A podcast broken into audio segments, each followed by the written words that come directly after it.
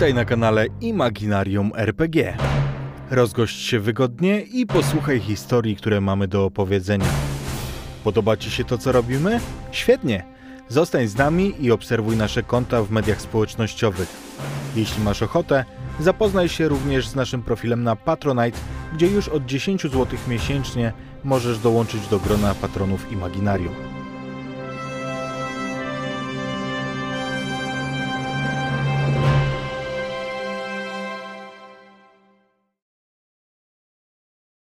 Dobry wieczór, dobry wieczór. Witamy Was bardzo serdecznie na kanale Imaginarium RPG i dzisiaj zagramy sobie w kult Boskość Utracona, ale w nieco inny, bo zagramy w Uniwersum Igrzysk Śmierci. Ze mną dzisiaj są Smoczy z Imaginarium Cześć, witam wszystkich. oraz z Imaginarium RPG Iwianna Hej, hej. i ja, Mizu. I tak jak wspomniałam, zagramy sobie w Igrzyska Śmierci, dlatego tutaj będziemy mieli troszkę triggerów, więc zdecydowanie nie jest to sesja dla najmłodszych, chociaż jeżeli czytaliście lub oglądaliście Igrzyska Śmierci i jesteście ok z tymi triggerami, które tam się pojawiają, no to jak najbardziej jest to dla was, bo w podobnych klimatach będziemy się obracać. Ale jeżeli nie znacie uniwersum, no to już e, zaraz wam powiem, jakie triggery możemy dzisiaj spotkać, a na pewno będzie to przemoc oraz przemoc wobec nieletnich, śmierć oraz też śmierć nieletnich, zabójstwa, tortury, krew, depresja, bezradność, podział klasowy, śmierć zwierząt, znęcanie się oraz taki typowy bullying. Także tak, tym będziemy się dzisiaj zmagać, a e, jeśli chodzi o war- warstwę kultową, no to tylko w zasadzie będziemy korzystać z podstawowej mechaniki, więc tutaj nie spotkamy za bardzo rzeczy za zasłony. Ale tak, Igrzyska Śmierci mm, rozgrywają się w zasadzie trochę bardziej futurystycznej, postapokaliptycznej Ameryce e, w państwie Panem. E, Jest tam Kapitol, który jest otoczony dwunastoma dystryktami i władze zmuszają e, te regiony do tego, aby składać daninę w postaci dwójki dzieci co roku. Są to dzieci w wieku od 12 do 18 lat, które biorą udział w głodowych igrzyskach. Głodowe igrzyska polegają oczywiście na tym, aby wyszedł stąd tylko jeden zwycięzca, ten, który przeżyje. Możecie się domyśleć, jak to może się skończyć. Ale jak sobie poradzą dzisiejsi bohaterowie i które, i czy któreś z nich przeżyje, tego ja nawet nie wiem. I jestem bardzo ciekawa, jaką historię dzisiaj uda nam się stworzyć. Także myślę, że możemy już przechodzić sobie do naszej sesji. Wnijmy sobie muzyczkę.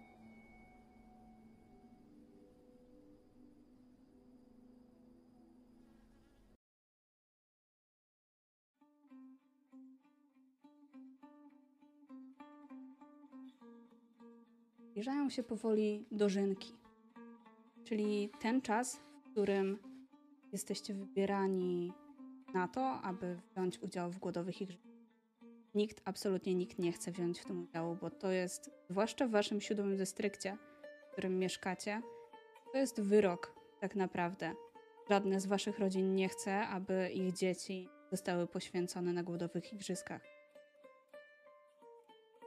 Ale cóż, każdego roku chłopiec i dziewczynka muszą jechać do Kapitolu, by później wziąć udział w głodowych igrzyskach.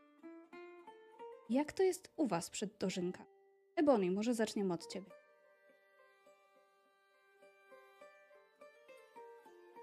Hmm. Żeby zobaczyć dożynki, żeby zobaczyć, kto, kogo, kto zostanie wybrany, zbierzemy się niedługo na Wielkim Placu, ale póki co jesteśmy w domu. Dzisiaj moja przybrana siostra Holly nie poszła do szkoły, bo jest to dzień, kiedy mają, wszystkie dzieci mają wolne. I jest to też e, czas, kiedy mm, jemy bardziej wystawny obiad. A akurat nasza rodzina, moja przybrana rodzina, może sobie na to pozwolić. Zwłaszcza w- czasie dożynek. Mm. Moja mama raczej nie ma apetytu.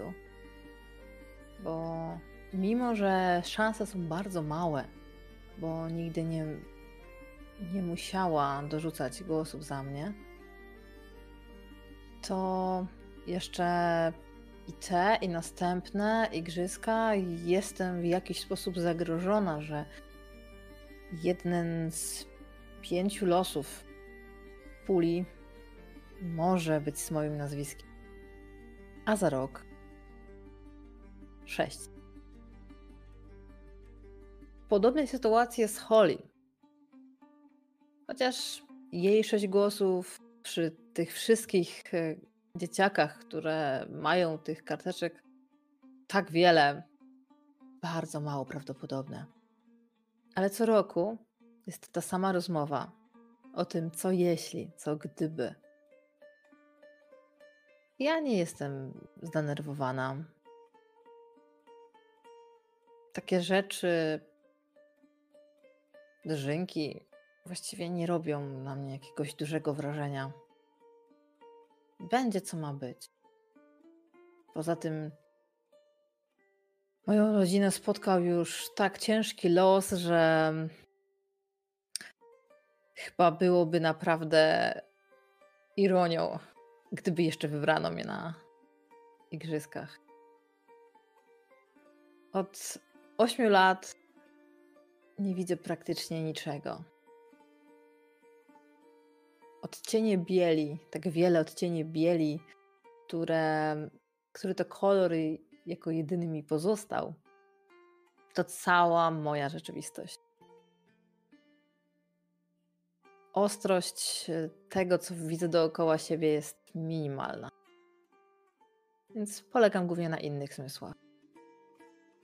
Ale zdążyłam się już do tego przyzwyczaić. Jak zresztą wszyscy wokół mnie. Więc siedzę teraz przy stole, grzecznie jem posiłek, który przygotowała moja mama. Mm, siedzę na tym ostatnim miejscu na rogu stołu, bo e, to miejsce, które wyznaczyła mi moja siostra.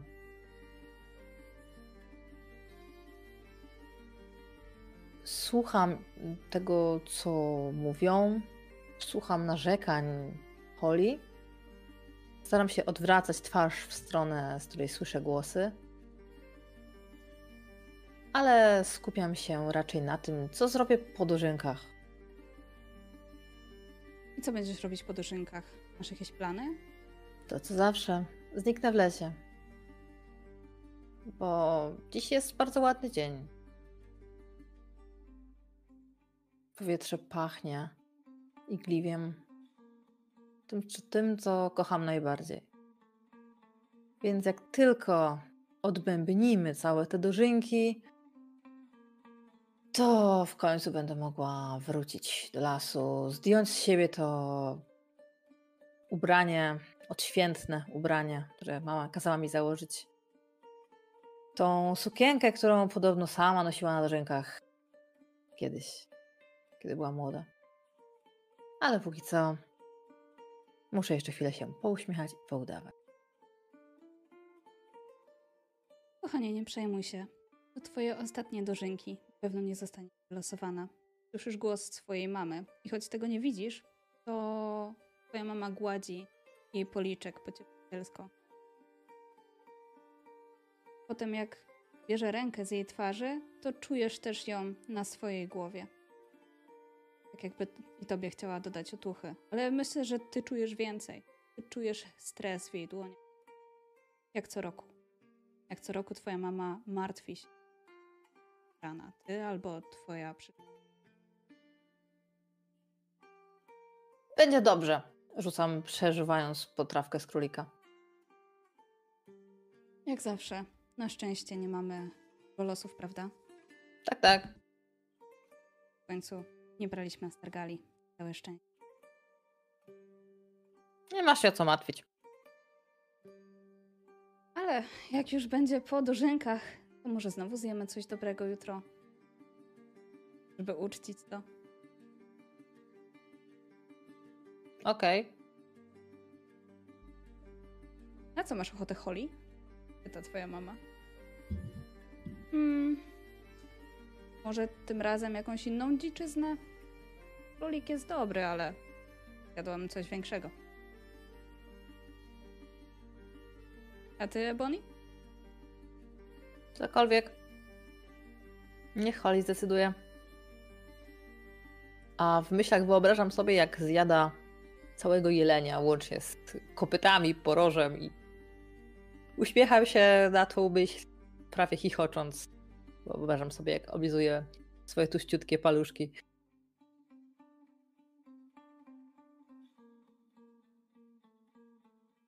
Ta dziewczyna zginęłaby na tej arenie w pierwszych kilku sekundach. W ogóle kiedykolwiek widziałaś Holly? Y, tak. Do ósmego roku życia widziałam, więc pamiętam ją jako małego dzieciaka. Ale wydaje mi się, że się dużo zmieniła od tej pory. Na pewno zmienił się jej głos, zmieniło się jej zachowanie. Ym, Nigdy nie pozwoliła mi dotknąć swojej twarzy, więc nie do końca wiem, jak wyglądały jej rysy. Ale jest ciut wyższa. Wiem, jak wyglądały jej ubrania z dotyku. I w zasadzie to tyle. A Ona pamiętam ją jest- głównie dlatego, że jest, była dosyć ważną, w sensie jej ojciec był dosyć ważną. Pamiętam też, jak przesługuję jej matkę, bo jej ojciec jest zarządcą tartaku. Dlatego wiesz też, że jej chód jest zupełnie inny. Ona stawia kroki pewnie. I pewnie wyobrażasz sobie, że zazwyczaj podbródek wysoko uniesie z góry. Ciebie. Zresztą nie ukrywa tego w swoim pretensjonalnym. Przyzwyczaiłam się. Ale przenieśmy się może do innej rodziny. Do rodziny Jacka. do Rodziny. Jak to jest u was? W rodzinie Smythów tego dnia również je się odświętny obiad. E, patrzę na stół, przy którym siedzą cztery osoby. E, mój ojciec, drwal, mój brat, siostra i matka. Siostra jest młodsza, ale to jej przysługuje miejsce przy stole, ponieważ ona pomaga matce i do czegokolwiek się nadaje, a Jack, jak wiadomo, nie nadaje się zupełnie do niczego. E, Mój brat Cedric nie jest już zagrożony udziałem w, w Igrzyskach Śmierci, ponieważ skończył już 20 lat. Natomiast moja siostra, 14-letnia i ja, 16-letni, mamy takie szanse. A dla mnie to jest szansa, bo Jack chciałby w końcu pokazać swoim rodzicom, że do czegoś się nadaje, choć oni w to nie wierzą.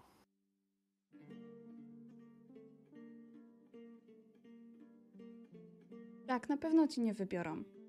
Prawda? Nie Pyta wiem twoja tego. siostra. Nie mam pojęcia. Ale ja mam dwa głosy, dwie możliwości. Ponieważ jeżeli wybiorą ciebie, to wiedz, że ja się wtedy zgłoszę na ochotnika. Ale to nie jest tak, że jakaś dziewczyna by musiała iść za mnie? I co wtedy, jeżeli wybiorą i mnie, i ciebie? Nie wiem. O tym nie pomyślałem.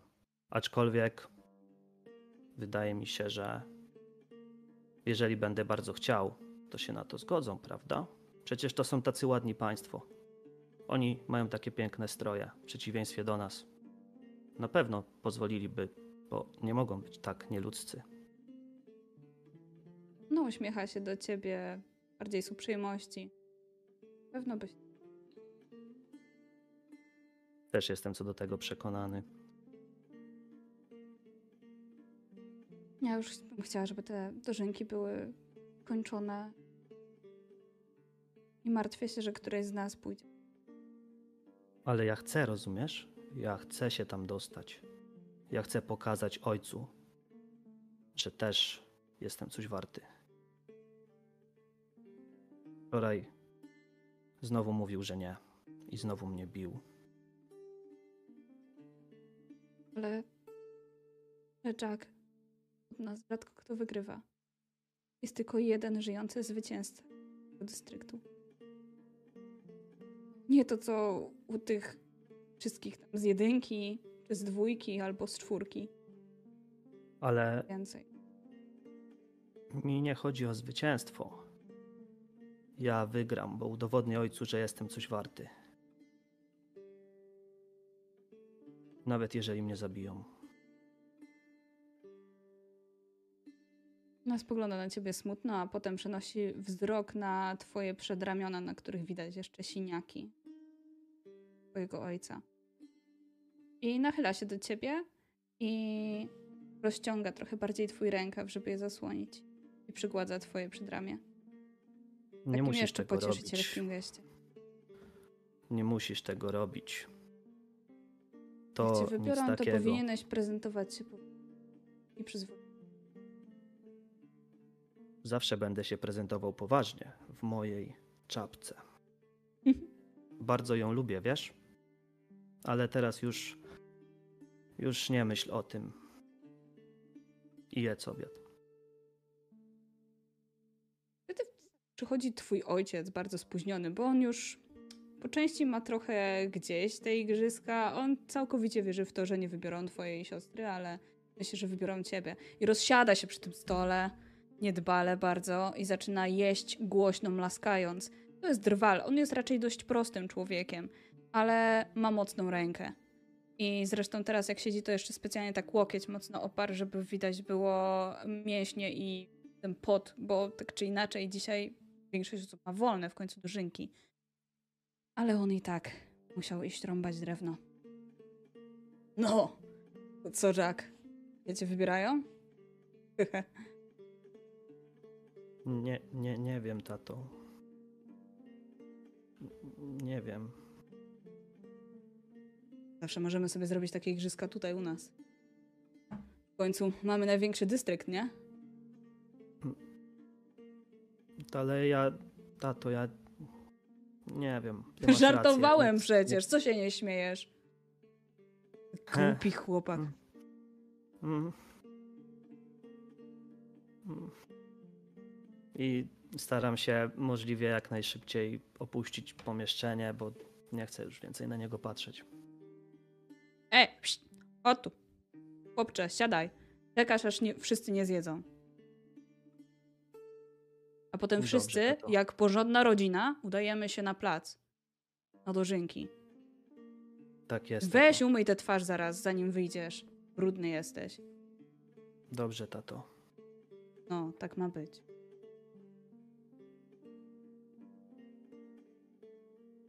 I u was ten obiad, który jecie w dzień dożynek, mija w większości w ciszy, kiedy twój ojciec siedzi przy stole, bo twoja siostra stara się nie zagadywać, żeby tylko rozmowa nie była przekierowana na ciebie. Ewentualnie Cedric, twój starszy brat, czasami wspomina, jak to u niego w pracy jest. Zmienia się z ojcem metodami za drwalem. Bo siódmy dystrykt głównie zajmuje się obróbką drewna. Więc znajdziemy tutaj całą masę drwali, całą masę innych osób, które są e, odpowiedzialne właśnie. Jest to największy dystrykt, jaki jest, choć nie jest może najbardziej zaludniony. Ale tereny, tereny macie wielkie i ogromne. Tak samo jak i lasy, które otaczają was stąd i. My przenieśmy się.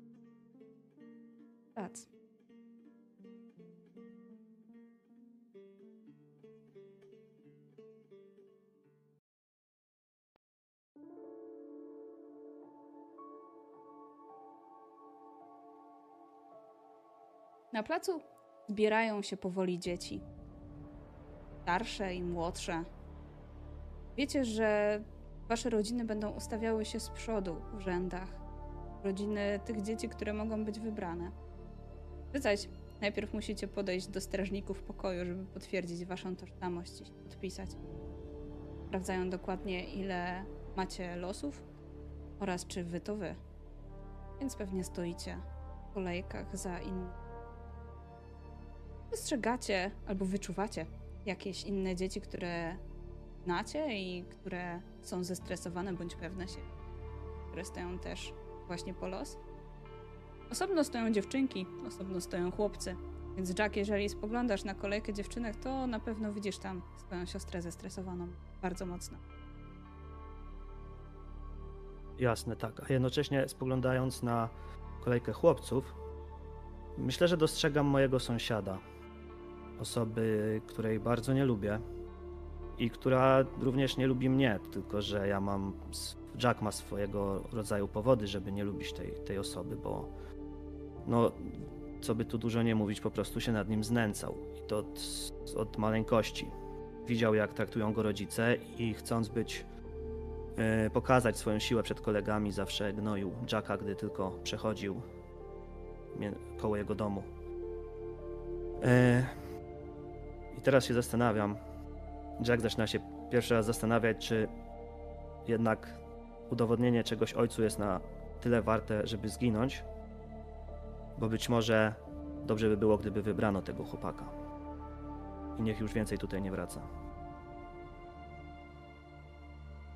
On widzi ciebie w kolejce i mimo, że nic ci teraz nie zrobi, bo są wokół strażnicy pokoju, to uśmiecha się do ciebie. Tak jakby chciał ci przekazać, że po dożynkach się widzi. Nie odzajemniam uśmiechu, ale też nie patrzę mu w oczy. Bo i twoja siostra jest przed tobą. Nie słychać cię. Nie słychać cię. przepraszam już. Yy, tak, siostra jest przede mną, ale nie tuż przede mną, bo idzie z tymi lepszymi dziekami, bo ja, mimo że yy, mieszkam w domu Stewartów, to wciąż nie należę do śmietanki towarzyskiej. Więc yy, mimo, że wyszłyśmy razem, mm, razem byłyśmy na tym mm, no, tam potwierdzi tożsamość u strażników pokoju, to potem ona mnie wyprzedziła. Ja e, starałam się dotrzymać kroku e, całej tej zgrai dzieciaków, które przesuwają się noga za nogę, tłocząc się wyznaczonym kwartale.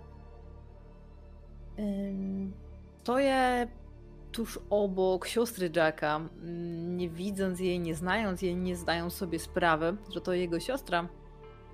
On też nie zdaje sobie sprawy, że ja stoję obok niej, ale czuję wokół przede wszystkim ten nerwowy niepokój, strach, nerwowy oddech, płacz, gdzieś pochlipywanie tych młodszych dziewczynek, jakieś rozmowy, próbuję podnieść się na duchu um, krzyczący strażnicy, którzy kazują nam iść równym tempem, nie zatrzymywać się, nie odwracać.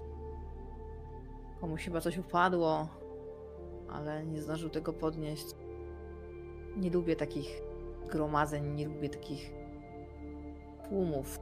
Bo jest dużo bodźców, które ciężko jest mi tak szybko przetworzyć.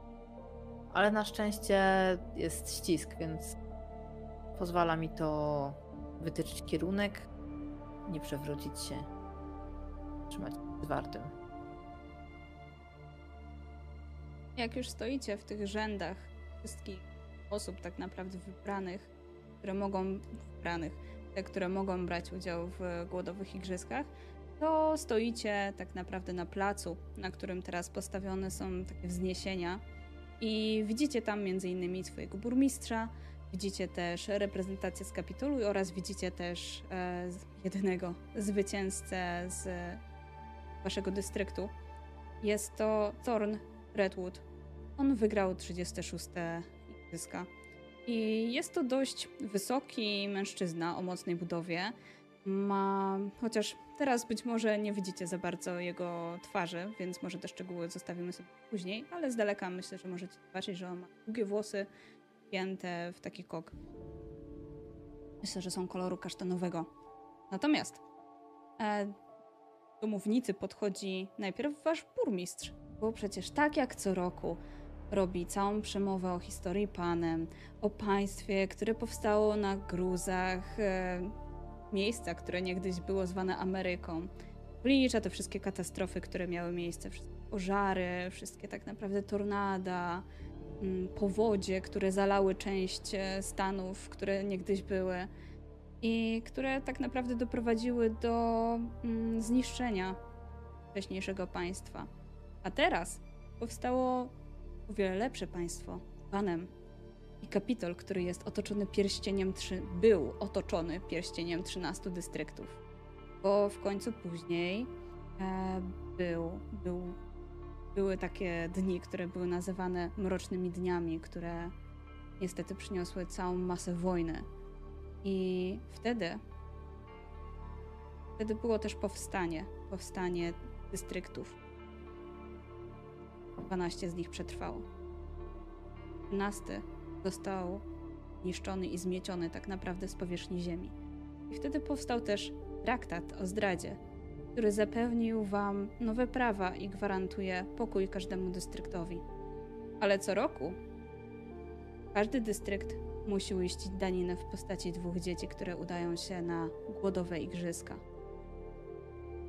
A igrzyska tą daniną w postaci chłopaka i dziewczyny sprawiają, że 24, uczy 24 uczestników umieszcza się na arenie, na której walczą o śmierć i życie. I wygrywa tylko jeden z nich, ten, który przeżywa. A później dystrykt, z którego pochodzi, przez najbliższy rok dostaje prezenty od Kapitolu. Jakże wspaniałego Kapitolu, który pilnuje, żebyście mieli co jeść wtedy. A wtedy nie musicie pobierać znacznej, większej ilości astargali, żeby mieć co jeść. Dlatego dobrze, kiedy wygra ktoś z dystryktu. Zawsze dystrykt ma na to nadzieję. A z drugiej strony nie chce, żeby dane dzieci zostały zabite. Jack jak co roku absolutnie nic z tej przemowy nie zrozumiał. Absolutnie nic. On cały czas nie wie, co to jest Kapitol i on myśli, że to są piękni panowie i panie w telewizji. No właśnie. Wy oglądaliście wcześniejsze igrzyska, czy raczej stronicie od tego? Bo często mieszkańcy dystryktów są zmuszani do tego, by oglądać igrzyska, albo są zachęcani różnymi sposobami do tego. Niektórzy kibicują osobom ze swojego dystryktu, ale niektórzy mają zupełnie innych ulubieńców. Wy wcześniej oglądaliście jakieś? Ja oglądałem bardzo chętnie i uważnie, kiedy tylko miałem możliwość i sposobność. Aczkolwiek ja po prostu rozumiałem, że być tam to jest coś wielkiego dla moich ludzi, dla mojego ludu, dla mojego dystryktu, ale absolutnie nigdy nie rozumiałem dlaczego i z czym to się wiąże. I mimo tych wszystkich przemówień burmistrza, po prostu kiedy on zaczyna to mówić, Jackowi się wyłącza, wyłącza myślenie jakiekolwiek. Yy, I tak nie jest najbardziej bystrym mieszkańcem swojego dystryktu i wszyscy uważają go za takiego wioskowego głupka, nawet mm, myśląc, że być może jest niedorozwinięty, choć nie jest to, do, nigdy nie zostało to potwierdzone. E, natomiast sam e, Jack nawet te, tutaj to się zachowuje jeszcze gorzej, po prostu tego nie słyszy, nie rozumie. On, dla niego to jest coś wielkiego, jakieś wielkie wydarzenie podniosłe.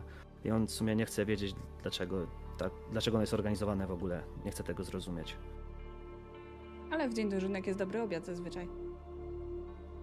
To, to jest prawda. plus. To prawda. Bonnie, czy ty słuchałaś igrzyska, bo może dowiadywałaś się na inny sposób, jak to dokładnie wygląda? Na pewno przy waszym stole nie raz padły jakieś rozmowy na ten temat. Mm, moi bracia oglądali igrzyska. Mm, ja mając tam te 6, 7, 8 lat, za wiele z tego nie, nie wiedziałam. E, poza tym, hmm, tak, kazywali nam to oglądać, ale no, wystarczyło, że telewizor e, w każdym gospodarstwie był włączony. Że tyle, więc nikt nie musiał tam rzeczywiście, żaden strażnik pokoju nie stał nad każdym obywatelem i nie mm, kontrolował, czy wszyscy oglądają. Więc e, bracia um, śledzili aż do końca. Y, często ale z racji, że przeważnie z naszego dystryktu mm, trybuci padali dosyć szybko, e, no to często po prostu nikt na to nie patrzył, na, na to, co będzie dalej, tylko te takie kluczowe punkty, które były podkreślane, ilu jeszcze zostało, gdzie już będzie finał. Ale odkąd y, mieszkamy y, w domu mojego iczyma, mm, to te igrzyska są bardzo mocno przeżywane, zwłaszcza przez Holly, która mm, analizuje wszystkich, e, robi sobie takie z koleżankami zakłady, kto e, wygra, ma swoich faworytów. Oczywiście na początku zawsze kibicujemy tym z siódemki, ale no potem już nie, więc potem ma swoich. E, no ja tego słucham dużo jest opisywane, więc tak naprawdę nawet nie patrząc można y, najważniejsze fakty bardzo dokładnie, komentatorzy bardzo dokładnie opisują szczegóły, więc analizują rzeczy, więc dużo się wie. Nie, nie muszę widzieć, żeby wiedzieć o czym są igrzyska i jak one wyglądają, na czym polegają. Więc jestem tego świadoma, ale nie jestem fanką. Absolutnie igrzysk jako samych sobie.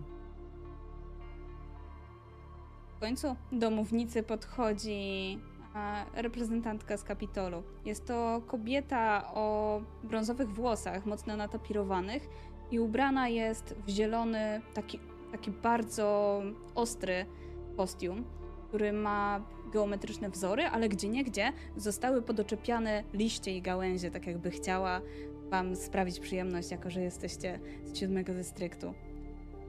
Kobieta nazywa się Serafina Greenshade. Przedstawia się i widać, że ma bardzo szeroki uśmiech. Jej bialutkie zęby błyszczą aż stamtąd. Wesołych, głodowych igrzysk. Niech los zawsze Wam sprzyja. Tak jak zawsze. Damy pierwsze i podchodzi do jednej z urn, której, e, w których możemy zaobserwować tak naprawdę całą masę kartek. Podchodzi do niej i zaczyna losować.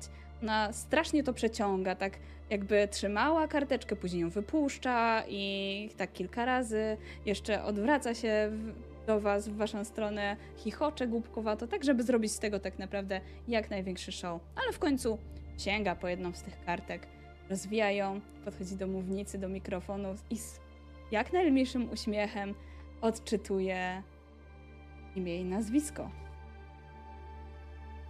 Ebony Barwick. Ebony Barwick. Ja kiwam głową, kiwam głową i myślę, dobrze, skończmy już to show, idźmy do lasu. I słyszę z boku, ej, to ty. Ebony Barwick? Myślę, że dzieci, które są wokół ciebie, te wszystkie dziewczyny, odstępują na krok. Więc słyszysz to. I czujesz, że wszyscy na ciebie patrzą. O, tam jest. Zapraszam, chodź, chodź. Wyraz zdumienia na mojej twarzy wygląda pewnie tak jak u wszystkich dzieciaków rokrocznie. Ale ja nie mogę się otrząsnąć z szoku, bo ani przez chwilę, ani przez minutę nie podejrzewałam, że mogę kiedykolwiek zostać wylosowana. Więc stoję tam jak kłoda i dopiero jak ręce jednego ze strażników łapią mnie za ramię i ciągną dosłownie w stronę podestu, to odzyskuję nagle władzę w nogach, ale też w języku i mówię, chyba jakaś pomyłka. Gratuluję! Zostałaś wylosowana, by wziąć udział w 51. głodowych igrzyskach. Myślę, że czujesz, że strażnik pokoju cały czas trzyma cię za ramię. On jest z twojego dystryktu, on kojarzy, że... Więc stawia cię na miejscu, w którym powinien stać. I myślę, że też ustawia mnie twarzą e, do Serafiny, tak? Tak. Bo ja bym się dobrze ustawiła, ale on chyba nie wie o tym, że nie mogę patrzeć w drugą stronę, więc, więc poprawiam. Nie wygląda to pewnie komicznie. No właśnie, i jak Serafina ciebie widzi? Jak wyglądasz? Mm, Myślę, że e, jak bardzo, choćby jak bardzo próbowała przybrać tą swoją pozę mm, eleganckiej uprzejmości, to w momencie, kiedy już przyjrzy się bliżej wylosowanej dziewczynce, raczej mimowolnie, chociaż na sekundę się skrzywi. Ponieważ em, mimo, że moja sukienka jest bardzo ładna i mimo, że nie jestem brudna czy zaniedbana w jakiś taki oczywisty sposób, to w żaden sposób nie można ukryć blizn na mojej twarzy, zwłaszcza blizn na powiekach, wokół oczu, e, na szyi, dekoldzie, łoniach. Od y, substancji, którą na siebie wylałam w tartaku. A dokładnie to w zakładzie, w którym pracowała moja mama. Więc nie wyglądam za ładnie. Mam za to długie, brązowe włosy. Długie bardzo.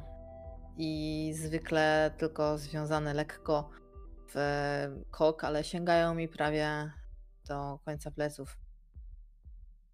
Stoję teraz, poprawiam tą sukienkę, próbuję jakoś wyglądać. Próbuję z dumą znieść to, co się wydarzyło, ale jeszcze to do mnie nie dotarło. Słyszysz płacz. Płacz twojej mamy. Mocny szloch, idzie z strony miejsca, w którym. Ale nie, nie mówi twojego imienia. Nie pada ona. Tak bardzo chciałabym ją teraz pocieszyć.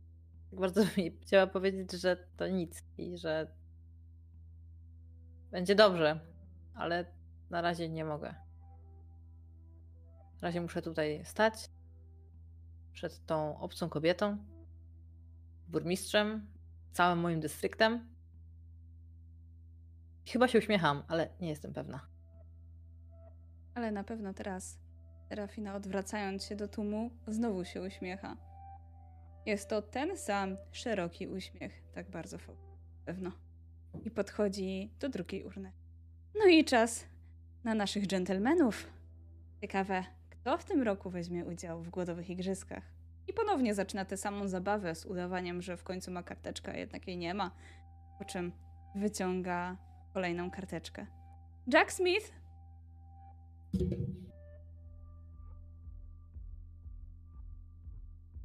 I ja stoję oszołomiony. Z jednej strony chciałem to zrobić, ale z drugiej strony w momencie, w którym teraz zaczyna to do mnie docierać, że to się faktycznie wydarza.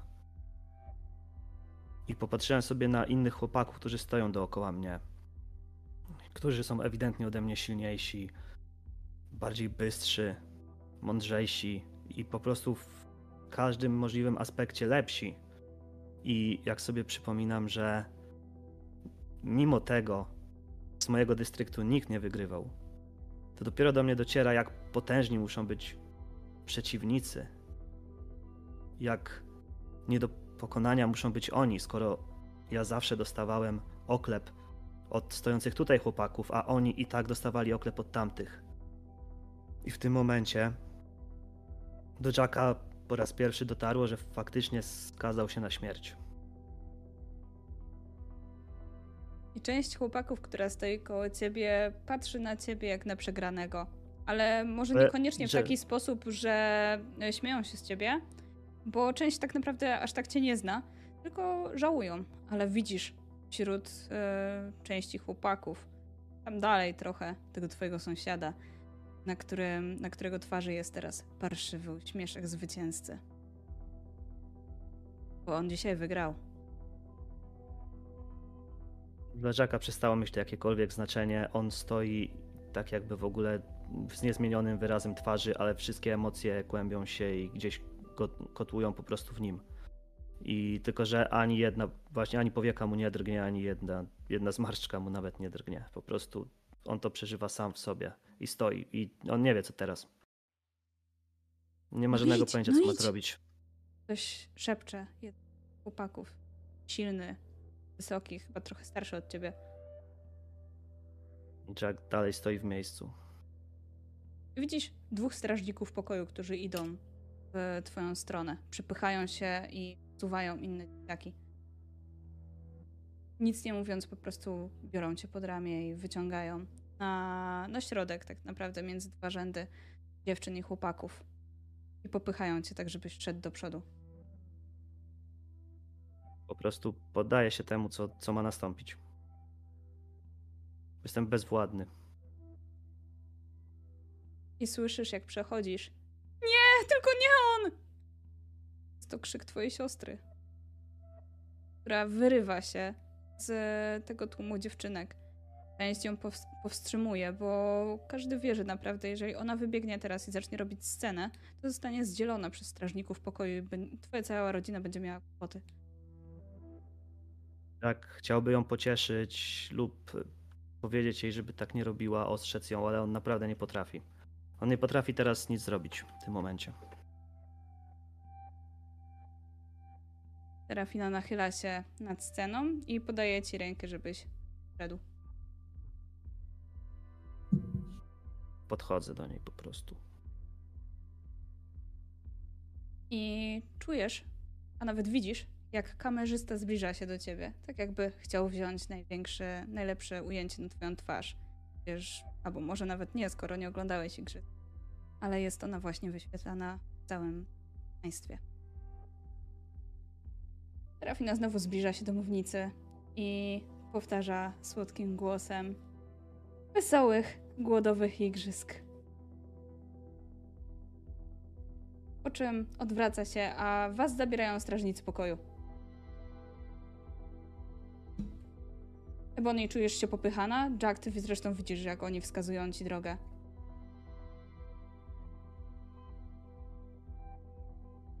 Ja oczywiście podążam w tym kierunku, w którym mnie prowadzą. Słyszycie wrzawę z tyłu.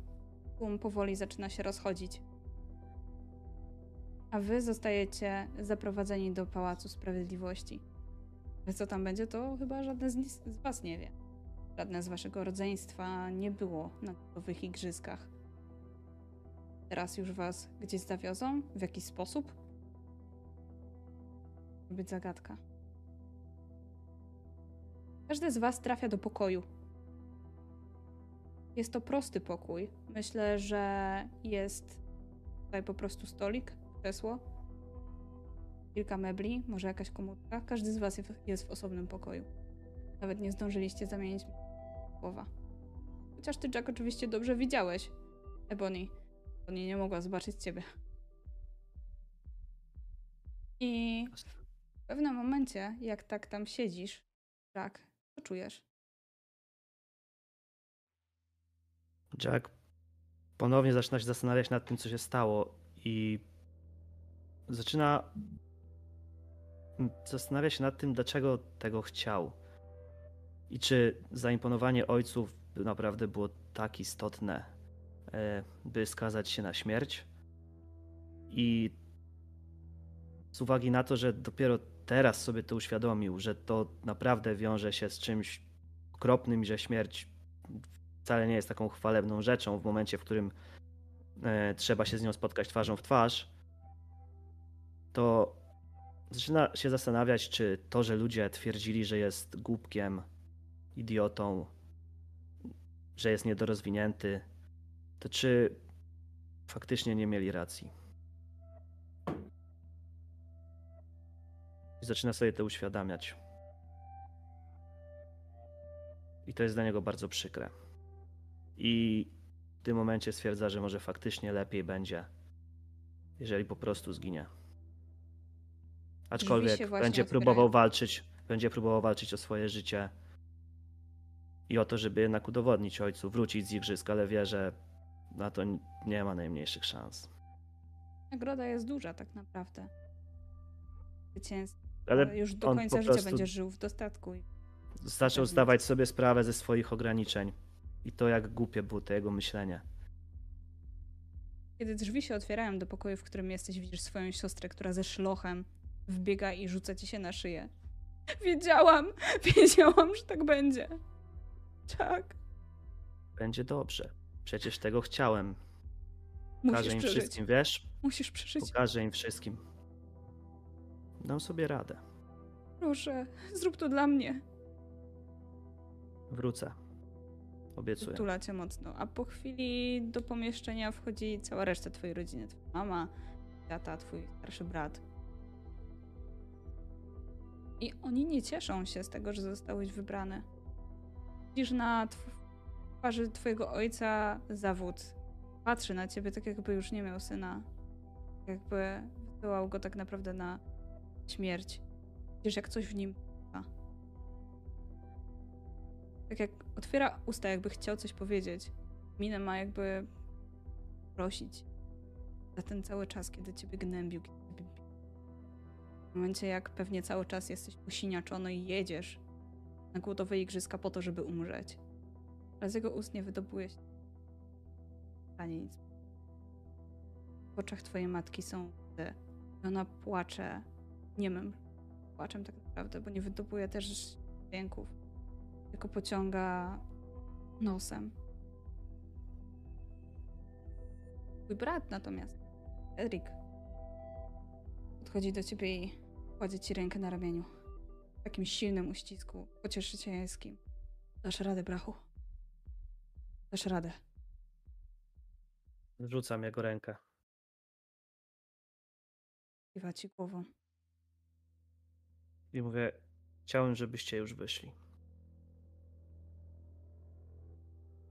On kiwa głową i bierze twoją mamę, tak naprawdę obejmuje ją ramieniem i wyprowadza i szturcha twojego tatę, żeby się ruszył, ale on po prostu stoi i patrzy na ciebie, niemo. Dopiero po chwili otrząsa głowę i idzie. Twoja siostra nie chce się od ciebie odkleić. I właśnie ja jeszcze tak mówię, że ch- chcę, żeby już wyszli, ale jeszcze przytulam właśnie tylko siostrę. Ale też już chcę, żeby, żeby też poszło. Już chcę jej oszczędzić tego, tej sytuacji, tego wszystkiego. Jeszcze mu. Będzie taka arena jak, jak dasz las i będziesz mógł się gdzieś schować. Dam sobie radę. Zobaczysz, że wrócę. Mówię, ale sam w to nie wierzę. No, daję ci rodzinny pocałunek w policzek. I zanim drzwi się zamkną, to jeszcze raz spojrzy na ciebie. W tym momencie myślę sobie, że jeżeli miałbym walczyć, będę walczył, ale nie dla ojca, nie żeby mu coś pokazać, tylko będę walczył dla mojej siostry. I że to jest dużo większa wartość niż ta, którą pierwotnie sobie zakładałem. Ebony, ty I że za to, zanim... za to tak? warto zginąć. Ebony, ty zanim drzwi się do ciebie otworzą, do tego pokoju, w którym ty jesteś, usłyszysz kroki wcześniej. Kto idzie pierwszy? Y, Mama. Y, Wydaje mi się, że to będzie jedyna osoba, która do mnie przyjdzie. Może się zaskoczę, ale słyszę kroki mamy. Jej kroki poznałabym wszędzie. Są bardzo charakterystyczne. Y, Do mnie się nie dotarło to wszystko. Mm, Kiedy mnie tutaj wrzucono do tego pomieszczenia, jeszcze nie zdążyłam się w nim rozeznać. Nie wiem, co w nim jest, jakie przedmioty. Jest tu dosyć ciemnawo. Czuję zapach pleśni. A jeszcze jeden zapach, który towarzyszył mi przez całą drogę, który pod tym pachniał ten strażnik, który mnie tutaj prowadził. Zapach nagietka, jakieś maści, której używał. I o nagietku właśnie myślę, kiedy drzwi się otwierają. Gdy słyszę ich skrzypienie. Tak mi, Słyszę. mi przykro, kochanie. I słyszysz szybsze kroki. Jest przy... Już czujesz jej ciepło. Ciągam rękę do niej. Zanurzam się w jej objęciach.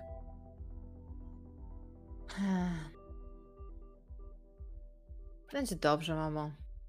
Nie martw się. Będzie dobrze. Jakoś sobie poradzę. Też sobie jakoś poradzisz. Ty też sobie jakoś poradzisz. Obiecaj mi, że sobie jakoś poradzisz. Mamo, dobrze? Wiadomość. Kocha. Zdajesz sobie sprawę, że nie jest pierwsze dziecko.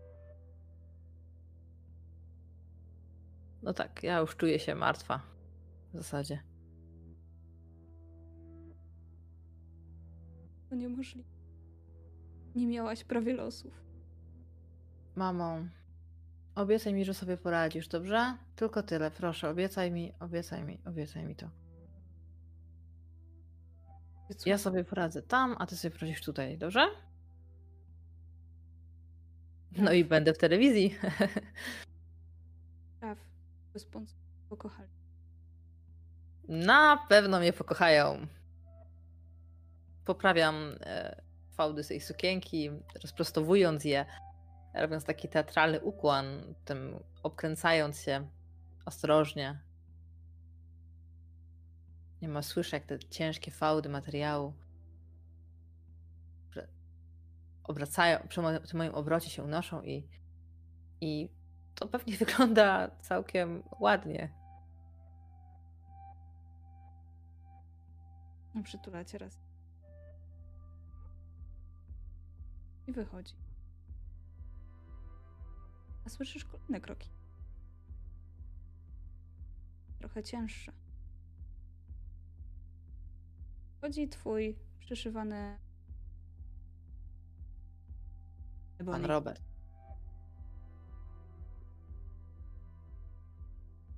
A więc jeszcze nie czas, żeby się załamać. Jeszcze muszę wytrzymać te kilka minut. Uśmiecham się. Najbardziej jak umiem. Najszerzej jak umiem. Chodź tutaj. On cię przytula. To jest chyba pierwszy raz, kiedy to robi.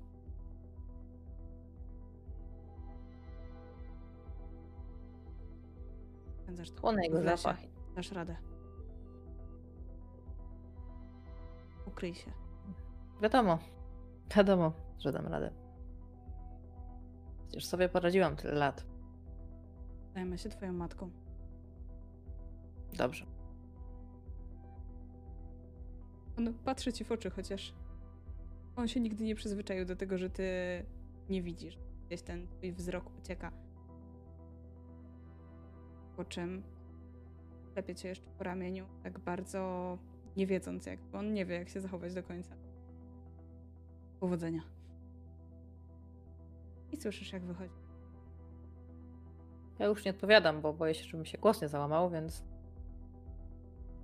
Uff, tak. I słyszysz kolejne kroki. Lżejsza. To już, a to już mnie bardzo y, szokuje. Bo ten korowód moich gości jest tak długi, że aż chyba nigdy mnie tyle osób się mną nie interesowało co tego dnia. Warto było! I to ciekawe, bo tego sposobu chodzenia nie rozpoznajesz. Są to drobne i szybkie kroki. Kiedy Mhm, to drzwi się otwierają, najpierw czujesz taki przytłaczający zapach jakichś mocnych perfum, takich słodkich. I po chwili Mhm. słyszysz wysoki głos Serafin. No, no, to już wszystko. Teraz zabieramy was do kapitolu. Chodź, chodź. Wyciągam przy ciebie rękę, bo jest to zawsze sposób, w który się przemieszczam. Tak, żeby wyczuć przeszkody przed sobą. Więc pewnie ta moja wyciągnięta ręka w końcu dotyka jej ciała. Jest to szczupła dłoń o bardzo długich palcach, zakończona długimi paznokciami, Chcąc nie chcąc które w, zaciskam. dody- w dotyku nie są jak normalne paznokcie. Mhm. Chcąc nie chcąc zaciskam e, swoją dłoń na jej dłoni, przy ramieniu. W zależności od tego, na co będzie, co będzie chciała. Wychodzę razem z nią. I po chwili ty, Pomieszczenia, którego nawet nie poznałam. do ciebie, Jack, też otwierają się drzwi i widzisz Serafin razem z drugą reprezentantką. To już czas? Zapraszam. Idę za nimi. Wychodzę po prostu. I po pewnym czasie zostajecie zaprowadzeni do pociągu. I pociąg to nie jest taki zwykły pociąg, jak czasami widywaliście albo jakkolwiek, bo przecież drewno też na pewno niejednokrotnie po pomagaliście ładować na te wszystkie pociągi towarowe. Ten pociąg jest luksusowy. Wewnątrz jest cała masa przepięknych mebli z e, różnymi zdobieniami. Może są to meble, które też zostały stworzone w waszym dystrykcie. A, prawdopodobnie są. Ale jest tutaj też cała masa innych błyskotek, innych pięknych rzeczy. Zostajecie zaprowadzeni do, do przedziału, w którym, do wagonu, w którym tak naprawdę jest cała wystawa jedzenia. Jedzenia, którego nie widzieliście takiego, ani nie czuliście. Bo są tutaj różne mięsiwa, różne owoce. Tak naprawdę są tutaj też owoce morza, do których za bardzo nie macie dostępu. I różne napoje. Smakowe napoje, wody, nawet też alkohole. To wszystko Korzystajcie. można, To wszystko można brać? Tak, to wszystko jest dla was. Ile chcę? Oczywiście. Jesteście w końcu naszymi. naszymi trybutami. Ja- Ja od razu biegnę do stołu i zaczynam jeść jakieś rzeczy, których nigdy nie jadłem, pić jakieś różne napoje i tak totalnie w ogóle jak świnia to robię. Y, Ja, żeby dostać się do stołu, to muszę najpierw przebyć długą drogę, skanując dłonią meble. Więc wyczuwam te wszystkie zdobienia, o których e, wspominałaś bardzo dokładnie. Zapamiętując ten wzór, zapamiętując ich fakturę, przechodzę, siadam ostrożnie, czym wyciągam rękę nad stół, na pewno jedną czy dwie rzeczy, jakąś sosjerkę czy, czy co- co- coś tego typu em, przewracam. Słyszysz tylko. Może ja ci pomogę, moja droga. To wszystko jest obce dla mnie. Jest e, jeszcze cały czas e, czuję, że jedziemy, przemieszczamy się. Mam wrażenie, że mój błędnik non stop szaleje. Kompletnie nie mogę się zorientować. Może to ze stresu, ale nie mogę się w ogóle zorientować w mojej przestrzeni. Tak jak po dystrykcie poruszałam się samodzielnie, poruszałam się właściwie bez większego problemu. Tak tutaj? Nie mam pojęcia. I czujesz, jak w twoje dłonie zostaje, zostaną wsadzone sztućce. Na co masz, moja droga, ochotę? Są tutaj różne warzywa, mięsa, owoce morza, może owoce zwykłe. Niech mi je pani opisze. I zaczyna ci opisywać bardzo dokładnie każdą rzecz, ale w taki sposób bardziej wyrafinowany, e, nawet dodając, e, gdzie i w jaki sposób zostało to obrobione, do jakich dań co Mhm. pasuje. I ja jej przer- przerwę w pewnym momencie, bo em, słyszę, że y, Jack y, trafił chyba na coś bardzo dobrego. Y, więc y, mówię, a co je teraz drugi trybut? Za to samo. Brzmi, że jest bardzo smaczne, bo po odgłosach chyba mu smakuje.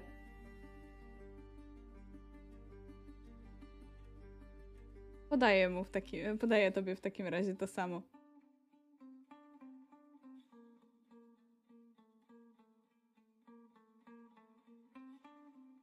No to zaczynam jeść, próbuję. Ostrożnie, ale nie mam apetytu, więc raczej udaję, że coś jem, żeby nie sprawić jej przykrości. Opowiedzcie mi coś o sobie. Ja. Ja. Bardzo pani ładnie wygląda. Dziękuję. To zasługa Ma mojej pani stylistki. takie ładne ubrania. Ja tylko. My też będziemy mieli takie ładne ubrania. Ależ oczywiście, że tak jak tylko dojedziemy do Kapitolu, to się wami zajmiemy. Ja Już cały zespół na, ubrania. już cały zespół na was czeka. Będziecie, będziecie wyglądać najbardziej stylowo, jak tylko może, mogliście sobie to wyobrazić. Ja lubię ładne ubrania, a nigdy nie pozwalano mi nosić ładnych ubrań. A czy na arenie też będziemy mieć ładne ubrania? Mam taką Tak, Jack. nadzieję. Masz na imię Jack? Tak. A ty? Ebony. Wydaje mi się, że kiedyś cię już widziałem. Miło mi cię poznać, Jack. Ja za to cię nie widzę. Jak to? Pokazuję na swoje oczy. Czy to nieoczywiste? Ty nic nie widzisz? Nic, a nic. To naprawdę przykre. Ja, Hmm. Idzie się przyzwyczaić. ja z kolei czasami ja to znaczy do niczego się nie nadaję. No to się pani trafi litrybuci. Pani Serafino. Niektórzy tylko tak myślą na początku, a później okazuje się, że jednak dużo potraficie. Instynkt czasami ma znaczenie. To Zresztą- znaczy? Zresztą, jak traficie na arenę, to na pewno będziecie chcieli znaleźć coś do jedzonka, coś przeżyć i tak dalej, więc dajcie się ponieść emocjom. Na pewno wam się uda. A zresztą, Próbuję, przecież... próbuję kiedy ona mówi, że znajdzie coś do jedzonka, próbuję sięgnąć po bułeczkę, ale w połowie ruchu, kiedy przez przypadek nadstawiam rękę nad czymś gorącym i cofam ją. Tak. Ach, tak. Zresztą, jeszcze trochę czasu czeka was w Kapitolu, także kto wie, kto wie. Że nabędziecie jakichś nowych umiejętności. A Poza czy tym- będziemy się uczyć zabijać ludzi? Hmm, Bo ja tego nigdy nie robiłem. o, o tym pewnie powie wasz mentor. Zaraz będę musiała po niego iść swoją drogą. Ale tak, e, no wiecie, jak, jak będziecie się fantastycznie prezentować, a już moja w tym zasługa, żeby zdobyć wam jak najwięcej sponsorów, no to wtedy sponsorzy będą wam przysyłać upominki na arenę, które wam pomogą przetrwać. Czyż to nie jest wspaniałe? Dostawać tak prezenty. A z drugiej strony, słuchajcie, no jesteście z dystryktu siódmego, a tam przecież jest tyle drzew, więc jest to wspaniałe. A wiecie, co mówi drzewo do drzewa? Nie. Masz przerąbane. Zabawne, prawda? Nie, nie rozumiem. No, że mają przerąbane, że, że są, bo drzewa się rąbie. No zaczyna chichotać sama ze swojego żartu. Mój tata jest drwalem. I rąbie drzewa. Nie rozumiem. Szkoda pani wysiłku. Ja poprawiam żakiet oraz wygładza swoją spódnicę i wstaje. To ja pójdę po mentora. I znika, zostawiając was samych.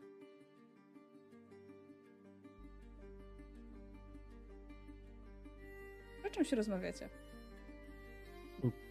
Jak. A co robiłaś w dystrykcie? Czym się zajmowałaś?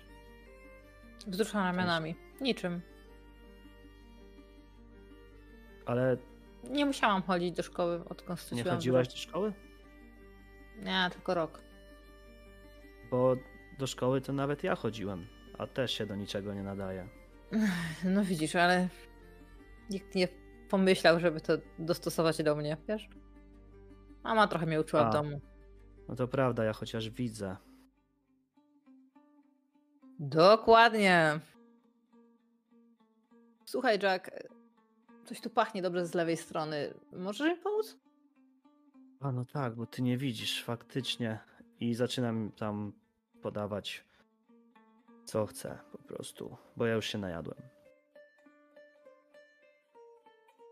I co tak ładnie pachnie? Hmm, To tak ładnie. To, to była jakaś zupka na pewno. To Usłyszę, jak mi była, coś nalewa. wiesz jaka to była zupka? Z soczewicy. Nie, nie, ona była moim zdaniem z dyni, pestkami dyni i z imbirem. Tak Mm. posypane.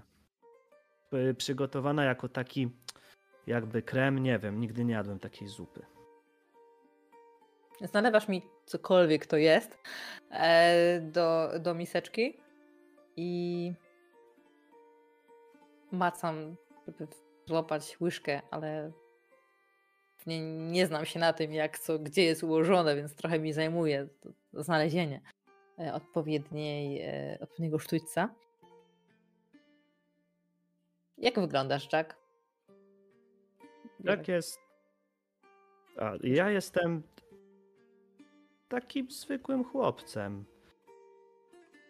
Nie wiem, ale mam fajną czapeczkę Mm. i nigdy jej nie zdejmuję. No chyba, że idę spać. Pewnie. I nachylam. To jest Dotykam tak moja sprawdzam, szczęśliwa czapeczka. Szczęśliwa czapeczka. Myślisz, że pozwolą ci ją mieć ze sobą?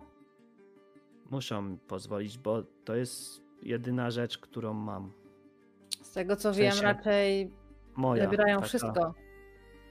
Trybutom Ale- i tylko dają to, co- co wiesz, co wszyscy mają takie same stroje i tak dalej. Ale ja poproszę ich o to, żeby pozwolili mi w niej być. A oni są na pewno bardzo mili. Zobacz, jak ładnie wyglądają. Mało wiesz o Kapitolu, co? To jest. Ja nie, nie wiem, co to jest w ogóle. Tak Mm. naprawdę. Ja słyszałem kiedyś, jak burmistrz mówił i też często rodzice, i często słyszę, ale ja nie rozumiem. Znaczy, ja wiem, że to jest jakieś. Nie wiem, tam też mieszkają inni ludzie, ale ja nie wiem. Dobrze, Jack, że trafiliśmy na siebie. Musimy się trzymać razem po prostu. Jak najdłużej. Nie wyobrażam sobie, jakby mi się trafił jakiś jedenastolatek, który by ciągle płakał za domem. Z tobą przynajmniej się nie rozkleję. I Ja- fajna czapka. Nie tęsknię za domem. Dziękuję. Moja Czemu różowa, fajna czapeczka. Nawet ja tęsknię za domem. Moi rodzice byli bardzo źli. Szczególnie tata. On był naprawdę bardzo zły. Mm. To jest wszystko, Okej. co Jack chce powiedzieć. Jeśli są strażnicy pokoju, Nie, dlaczego? mm. Ja tam ich tak. bardzo lubię. Zawsze Dobrze. Jak ich mijałem, to oni właśnie jako jedyni byli dla mnie mili. W naszym dystrykcie. kiwam tylko głową, już nic nie mówię. I słyszycie, że drzwi się otwierają i w drzwiach staje oparty o framugę wcześniej wspomniany Thorn Redwood, czyli wasz mentor, bo to jedyny zwycięzca głodowych igrzysk, jaki jest z siódmego.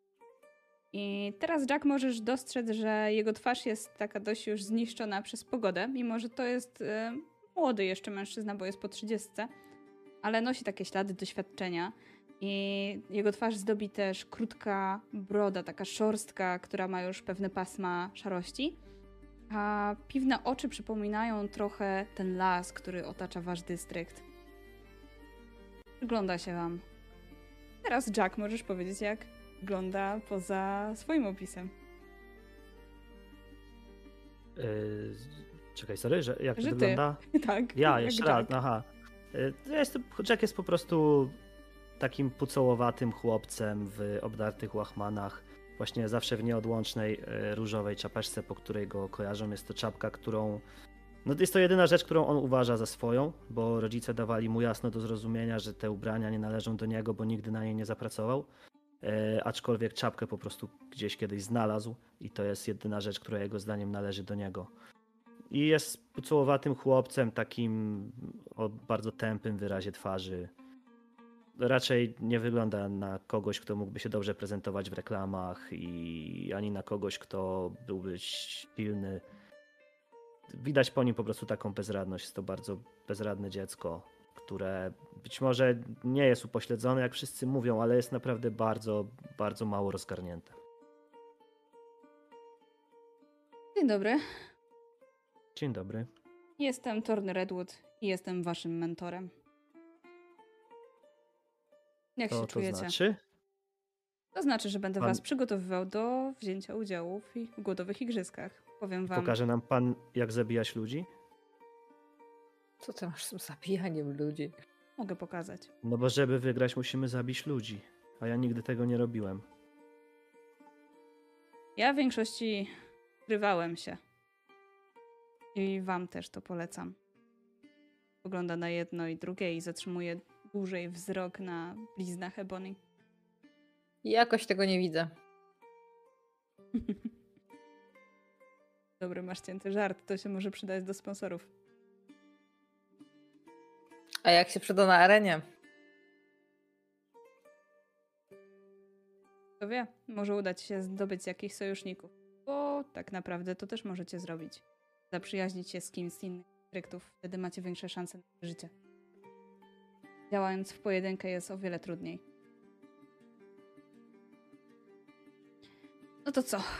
Siada, dosiada się do was i sam sobie nakłada jedzenie na talerz. Jakie macie zdolności? Potraficie coś? Ja kiedyś ukradłem bratu proce Hmm? i strzelałem do drzew i do ptaków. Dało ci się jakiegoś zbić? Kilka razy uciekły. Czyli musiałem być blisko chyba. Tak? Tak mi się wydaje. Okej, W to, każdym już, razie to już jest coś.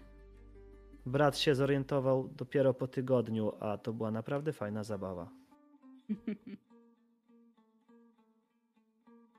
No i cóż, pewnie. Poza tym umiem się wspinać na drzewa jak każdy. Znaczy, przepraszam Eboni, bo nie wiem, ale u nas każdy się wspinał. U mnie w rodzinie. Brat umiał i siostra też. Ale nie wiem, czy to jest takie łatwe, jak się nie widzi, gdzie postawić nogę.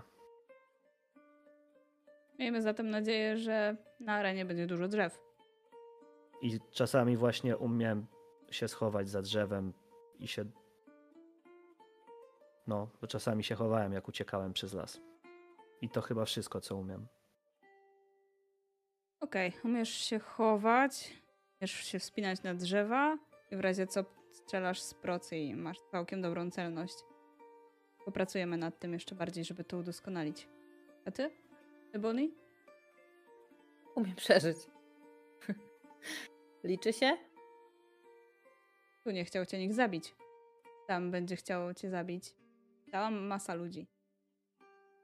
No to się nie liczy.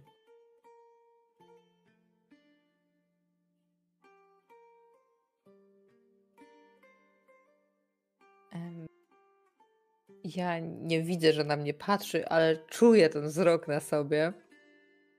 Czuję, że powinnam coś dodać. Więc odkładam tą łyżkę, odsuwam od siebie trochę tą zupę. Pewnie pan nie uwierzy, ale Kiedyś brat nauczył mnie rzucać siekierą. Ta nasza zabawa. Bawiliście się 10 siekierą. punktów. Umiesz trafiać w cel? Kojarzy pan zabawę w 10 punktów? Kojarzę. No to całkiem mi to dobrze idzie. Tutaj będę też mógł ci pomóc. Mój ostatni cel dostał się kierą ode mnie. No tylko, wie pan, drzewa się nie ruszają. Dobrze się w nie rzuca, ale kiedy cele są ruchome, może być gorzej. Ale mogę w kogoś trafić. Przypadkiem, no i zakładając, że w ogóle będę mieć dostęp do jakiejś broni. To tyle. Dużo czasu nie będziemy mieć na szkolenia, ale zrobię wszystko, To żeby prawie jak my na arenie.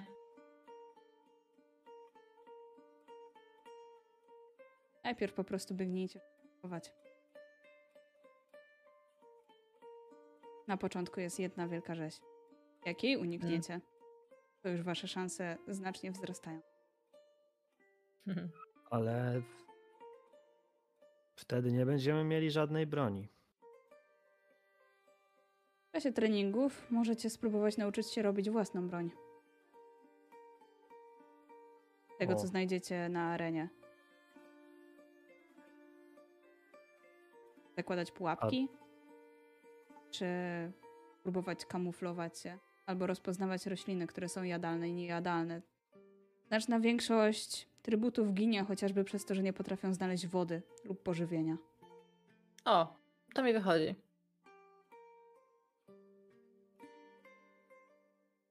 Tam już w połączeniu waszych sił już macie jakieś szanse. Uśmiecha się Tak, i ty, Jack, powiesz, gdzie biec? ty, Jack, widzisz, Ja że będę wiedział, ma, gdzie biec, to on ma prawda. pozytywne ogniki w oczach, takie, które dodały mu otuchy. A jak pan wygrał? Bo ja pamiętam trochę w telewizji, ale no to zawsze jest inaczej. Pan też uciekał? Od tak, razu? czasami, czasami są to przypadki z moich i cały czas je puszczają. Ja uciekałem, kryłem się, wchodziłem w nocy i starałem się zakraść do, do tych, którzy spali lub byli w jakiś sposób nieświadomi tego, co robią. Na arenie mogą czekać was różne pułapki. Nie tylko te w postaci trybu. A Ostatni czy- cios wykonałem właśnie rzut kierką. A czy to łatwe kogoś pobić?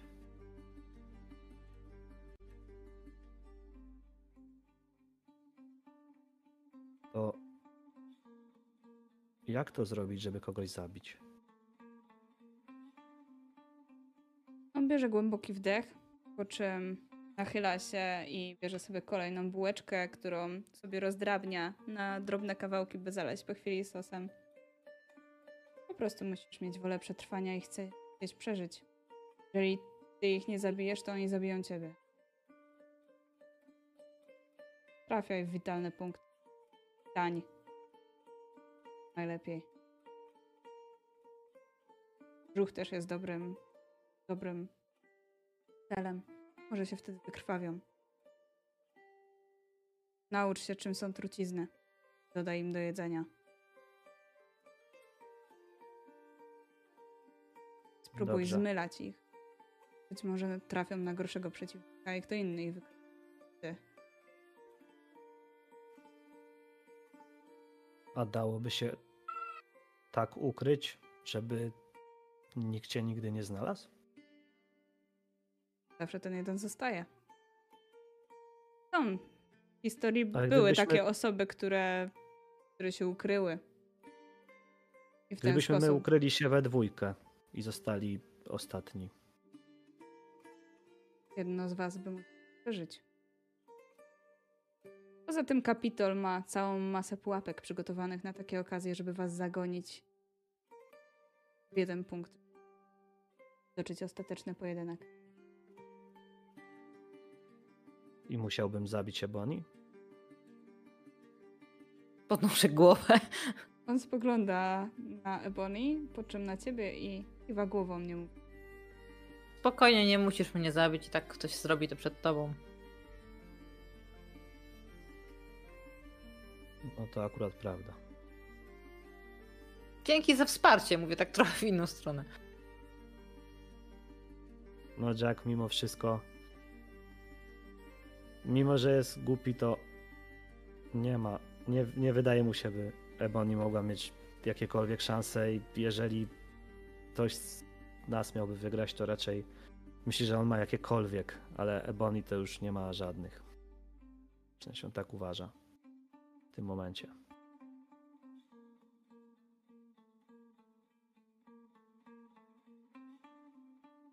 Jak tylko dojedziemy do Kapitolu, to dostaniecie przydział na swój apartament. Zaczniemy treningi. Poznacie innych trybutów. Spróbujcie nawiązać z nimi duże.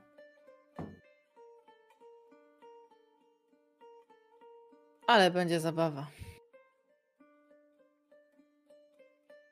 I myślę, że tymi słowami przenieśmy się właśnie do Kapitolu. Bo wasza podróż jeszcze trochę potrwa.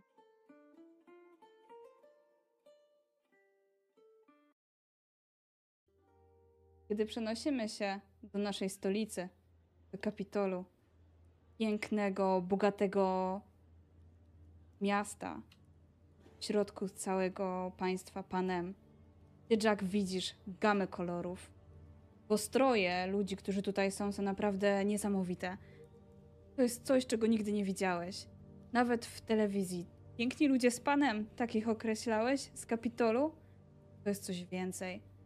Tutaj jest cała masa kolorów, różnych błyskotek. Wszyscy patrzą na was, uśmiechają się, machają do was. Wykrzykują wasze imiona, bo już je znają. Traktują was, jakbyście byli kimś. Chcą Narzeka- was zobaczyć. Przepychają się. I ty, Jack, też widzisz, że mają też ze sobą swoje pupile, różne króliczki, które są pomalowane na pomarańczowe kolory. Jeden też jest zielony, niektóre mają gałązki, tak żeby reprezentować wasz dystrykt.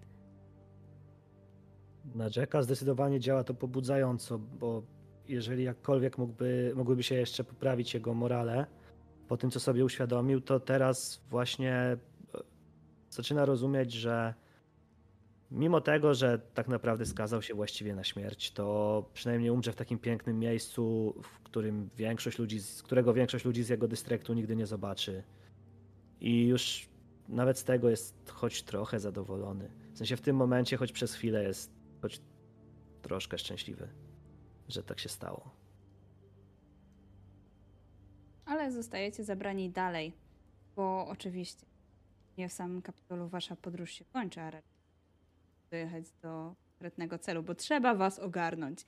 Ci piękni ludzie wyglądają pięknie, ale i wy musicie. Jesteście zabrani do centrum odnowy. I nim się zorientujecie, już jesteście położeni tak naprawdę na różnych stołach, oglądani, jesteście rozebrani do naga, myci, szorowani, depilowani, przy czym e, słyszycie różne nieprzychylne komentarze. O Jacku są, że jest trochę za bardzo, zapucu, bardzo pucułowaty, no coś trzeba będzie z tym zrobić, może powinien go tutaj ulepszyć. O Ebony słyszysz, że w jakiś sposób ten makijaż będzie musiał pokryć twoje blizny. Bo tak to Będzie nie musiała być gruba warstwa makijażu, żebym w ogóle wyglądał jak człowiek. Nie jak dzikus z dystryktu. I kiedy jesteście po tym wszystkim, do jednego i do drugiego przychodzi stylistka. Macie jedną stylistkę, ale przychodzi do was osobno. Zacznij od Ebony. Cześć. Słyszysz kobiecy głos. Jestem Sylwia i zajmę się twoim wyglądem. Odwracam zmęczoną twarz w jej stronę. Oj, kochana, będziesz musiała się wyspać porządnie. Tak. Mogę? I zanim odpowiesz, to czujesz jej palce na swojej twarzy. Ona dokładnie bada ją. Świetnie, świetnie, fantastycznie. Będziemy mogli się tutaj pięknie pobawić. Ale będziesz wyglądała przepięknie. Ja sprawię, żeby wszyscy patrzyli. Zwykle to ja tak poznaję ludzi. Chcesz poznać też mnie? Czemu nie? Może będzie pani ostatnią osobą, którą zobaczę. No, uśmiecha się. I kiedy dotykasz jej twarzy, to czujesz coś dziwnego. Słyszałaś na pewno, że w Kapitolu ludzie nie stronią raczej od operacji plastycznych i wyczuwasz różne dziwne rzeczy pod jej skórą. Widzisz swoimi palcami, że ma lekko garbaty nos i na pewno ten garb nie jest e, autentyczny, jest fałszywy. Ma bardzo długie i gęste rzęsy. Jej włosy są bardzo sztywne. Długie i spięte w jakiś bok. Ale jest to osoba, która ma też bardzo duże usta, też czymś wypełnione i które spięte. Myślę, że też się uśmiecha, kiedy kończę to moje poznawanie, oglądanie jej. Chciałam powiedzieć, że jest piękną kobietą, ale jak na nasze standardy, to nie wszyscy są jacyś dziwni. Więc e, mówię tylko dziękuję. Ona podaje ci ubranie. Je dotykać, rzucać faktury. jest bardzo przyjemne. w- Jest jednocześnie nie, ale gładkie. Będzie Co ci to w tym materiał? wygodnie. To aksamit. moja Samit. Pierwszy raz mam w ręku coś tak delikatnego. Ale dzisiaj będzie- staniecie na rydwanach i cały kapitol was zobaczy. Jack będzie miał podobne ubrania? Tak. Ale najpierw klaszczę w dłonie i e, słyszysz, że przychodzi kilka osób. Makijaż. A potem mnie zawołajcie. I słyszysz odchodzące kroki. A kilka dłoni zaczyna dotykać twoją twarz i po chwili czujesz różne nakładane na ciebie maści, pędzelki. To momentami trochę łaskocze, a momentami jest dość nieprzyjemne.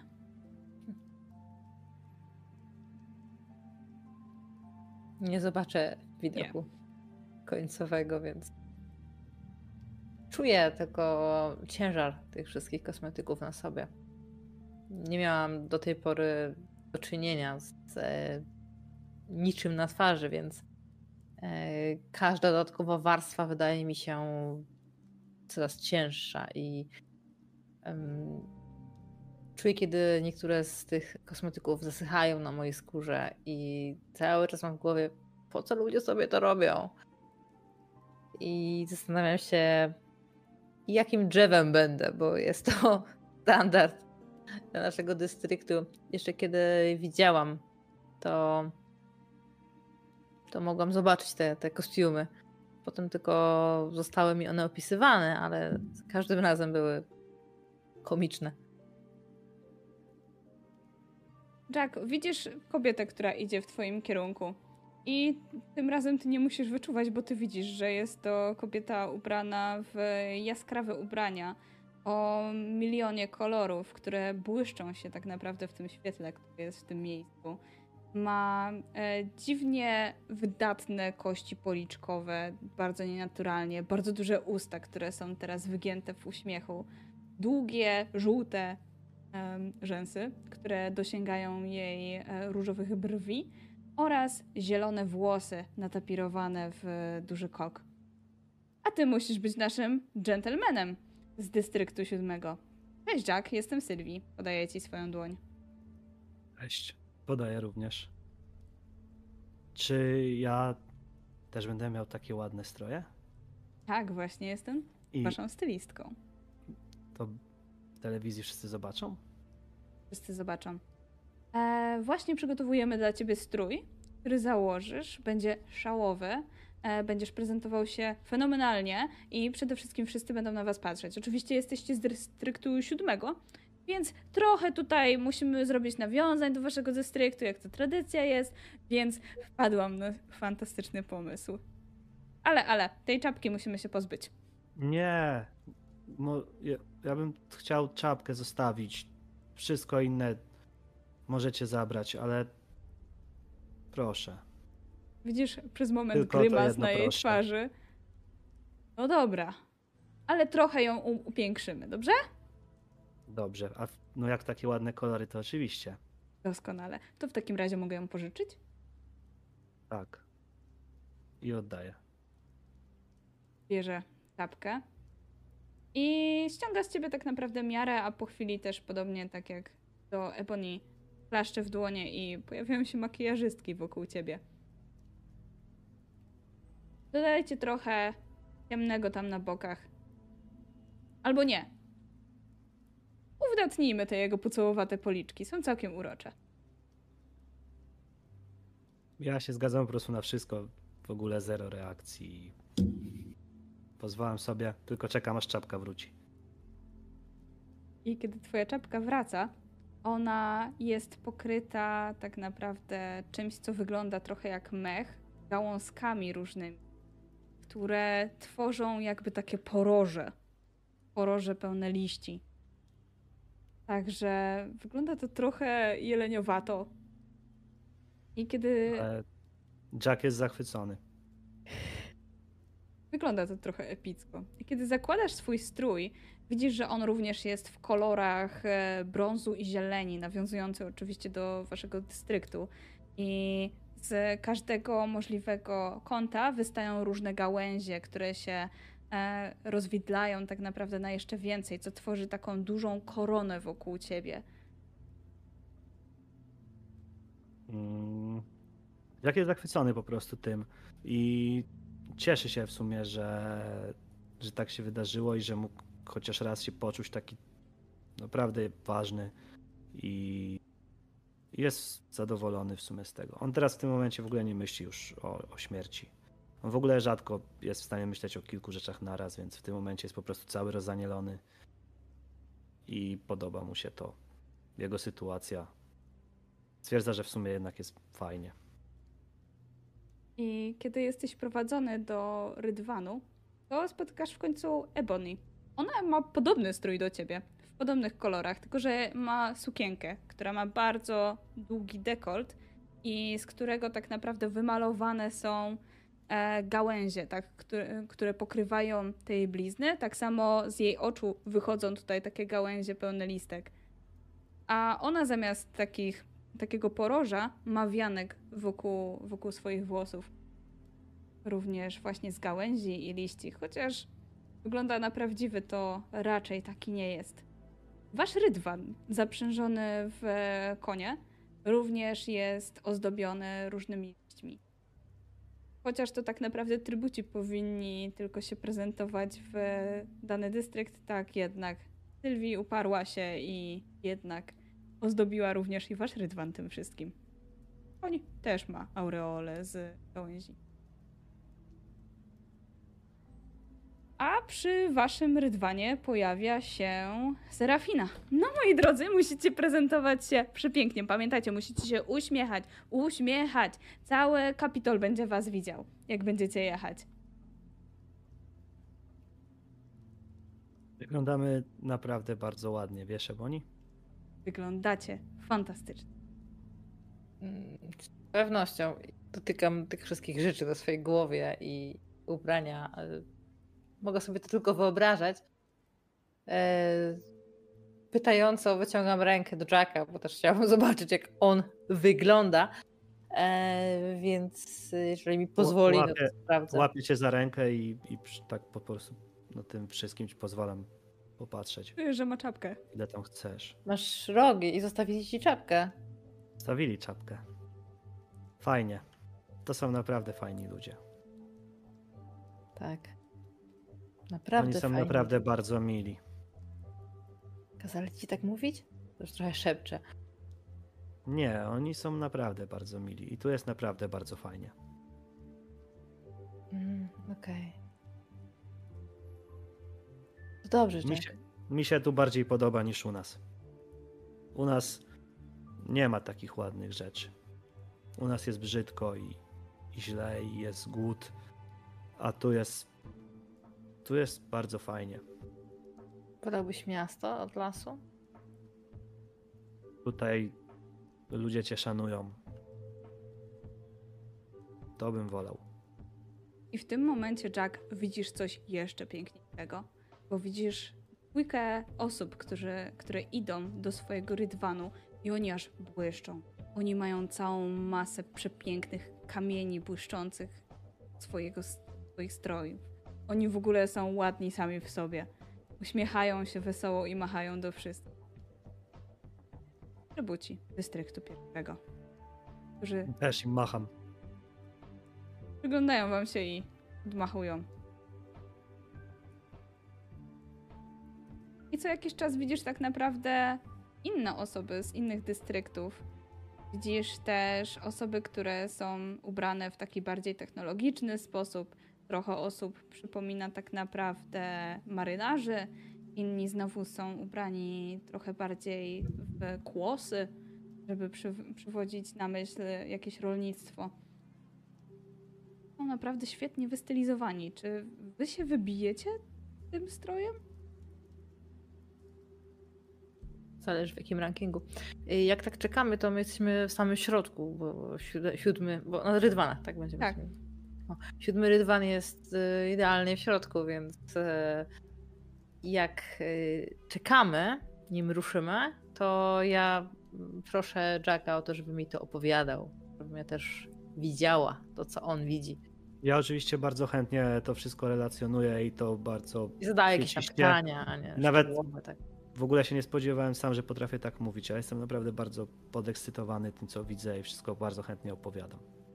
Ja pytam o to wszystko, żeby przestać się stresować, bo czuję jak serce zaraz mi wyskoczy z piersi, więc chcę po prostu się czymś uspokoić, chcę słuchać tego chłopaka, który tak wszystkim się cieszy. Z jednej strony mnie to irytuje, bo jesteśmy tutaj, żeby umrzeć, a on uważa to za szansę w twoim życiu, ale, ale kiedy opowiadam o tych wszystkich innych ludziach, naszych przyszłych przeciwnikach, to staram się po prostu to wszystko wyobrazić, skupić się na każdym jego słowie i W końcu ruszacie. te obrazy w swojej głowie.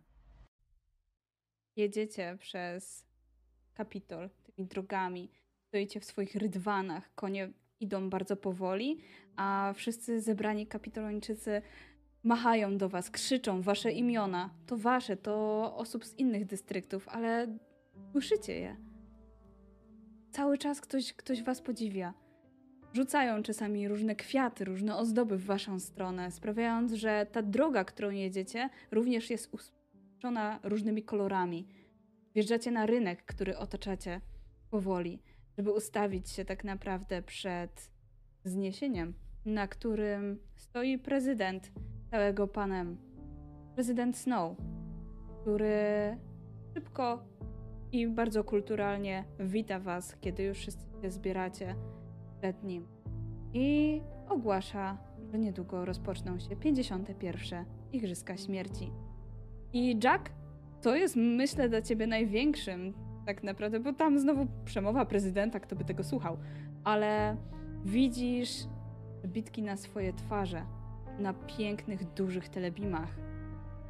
Wszyscy patrzą na ciebie i widzisz też oczywiście twarze innych trybutów, które się przejawiają.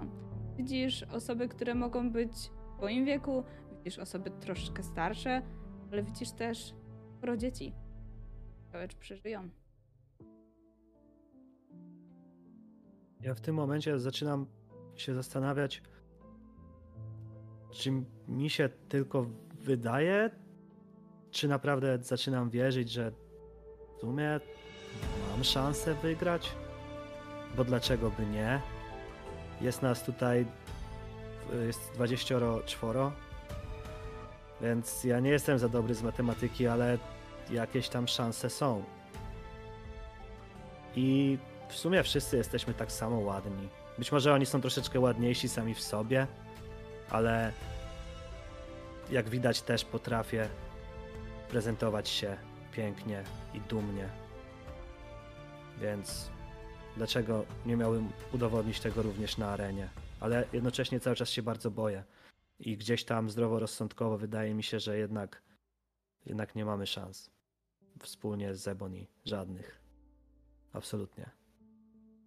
Ale po raz ostatni postanawiam, że spróbuję. Że nie poddam się, tylko po prostu spróbuję. W końcu zostajecie zaprowadzeni, przewiezieni tak naprawdę do ośrodka szkoleniowego, ale wy mieszkacie w wieży, która znajduje się nad samym ośrodkiem. I wasze apartamenty, to każdy jeden pokój jest większy od waszego mieszkania, które je zostawiliście w dystrykcie. Są przepiękne, w nowoczesnym stylu. Są tutaj najnowsze telewizory, są również konsole do gier i różne inne fantastyczne rzeczy, z których możecie korzystać w swoim wolnym czasie. Piękne jedzenie oraz służący, awoksi, którzy ubrani są w białe kolory i którzy nie mówią, ale doskonale słyszą i wykonają każde wasze polecenie. W waszych apartamentach często przybywa też e, Serafina oraz wasz mentor. No i oczywiście wasza stylistka. Często możecie ich spotkać przy stole, podyskutować na różne tematy. I kiedy przyjeżdżacie tam po raz pierwszy, to oczywiście jest wystawna kolacja na waszą cześć. Pięknie się spisaliście, mówi Serafina. Jestem taka z was dumna, te stroje są naprawdę przepiękne. Mi też się bardzo podobają. I co teraz mamy robić? Ucztujemy, oczywiście! A jutro zaczynacie wasze szkolenie. Znowu? Jedzenie? No Wow. oczywiście, że tak. I to takie dobre. No dobrze, no to zaczynam jeść. Codziennie takie będzie, jeżeli tylko sobie tego zażyczysz. No to zaczynam jeść znowu. Nie miałem tego w domu nigdy. Dlatego się nie, Nie, nie, dużo tak. ograniczam. Dlatego się nie ograniczam po prostu. Pomóż naszej Ebony. Wraca się Serafina do jednego z Avoxów. I czujesz, Ebony, jak na twoje, twój talerz zostaje coś nakładane i w ręce są w sztućce. Dziękuję. Mówię w tą stronę, gdzie wydaje mi się, że twarz. Ten, kto. Nie słyszysz potrzebuje. odpowiedzi. Mhm. Ciekawe dlaczego. Jutro, moi drodzy, poznacie też na pewno swoich rywali. Bo i oni będą mieli szkolenia. I ważna kwestia. Chcecie mieć wspólne szkolenia czy osobne? A jak ty byś chciała, Bonnie? Dla, dla mnie to możemy zrobić wspólnie.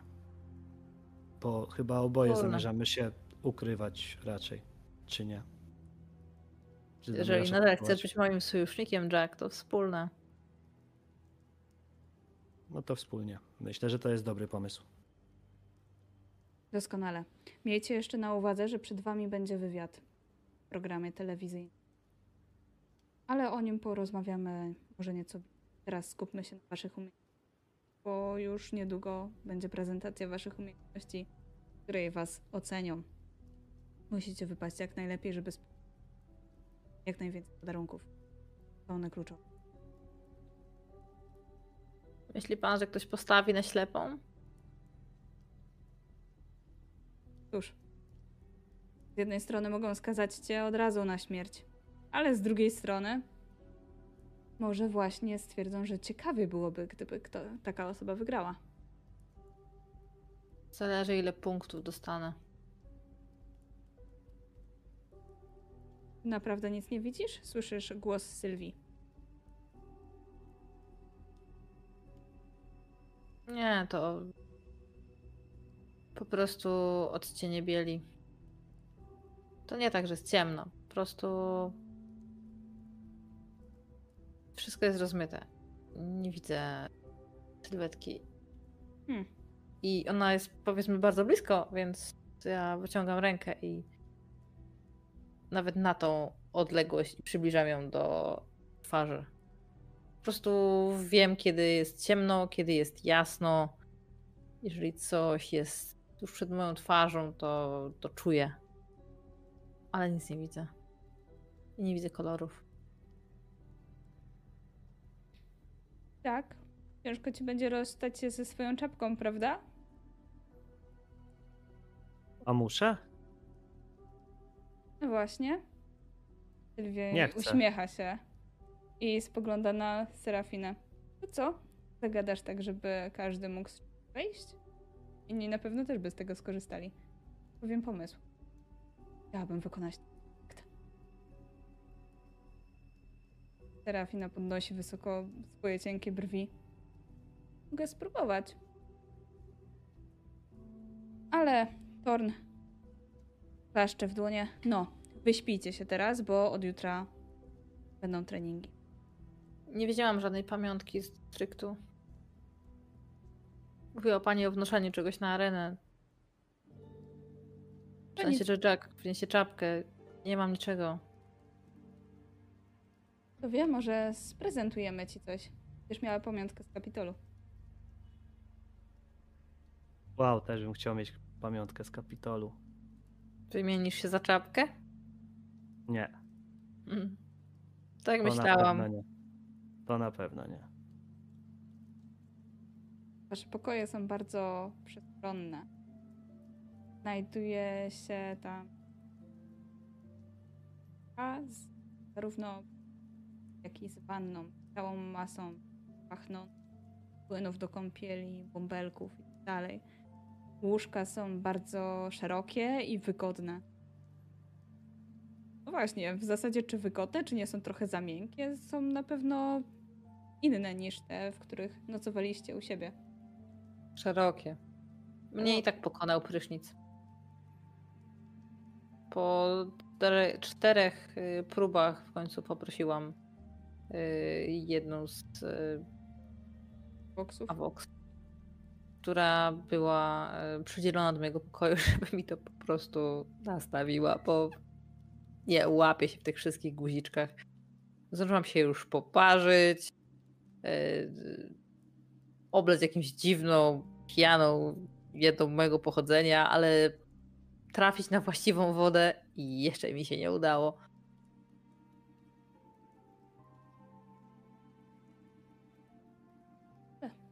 Ja z kolei myślę, że dla Jacka to łóżko nie jest za miękkie. On nie jest w ogóle przyzwyczajony do sypiania w takich warunkach oczywiście i może być to na początku dziwne, ale jednak im dłużej leży, tym bardziej stwierdza, że jest super, że to jest lepsze niż to, co miał w domu, na pewno. Więc wystarczy do tego przyzwyczaić. Tutaj nie ma na co narzekać.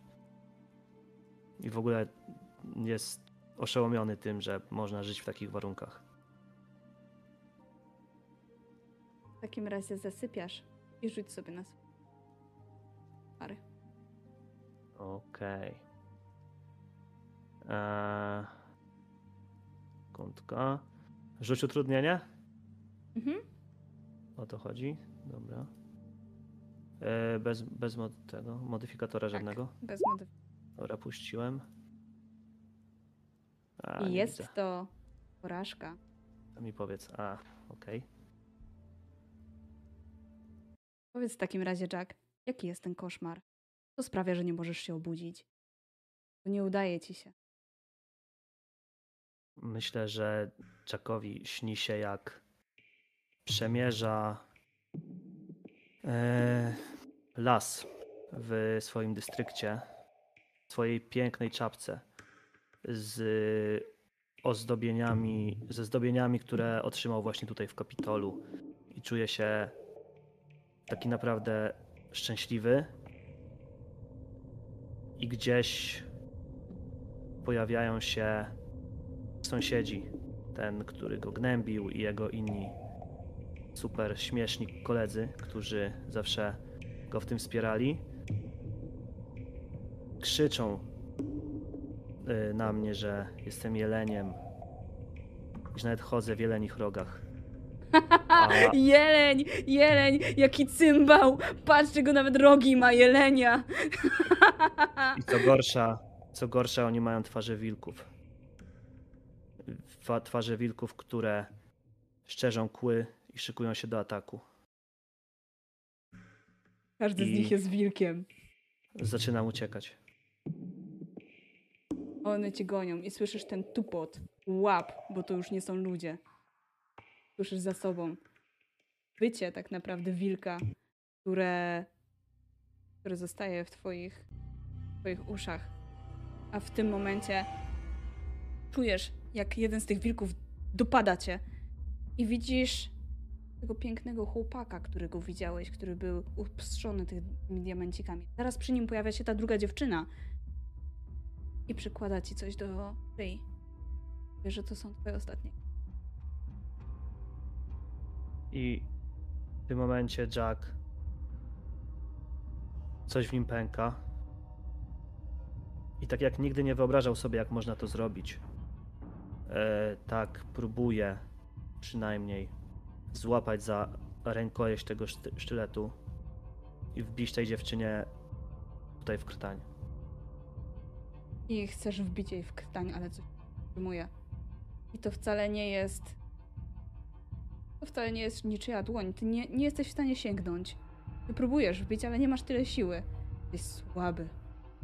Nie dasz przecież rady nikogo zabić. I w tym momencie stajesz wyput. Widzisz nad sobą twarz jednego z tych służących Savoksów, który, którzy potrząsają tobą. Kołdra wokół ciebie jest rozrzucona i czujesz pot na swoim ciele. Co się stało? Podaję ci To był flankę. zły sen chyba. Kiwa głową. Państwo są tacy piękni i to wy, to wy. Wszyscy tutaj stąd. A. Tam u mnie. Tam jest źle. To, to jest zły dystrykt.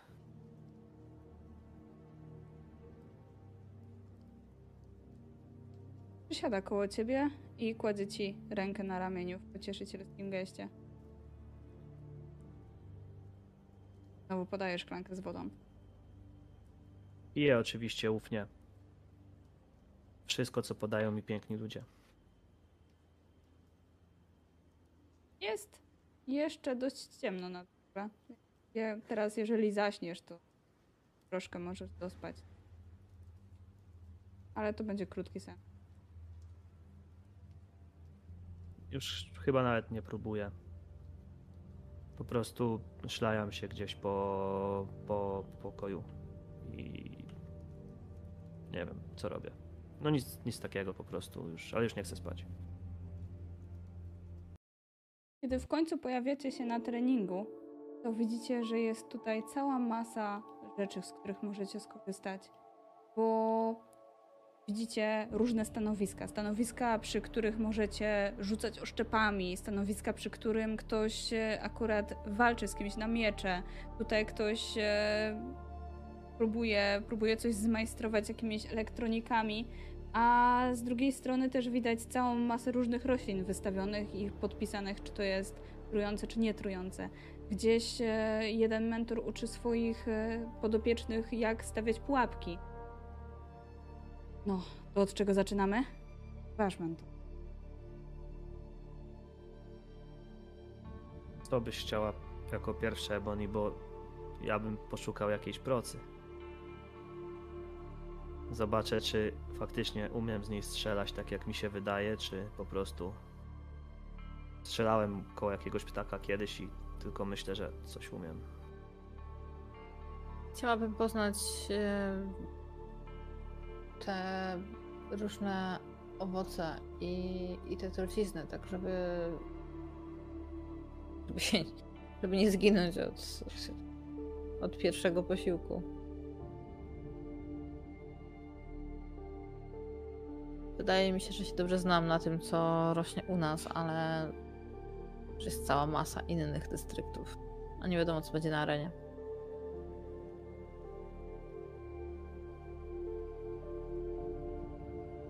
Poza tym mówił pan, że możemy się nauczyć robić broń.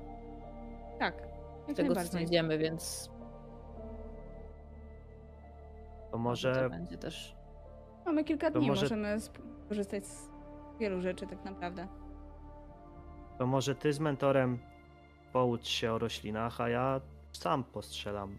Bo ja chcę tylko sprawdzić, czy dalej potrafię i czy kiedykolwiek potrafiłem po prostu. Pamiętajcie, że jesteście też tutaj tak się- obserwowani przez innych trybutów. Będą patrzeć, jakie macie umiejętności. Zdecydujcie, czy chcecie pokazywać wszystko. Ja na pewno się nie Ale- zbliżam do siekierki. Mogą się was wystraszyć, Nie. jeżeli pójdzie wam dobrze, ale z drugiej strony możecie też odkryć karty. Tu już decyzję zostawiam wam. Ale ja muszę, bo ja się nic nowego nie nauczę. E, to jest moja jedyna szansa. Muszę sprawdzić, czy faktycznie umiem. Próbuję jeszcze na ściance wspinaczkowej. Spinałeś się na drzewa. Może i tutaj ci pójdzie dobrze. Znaczy mi chodzi o strzelanie z procy. Tak, ale później spróbuj jeszcze tam. A, w, w porządku, jak najbardziej. Tego wolę, to tego mogę nie zdradzać, bo tu jestem pewien. Dobrze. To co, Ebony, idziemy. Pan prowadzi. I prowadzicie do stoiska, przy którym już jest. Bonnie? Poznaj jednego z uczestników z dystryktu ósmego. Rida Treshera. Cześć! Słyszysz trochę młodszy od ciebie głos. Cześć. dziecięcy. Miło cię poznać. Um, jesteś z jakiego dystryktu? Siódemki. Czemu masz coś takiego przy oczach? Co, co przy oczach? O, tak, takie blizny masz. Dotykam tych blizn wszystkich. A. Wzruszam ramionami. To blizny.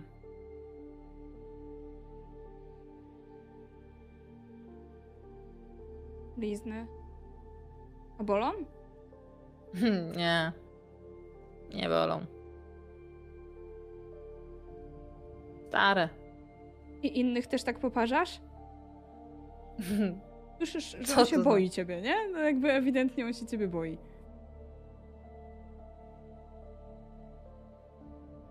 Ja jestem bardzo zaskoczona tym, tym lękiem, który słyszę, który wyczuwam, bo to jest ostatnia rzecz, jaką bym się spodziewała, że ktoś się mnie przestraszy. I ja nie, ale żebyś widział, co potrafi chłopak z mojego dystryktu. I czekam, aż on wybuchnie śmiechem, bo, bo jestem przyzwyczajona, że ludzie raczej a, nie biorą mnie na poważnie. On bierze cię na poważnie. I on jest wystraszony. I ja słyszę jego oddech. E, ej, żartowałam. To nie jest śmieszne. No to co tutaj mamy? Uchylam się nad tym stanowiskiem i staram się wymacać wszystko, co jest przede mną. I czujesz różne gałązki, rośliny, tak naprawdę, no, jagody. I myślę, że jest, skoro jest z tobą wasz mentor, to on ci mówi, co jest na nich napisane. Mhm. Nie dotykaj, trujące.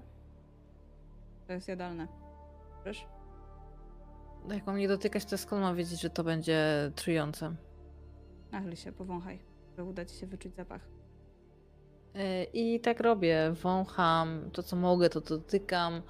E, Staram się zwrócić uwagę na takie drobiazgi, jak e, to, jak są ukształtowane liście, to, że szypułka jednych jagód ma trochę inny, jest kująca trochę bardziej, tych jadalnych mniej, więc na takie bardzo, bardzo szczegółowe detale zwracam uwagę.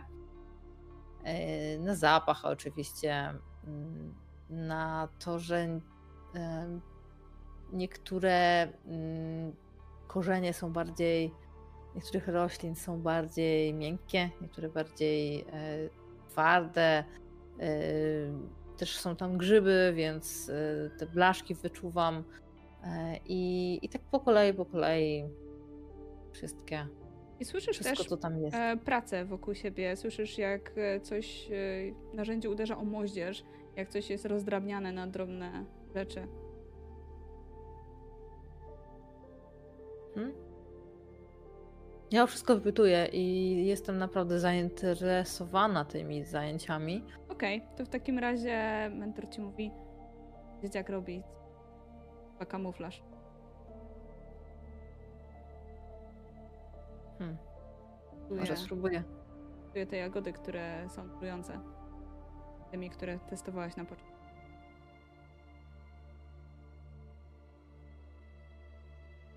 Hmm. Ja bym uważał z tymi trującymi, ale dzieciak się zna. Może. Muszę to zapamiętać. Przypomnij mi jeszcze raz swoje imię, chłopaku z ósemki. Jestem Reed. Okej, Rick. Myślisz, że długo wytrzymamy? No, wy może wytrzymacie, skoro ten od was jest dobry, ale ja pewnie padnę. Mhm.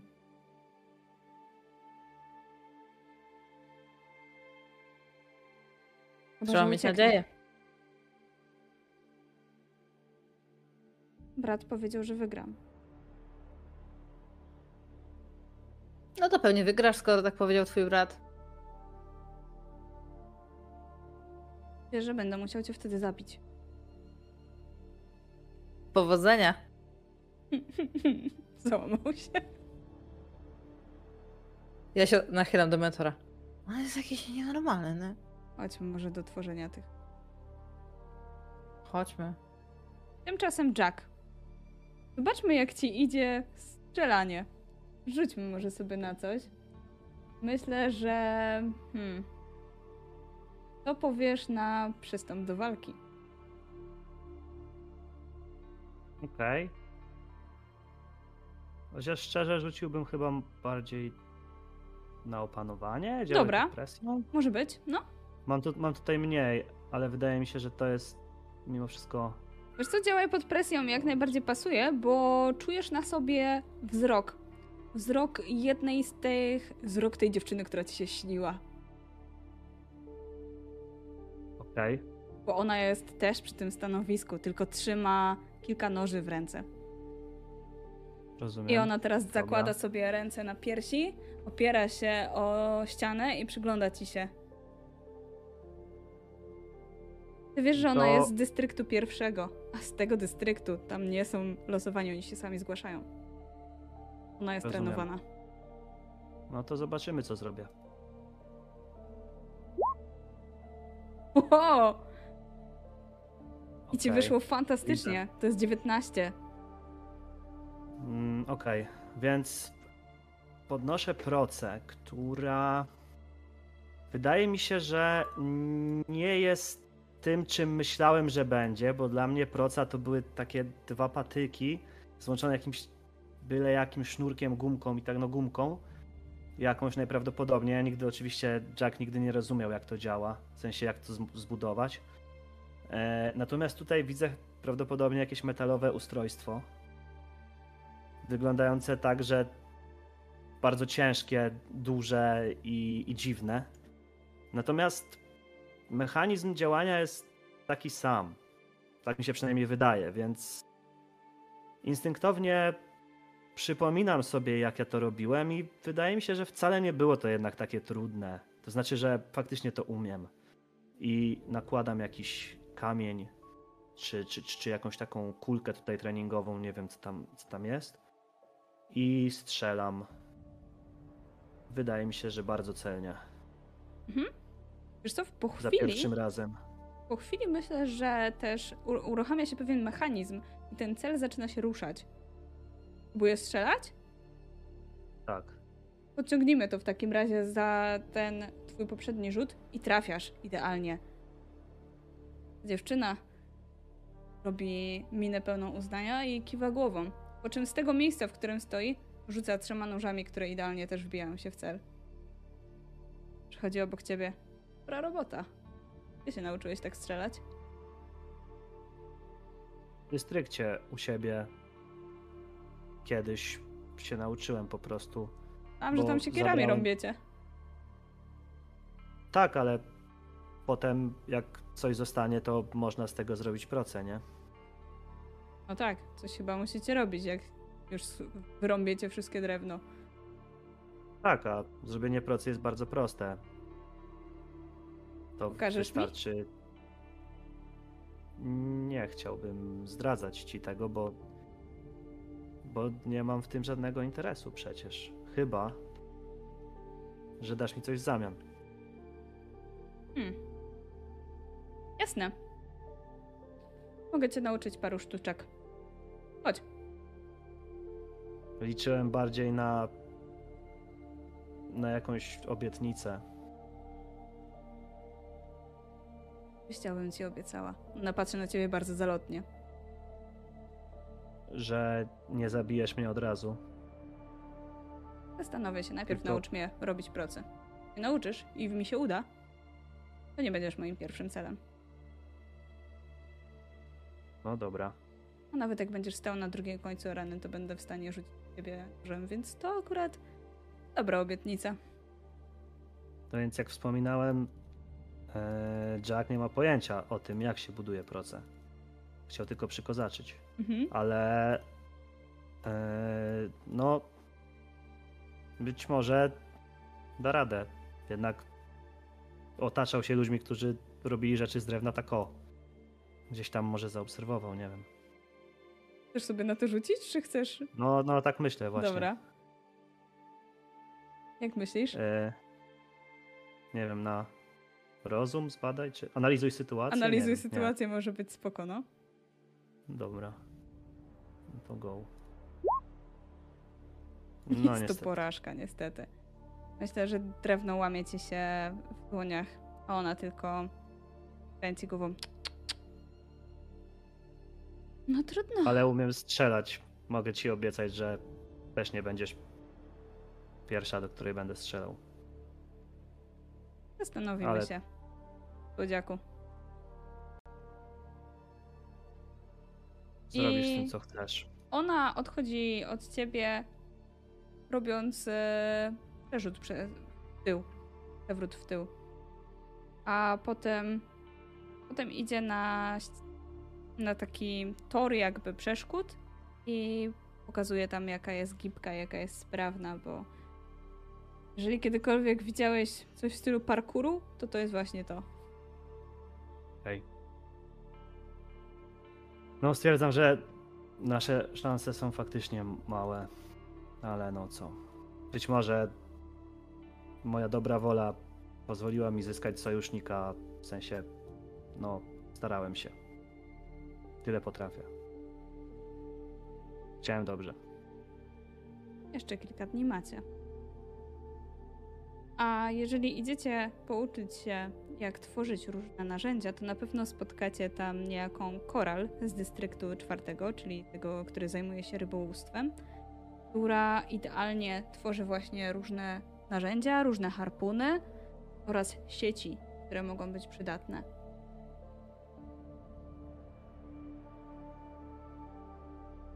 Pamiętajcie, mówi Torn, że musicie też polować na zwierzęta, jeżeli chcecie przetrwać. Rośliny to nie jest jedyny na to, aby przeżyli. A nie da się przeżyć tylko na nich? Da się. Ale i one mogą być zagrożeniem. Rozumiem. Ale Ebony wie już, które są trujące, a które nie, prawda? Albo mi się wydaje, albo nam zacięło Iwonę. Chyba faktycznie. No. To musisz coś zaczarować. O, O, no. coś się, coś się już dzieje powoli. Bonnie, odezwij się do nas. Daj znać, czy nas słyszysz. Zakamuflo- zakamuflowała się. Dobrze. Tak czy inaczej, Jack, czy e, są jakieś osoby, z którymi myślałeś, żeby zawrzeć jakiś sojusz? Bo tutaj mamy 11 innych dystryktów. Są tacy, którzy. E, trzy dystrykty są szkolone w walce. Jest również dystrykt, który zajmuje się technologią. Jest dystrykt, który zajmuje się energią, w sensie wytwarzaniem energii, transportem oraz e, jest też są też te biedne dystrykty, na przykład od tkactwa, rolnictwa, hodowli zwierząt, czy tak naprawdę uprawy żyta. No i oczywiście Ja- górnictwa. Ja myślę, że nie, bo Jack ogólnie ma problem z nawiązywaniem znajomości i też ma problem z takim myśleniem strategicznym, więc on, on poza tym totalnie nie rozumie tego, dlaczego warto się trzymać z tymi, czy z tamtymi, czy, czy z kimkolwiek innym. On nie zna w ogóle też sytuacji politycznej kraju.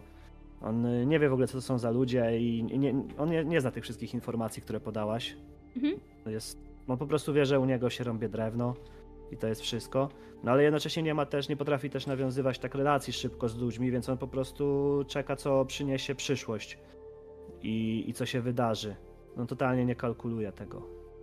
E, aczkolwiek jeżeli ktoś, tak jak właśnie y, poprzednio Karol, tak, e, pojawiła się na jego drodze, no to on już teraz próbuje się łapać wszelkich możliwych y, sposobów, żeby żeby zdobyć jakiegokolwiek sojusznika, w sensie kogoś, kto mu obieca, że, że nie będzie go próbował zabić od razu, chociaż bo on będzie próbował po prostu uciec. Przynajmniej takie teraz ma wrażenie, że tak zrobi. I się schować, więc nie chciałby po prostu szybko zostać trafiony. I wolałby, żeby tam to całe oko cyklonu się zaczęło gdzieś indziej, poza nim. Ja ci pokażę, jak robić pułapki, a ty mi pokażesz, jak strzelać z procy. Dobra. Mówi Karla. I pokazuje ci bardzo dokładnie i powoli. Pewnie tłumaczy to wielokrotnie, bo tak jak mówiłeś, pewnie Jack bardzo wolno łapie różne rzeczy.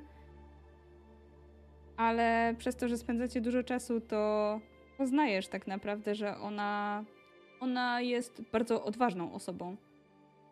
I ona nie boi się kogoś zabić. Ona, myślę, że ona bardziej ci tłumaczy, w jaki sposób podejść do zabicia kogoś, niż twój własny mentor. Rozumiem. No Znaczy- jest to informacja bardzo przydatna, bo Jack po prostu totalnie nie wie, jak mógłby to zrobić. W sensie, on ma jakąś taką, wydaje mu się, że ma blokadę psychiczną i sobie tego nie wyobraża po prostu. I widząc, że tu są ludzie, którzy są na to gotowi, a wręcz przychodzi im to łatwo, albo wydaje się, że mogłoby im to przyjść łatwo, to on no jest przerażony tym, że będzie musiał z nimi rywalizować, bo najpierw będzie musiał pokonać samego siebie w ogóle. I szybko dosiada się też do was e, Bryce z 10 dystryktu. Jest to chłopak, chyba troszkę starszy od was. I widzisz, że on sprawniej robi te pułapki, jeszcze uśmiecha się. Lepiej będzie, jak tutaj zastosujecie tę nić. Albo, zobaczcie, te trawy jeszcze bardziej wiążą. Dzięki. A czemu nam pomagasz? I tak wszyscy zginiemy. No ktoś nie zginie. Ja całkiem spoko tropię. U nas, u nas w dystrykcie, w którym zajmujemy się zwierzętami, ja byłem tym od polowania na różne. Okej. A proponujesz nam sojusz, czy... O, ja nie rozumiem. No, spoko by było, nie? Ty strzelasz z procy, ja dobrze strzelam z łuku. Możemy na dystans ich wykończyć. A skąd mamy wiedzieć, że możemy ci zaufać? To już tylko musisz chyba sam zaufać. Nie wiem. Tyle się Z teraz... drugiej strony... Chodź, z drugiej pokażę strony ci jak strzelam. To wtedy zobaczysz. Chodź. Dobra. Ja myślę, że on odpala taką e, elektroniczną e, formę uciekających zwierząt i strzela do nich. I myślę, że na 10 prób tylko w jednego nie trafił. No, myślę, że Jack nie ma większego wyboru, więc przystaje na to. Jest w sumie zdziwiony, że ktoś chce z nim wejść w sojusz i że w ogóle ktoś, że, że w ogóle czymkolwiek komuś zaimponował. Jest niezwykle zaskoczony tym. I czuje się troszeczkę mocniejszy dzięki temu na pewno. Bonia, czy ty masz jakieś dystrykty, które, którymi byłabyś zainteresowana? Na sojusz? Raczej trzymam się z boku e, po tej niefortunnej rozmowie z e, chłopakiem z ósemki. em, Nie bratam się z nikim, bo nie mam za bardzo nic do zaoferowania. Mhm. Więc o ile nikt nie zagaduje mnie, to staram się mm, rozeznać po tej całej przestrzeni sali treningowej, bo spędzimy tu jeszcze, przynajmniej z tego co nam powiedziano, kilka dni, więc staram się być samodzielna chociaż w tej przestrzeni, tak żeby wiedzieć, jakie stanowiska są em, obok których i gdzie nie i żeby nie zginąć nim trafię na arenę. Mhm. Żeby nie wejść komuś w na linię strzału. Więc treningi wam mijają dzień za dniem, a wy powoli poznajecie niektórych uczestników. Jest dziewczyna z dwunastki, która totalnie upodobała sobie broń ognistą. Ona e, podpala pochodnie i e, tworzy ogień. Umie rozpalić ogień niemalże ze wszystkiego. E, myślę, że rzuca wam się w oczy też e, ten dzieciak, który robi kamuflaż, bo on faktycznie, faktycznie sobie robi, radzi całkiem nieźle, mimo że jest bardzo strachliwy. Dziewczyna e, z jego dystryktu zaś tworzy podobnie, tak jak ta, którą poznaliście, pułapki, ale z różnych tekstyliów. bo oni są z ósemki, więc tam, tam głównie nad tym działają. Oraz oczywiście nie sposób przejść obojętnie obok e, zawodowców z dystryktu pierwszego, drugiego, czwartego. Oni specjalizują się tak naprawdę w walce w krótki dystans, poza oczywiście tą dziewczyną, którą Jack poznał przy strzelaniu z procy, ale chłopak z jej dystryktu zdecydowanie ma talent do broni, a jest wszystko w stanie zmienić narzędzie do zabijania. Zaś w dwójce jest tam pewien potężny chłopak, który jest też dość zwinny, jest świetny w fechtunku. A dziewczyna jest bardzo duża i silna. Jest naprawdę cała masa osób, które mogą być waszym zagrożeniem. Ale widzicie też, że jest tutaj trochę dzieci, które mogą poradzić sobie znacznie gorzej i nie tylko. Są też osoby mniej więcej w waszym wieku, które albo są bardzo wychudzone i nie są w stanie poruszać się za dobrze, zwłaszcza z dystryktów zajmującego się rolą. Są to osoby, które raczej mają pracę stojącą, więc są dość wolne, mimo że silne. I w końcu jest dzień, w którym możecie zaprezentować swoje umiejętności przed sędziami.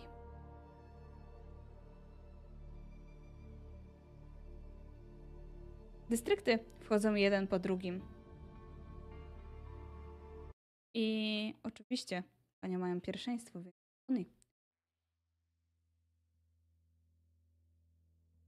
Y, To, że rozpoznałam już salę treningową, na którą znowu trafiam, y, daje mi trochę pewności siebie, bo poruszam się po niej całkiem sprawnie. Zwłaszcza, że jestem tutaj teraz sama i cisza, brak tych wszystkich odgłosów, które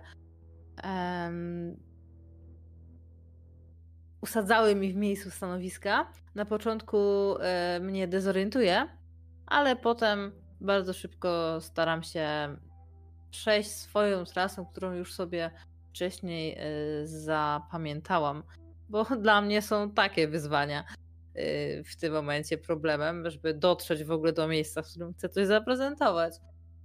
I docieram do tego stanowiska, przy którym jeszcze nie byłam, nie tre, nic tam nie trenowałam, ale dyskretnie podchodziłam tam i się troszeczkę w nim e, rozeznawałam, więc na początku chcę pokazać sponsorom e, i organizatorom e, tą moją pewność poruszania. Więc po pierwszym takim zachwianiu idę przed siebie.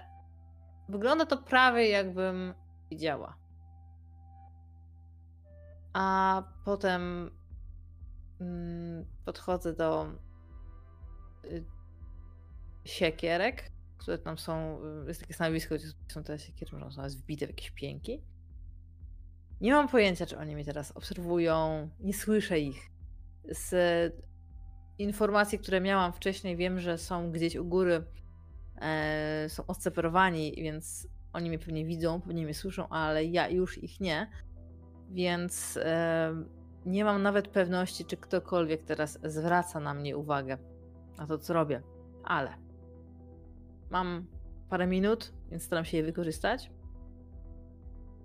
Skupiam się, wyrównuję oddech i staram sobie wyobrazić wszystkie te cele, które są tam, te wszystkie tarcze, które są tam rozstawione. I przez chwilę po prostu stoję i nic nie robię, więc pewnie większość z nich się już zdąży znudzić, bo tu nic się nie dzieje. Ale potem e, powiedzmy, że trzymam tam cztery siekierki i potem odwracam się, robię zamach i rzucam do każdego z celów. Jasne. O ile się nie ruszają, jest okej. Okej, to może nie rzucajmy w takim razie. Myślę, że skoro się nie ruszają, to trafiasz idealnie. I słyszysz pewien pomruk góry. Ale ciężko ci. Mm, ciężko ci określić, czy jest to pomruk zadowolenia, czy nie. Y, stara- Ale ten pomruk mi trochę ich em, pokazuje, gdzie oni są, bo do tej pory wiedziałam, że są gdzieś u góry, ale nie wiedziałam kompletnie gdzie, więc odwracam się, kiedy już skończę, kiedy już zaprezentuję wszystkie swoje umiejętności, to e, odwracam się w tamtą stronę, e, dygam e, tak jak uczyła mnie mama i odwracam się i mam nadzieję, że idę w stronę wyjścia. Dobra. Jack, widzisz jak dumnie. Ebony wychodzi dumnie. Jasne. Przekazujesz teraz coś moja kolej. Jackowi? Cenia. Dzięki. Mijamy się, ja idę tam pewnie do tych sal y, na, naszego piętra. Mhm. Windy.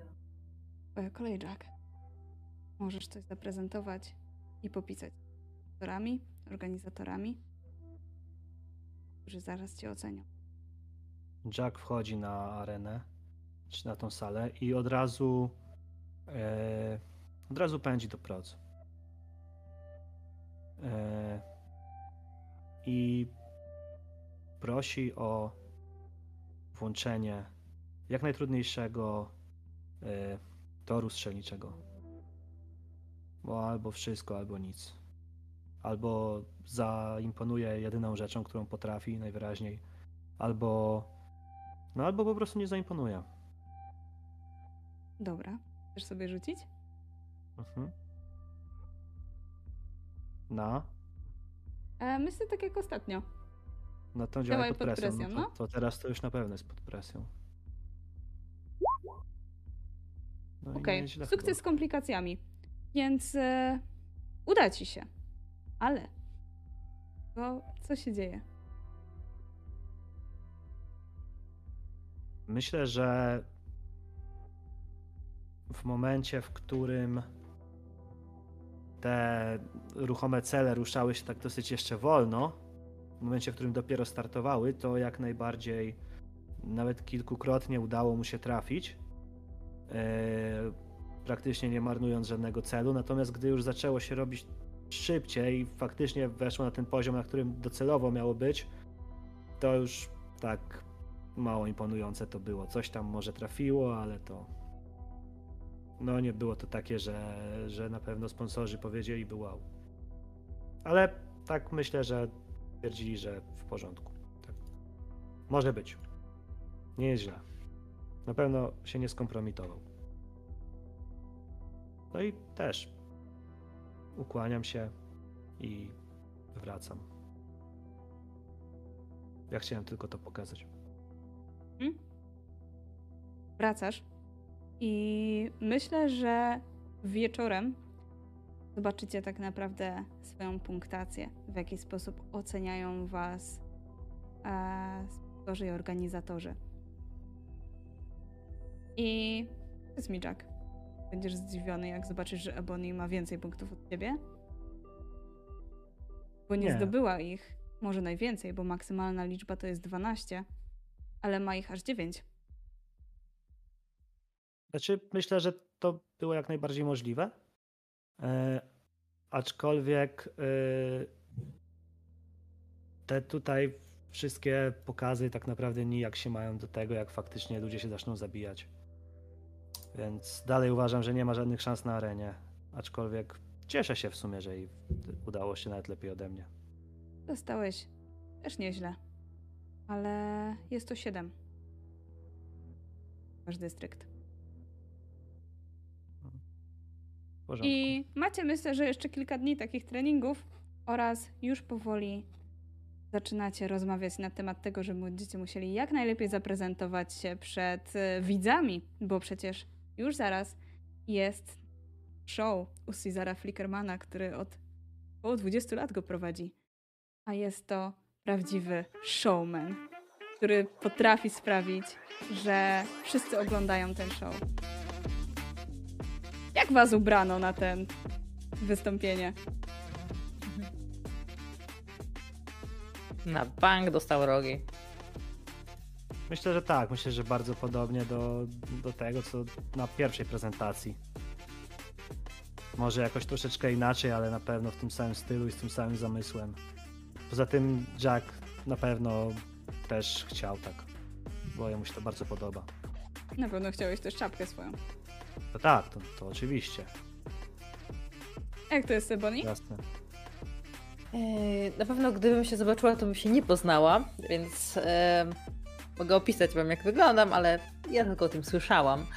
Więc e, moja pięka mm, troszkę się kojarzy z kamuflażem, bo wygląda jak, e, jak przekrój drzewa, pełen sęków i e, zawijasów pokazujących e, ile to drzewo ma lat. Em, I hmm, na twarzy w- poprzyczepiano mi y, kępki mchu, przez co całkiem zmieniły się moje, y, moje rysy. Tak samo y, brwi mam też takie właśnie z kępek mchów, e, we włosy w jakąś bardzo dziwną fryzurę, której mi zakazano dotykać. E, Powkładano fragmenty mm, gałązek. E, I do tego wszystkiego mam jeszcze taki bardzo długi mm, nie płaszcz, tylko perynek, która się za mną ciągnie i ona wygląda tak, jakby była zrobiona z igiełek sosnowych. Y, to jakieś inne tworzywo, ale jest taka bardzo lekka i, i tak ma wyglądać. Mhm. I ty wchodzisz jako pierwsza, moja droga. Więc e, w pewnym momencie oczywiście jest wypowiedziane twoje imię nazwisko. A przed państwem Ebony Barwick! Jesteś, myślę, że prowadzona przez e, nikogo innego, jak przez Serafinę, bo ona koniecznie chciała się pokazać. Jeszcze oczywiście idąc obok ciebie mówi uśmiechaj się moja droga, wszyscy na ciebie patrzą. Uśmiecham się, zaraz mi zesztywnieje twarz. No to ja ci powiem prawdziwy żart. To mówi dzięcioł do drzewa? Tam się puknij. Fantastyczny, prawda? Fantastyczny żart. Dobra, tutaj Mówię jest kanapa, dalej imituję. Ty tego nie widzisz, ale myślę, że Jack to widzi, bo oczywiście w poczekalni jest też telewizor i oglądacie wszystkich innych. Jak e, Serafina oczywiście macha do publiczności, cała zadowolona jeszcze dygnie po drodze, żeby tylko jak najwięcej reflektory ją ujęły. Natomiast e, ty, Ebony, słyszysz, a ty, Jack, widzisz Cezara Flickermana, który oczywiście, że ubrany jest zawsze w ten sam strój, a zawsze nosi taki purpurowy strój, na którym ma całą masę malutkich żaróweczek, które się błyszczą i świecą jak e, miliony gwiazd na niebie. W tym roku, chociaż fryzurę zawsze ma tę samą, to zawsze kolor ma inny, a w tym roku jest to głęboki granat. I oczywiście w tym samym kolorze ma pomalowane oczy i usta. I szeroki uśmiech na swojej twarzy. Ebony! Wspaniała Ebony! Jak dobrze cię widzieć! Haha, Również jak dobrze jest widzieć pana. Wygląda pan zupełnie inaczej niż w telewizji. Ja celowo tutaj patrzę w drugą stronę, e, w sensie czuję skąd mówi, słyszę skąd mówi, ale, ale i tak staram się odwracać trochę inaczej twarz. Wszyscy zaczynają się śmiać, cała publiczność się śmieje z twojego ciętego żartu. Cięte żarty jak te całe cięte drzewo z waszego dystryktu. Fantastycznie, fantastycznie, ale powiedz mi, Ebony, jak się czułaś, kiedy zostałaś wylosowana? Co powiedziała twoja rodzina? Mm, moja rodzina byli równie zaskoczeni jak ja. to zawsze jest zaskoczenie. Chyba, że to założyliście od razu. Założyliście i specjalnie podkreślam słowo liście. Słyszę śmiechy widowni. Fenomenalna, fenomenalna dociera. Łezka, która nigdy tam się nie pojawiła.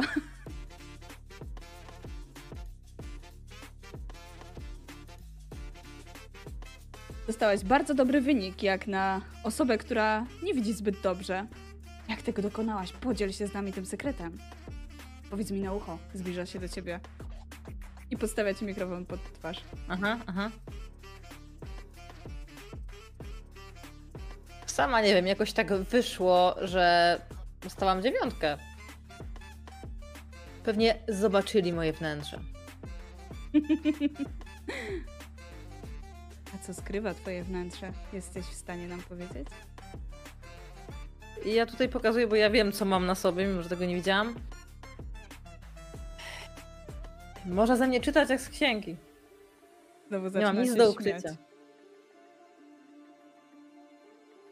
Powiedz, droga Ebony, zostawiłaś kogoś w twoim dystrykcie? Mamę. Zaczynam się śmiać trochę zbyt nerwowo. Zatem pozdrówmy mamę naszej Ebony. I macham tam, gdzie mi się wydaje, że powinny być kamery. Mm, Nie macham do kamer. W drugą stronę, moja droga! Macham w drugą stronę. Wszyscy się śmieją, bo on oczywiście ściemnił. Mhm. I zostajesz wyprowadzona. No to kłaniam się tak jak do tej pory wszędzie. Wszystkim. A Trochę teraz wstydno. przed państwem wspaniały Jack Smith z dystryktu siódmego. Chodzę bardzo dumnym krokiem i macham do ludzi Oni ci machają i publiczności. jest wrzawa, cieszą się. Wszyscy na ciebie patrzą, widzisz na sobie światła reflektorów. Bardzo jasno. Jack znowu czuje się bardzo szczęśliwy w tym momencie. Niewątpliwie. Jack, Jack, Jack. Wyglądasz wspaniale, mówi Caesar. Dziękuję bardzo. Pan również jest bardzo przystojnym mężczyzną. Jestem, prawda? Prawda? Nie słyszę? I wszyscy zaczynają krzyczeć. Natomiast on zwraca się do ciebie i pokazuje na twoją czapkę. Czapka. Masz ją za każdym razem. Czy ona jest jakaś symboliczna? To jest moja czapka, która wróci ze mną do domu. Stamtąd przyjechała i tam wróci. I to są słowa prawdziwego zwycięzcy. Jack, jest to wspaniałe. Powiedz, w jaki sposób wygrasz? Radzisz nam? Nie, bo myślę, że nie jest to dobre, dobra strategia, żeby mówić o takich rzeczach, ale możecie stawiać na mnie swoje pieniądze. Taki tajemniczy, ale no przecież Jack, my się przyjaźnimy. My możesz powiedzieć. Przecież komu ja powiem? Jak się przyjaźnimy? Nie przyjaźnimy się, ja pana nie znam. Pierwszy raz pana widzę. Zobaczcie, jaki żartowniś. A wy mnie znacie? Wy mnie znacie? I słyszysz głośne tak. Jeszcze skandują jego imię i nazwisko. Ale hola hola, to nie jest mój czas. Jest czas dla Jacka, więc brawa dla niego. I zaczynają skandować twoje imię i nazwisko. Bardzo tak po prostu się cieszę z tego i chłonę każdą minutę tych świateł reflektorów, które są zwrócone na mnie i które wzroku ludzi, który też jest skierowany w moją stronę i chcą słuchać, co mam do powiedzenia, chcą po prostu chcą mnie słuchać i się dla nich liczę jakkolwiek. Więc chłonę każdą minutę. A masz ich aż trzy. I myślę, że tutaj pada trochę pytań, które starają się wyciągnąć tak naprawdę twoją przeszłość na wierzch. Czy jakoś zdradzasz coś? Y, No może trochę dałem, dam się wciągnąć w rozmowę o mojej rodzinie i mówię, że nie robię tego dla nich, żeby o tym wiedzieli, ale jedynie dla, w sensie, że jedyna osoba z mojej rodziny, która jest dla mnie istotna i dla której to robię, to jest moja siostra Sophie. I że niech o tym pamiętają, niech wszyscy w dystrykcie o tym wiedzą. Jeszcze założysz swoją czapkę na głowę Sophie Jack. Powodzenia! Dziękuję bardzo. Tak na pewno będzie. I słyszysz, jak wiwaty żegnają cię, kiedy schodzisz ze sceny. A po chwili już słyszysz kolejne nazwisko Scarlet Weave z dystryktu 8. I wywiady trwają. Ale w końcu i to się kończy. Jaki był odzew wywiadów? Są zdania mieszane. Serafina jest szczęśliwa i mówi, że to był najlepszy wywiad, jaki kiedykolwiek e, usłyszała jeden i drugi. Za to wasz mentor jest trochę niepocieszony. Mogliście pokazać więcej i dać się polubić. Ale No nie wiem, nie wiem. my już to robić. zadziałamy. My już zadziałamy.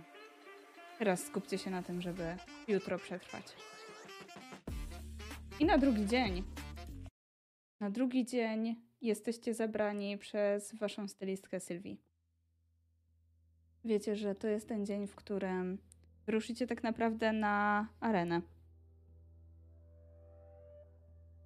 I podróżujecie w pewnym kierunku, a kiedy docieracie, to dostajecie swoje stroje. I to jest dość ciekawe, bo wasze stroje dużo zdradzają. Widzicie tak naprawdę, że są to stroje różnych warstw. Zostajecie ubrani w warstwę bazową, warstwę kolejną oraz wodoodporną kurtkę.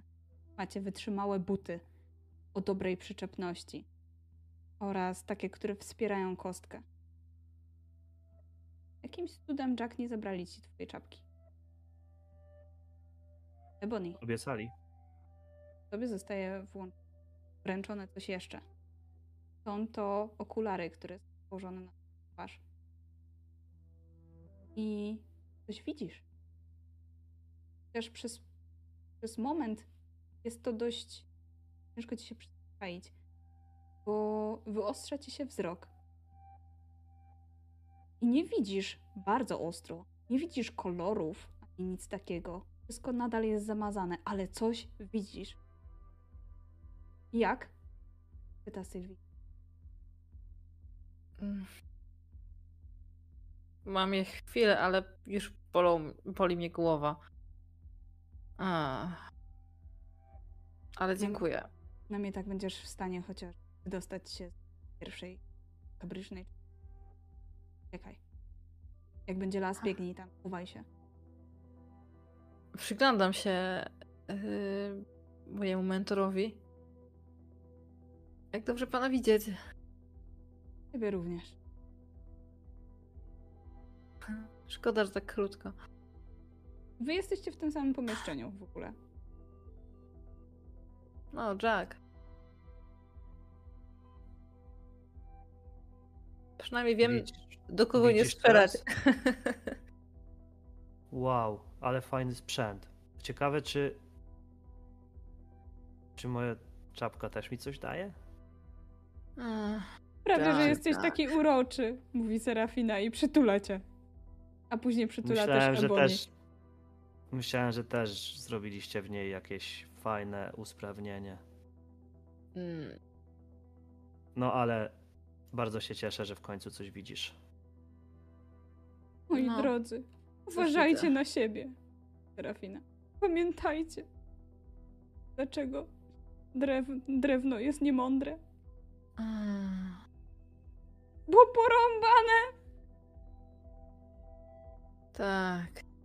To chyba znowu ten sam żart, którego nie rozumiem. Albo. Był Podobny. inny.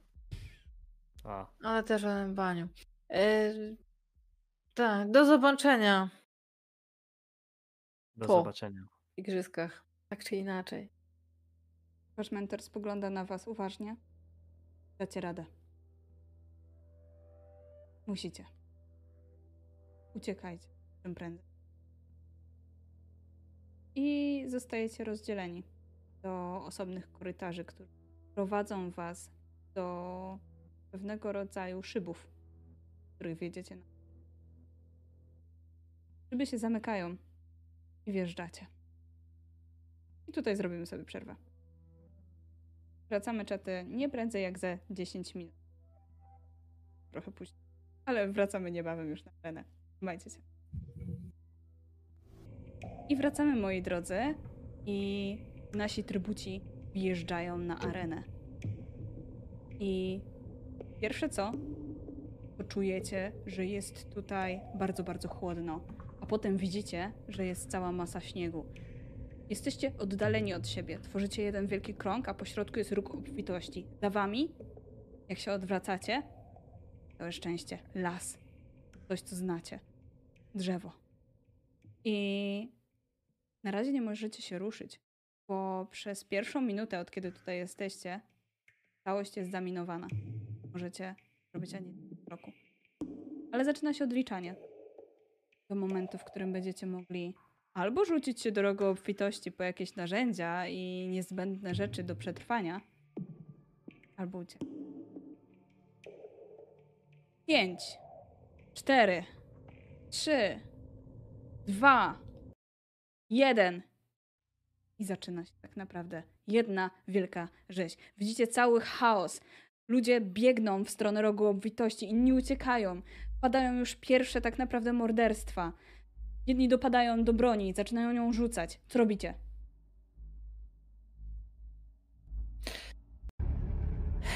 Cóż, kiedy yy, słyszę cztery, zaczynam się rozglądać. Kiedy słyszę sześć, kończę się rozglądać za tym, co jest przed.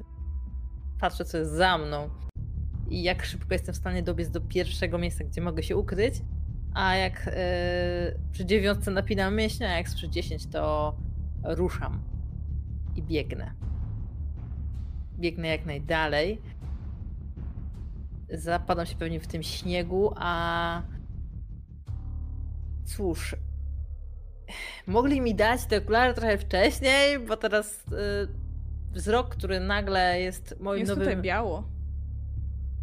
tutaj biało, więc i tak widzę tylko to, co zawsze, ale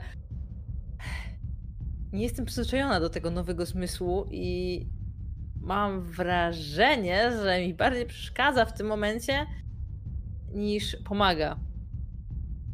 Ale biegnę. Słyszysz świst wokół, obok twojego ucha. Coś przeleciało. Nie jesteś w stanie nawet spojrzeć, co to jest, bo to było zbyt szybkie. Jack, co robisz? Uciekasz, czy biegniesz po coś? Tak w momencie, w którym słyszy 10, jest y, oszołomiony, bo totalnie nie wie, co ma zrobić. Nie spodziewał się tego, myślał, że będzie uciekał, ale bardzo kuszą go te wszystkie, no po prostu bronie, które są przy rogu obfitości i to, że może udałoby mu się znaleźć proce. I wtedy byłoby mu się dużo łatwiej ukrywać niż y, bez broni. Widzisz tam proce? Jest. I w momencie, gdy Leży jest 10, sobie, jakby nie, nigdy nic, przy plecaku. W momencie, gdy słyszy 10, rusza krok do przodu, ale ostatecznie cofa się i zaczyna biec w stronę lasu. Obracasz się jeszcze za siebie? Nie. Decyzja Biegniesz. jest podjęta. Słyszysz krzyki, słyszysz rozdzierający płacz, słyszysz okrzyki zwycięstwa. I biegacie w las, zostawiając za sobą jeden wielki chaos oraz rzeź. Po chwili słyszycie 10 wystrzałów. To oznacza zmarło właśnie dziesiątka dzieci.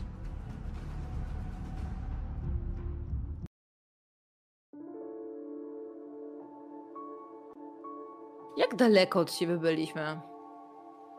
Prawda, to jaka jest sytuacja aktualnie? W sensie na kręgu, na okręgu, Myślę, jak że daleko staliście- od siebie byliśmy? obok siebie, ale byliście dość oddaleni, tak żebyście nie mogli od razu dopaść sobie do gardeł. Jak pobiegł w ogóle nie patrząc się na nic, ale jeżeli udało mu się dobiec do ściany lasu, to w, mo- w momencie jej przekroczenia się zaczął zastanawiać, gdzie jest Ebony i zaczął się rozglądać. I próbuje, próbował w tym momencie określić swoją sytuację po prostu. Co ciekawe, mimo że jest tutaj śnieg i jest tutaj bardzo zimno, to las, w którym się znajdujesz, ma wysokie, wieczne zielone drzewa, całą masę gęstych zarośli. To idealny teren pod kryjówki. Hej. Samo widzisz E, ty, Ebony. To teraz już widzisz. Okej, pod kryjówki, ale przecież... Hmm. No zimno. właśnie, czy wy zatrzymujecie się, jak tylko przekroczycie las, czy jeszcze biegniecie przez jakiś czas? Oj, nie, nie, ja biegnę długo. Yy, ja tak tylko, samo przez, odkąd- jakiś czas na pewno jeszcze biegnę, tylko że właśnie mijając ściany lasu już zacząłem się rozglądać za Ebony i troszeczkę dzwoniłem. Rzuć sobie na analizuj sytuację. Dobra. A ja odkąd wbiegłam do lasu, to trochę zwolniłam i zaczynam korzystać bardziej z e, wszystkich tych e, zarośli drzew i naturalnych kryjówek, żeby iść przed siebie, ale już nieco spokojniej. Mhm. Jack, widzisz ślady stóp. Ślady stóp. Ślady butów. Ale to O, może być Ebony. Może być. Dobra. Próbuję iść w tamtą stronę, ale bardzo ostrożnie. W tamtym kierunku się przemieszczać. I im dalej się przemieszczasz, to widzisz, że również są tutaj krople krwi. Tak bardzo widoczne. Im dalej idziesz, więcej. W końcu natrafiasz na osobę, która jest właśnie oparta o drzewo. I jest to dziewczyna. Kojarzysz ją. Jest z dystryktu piątego tego od wytwarzania energii. Mhm. Ma na imię Nowa i chyba nie mieliście okazji za bardzo porozmawiać. Jest zraniona w nogę i właśnie sprawdza sobie twoją ranę, która mocno jej krwawi. Kiedy ciebie widzi, patrzy na ciebie z przerażeniem. Nie ma przy sobie broni. A tak jak ty Żadnej. A co jej się stało w nogę? Jest ro- rozcięta. Ale wystaje z niej jakieś, nie strzała? Nie, nie, nie, nie, nie. Jest rozcięta po prostu. Mhm. Ona patrzy na ciebie i zaczyna uciekać.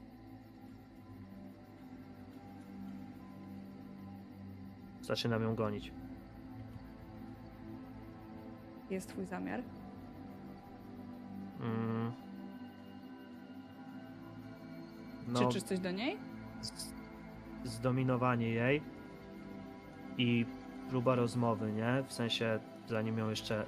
No, no do, przy, dopuszczam do siebie myśl, że mogę ją zabić zaraz. Hmm? Dobra. W takim razie. Ty na Ale pewno to nie jest dogonisz. postanowione jeszcze. Ty ją na pewno dogonisz, bo ona jest wolniejsza. Ale no właśnie, jak zareagujesz, kiedy będziesz już tuż przy niej? Postaram się ją przewrócić. I tak ją złapać, żeby ją po prostu trzymać za szyję. Na przemoc.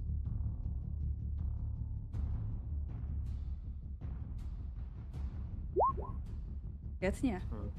Bo okazuje się, że mimo tego, że tak naprawdę dystrykt piąty wytwarza energię, to oni doskonale wiedzą, jak z niej korzystać. Razem też wiedzą, jak korzystać z energii ludzkiej. Ty teraz właśnie władowałeś z nią swoją siłę, która ona wykorzystała i pociągnęła cię do siebie, żeby jeszcze bardziej to wykorzystać. I w ostatecznym momencie przewróciła cię, co dało mocny impet. Leżysz teraz na ziemi, a ona siedzi na tobie i ma ręce na twoim, na twoim gardle. I patrzy na ciebie, jakby nie wiedząc, czy macie zabić, czy nie. To nie są oczy morderczyni.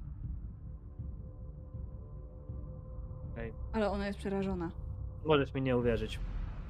Ale moim zamiarem nie było zabicie cię, a przynajmniej nie była to jedyna opcja. Ty się do mnie rzuciłeś! Bo chciałem najpierw poznać twoje zamiary z pozycji siły, ale mi się nie udało. Zamiary przecież ja uciekałam przed tobą. Ale chciałem się zapytać, w sensie, czy możemy się trzymać razem? We dwójkę. To na pewno lepsze niż trzymanie się samemu. Co ty niby umiesz? Ale bałem się, że będziesz mogła mnie od razu zabić. No, No ściąga jedną rękę z swojego gardła i widzisz, jak kątem oka próbuje znaleźć coś. Prawdopodobnie szuka też jakiejś broni prowizorycznej. Nie ma tutaj takowej. a czy ją to osłabia jakoś jej pozycję w tym momencie, że mógłbym spróbować Tak, skontrować? Tak myślę. Czyli znowu na przemoc?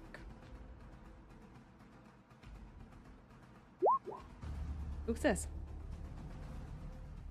W jaki sposób to kontrujesz? Czy w momencie, kiedy ona się odwraca, jakiś ruch wykonujesz? Tak, no próbuję ją znowu tak jakby ręką od, y, za gardło tak od, od spodu podciągnąć i przerzucić się po prostu nad nią.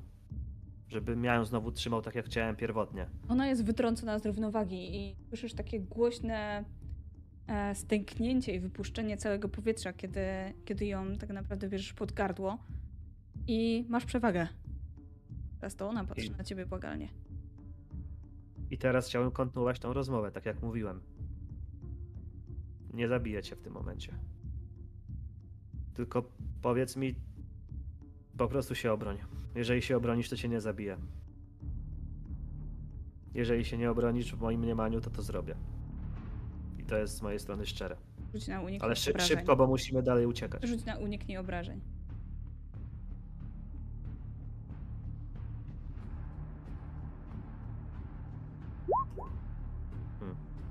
Nie siadam. Okej. W pewnym momencie ona po prostu kurczy swoją nogę i dostajesz kopniaka w krocze, tak naprawdę z kolana. W momencie, kiedy zaczynasz się zwijać z bólu, ona to wykorzystuje i wyrywa się tobie.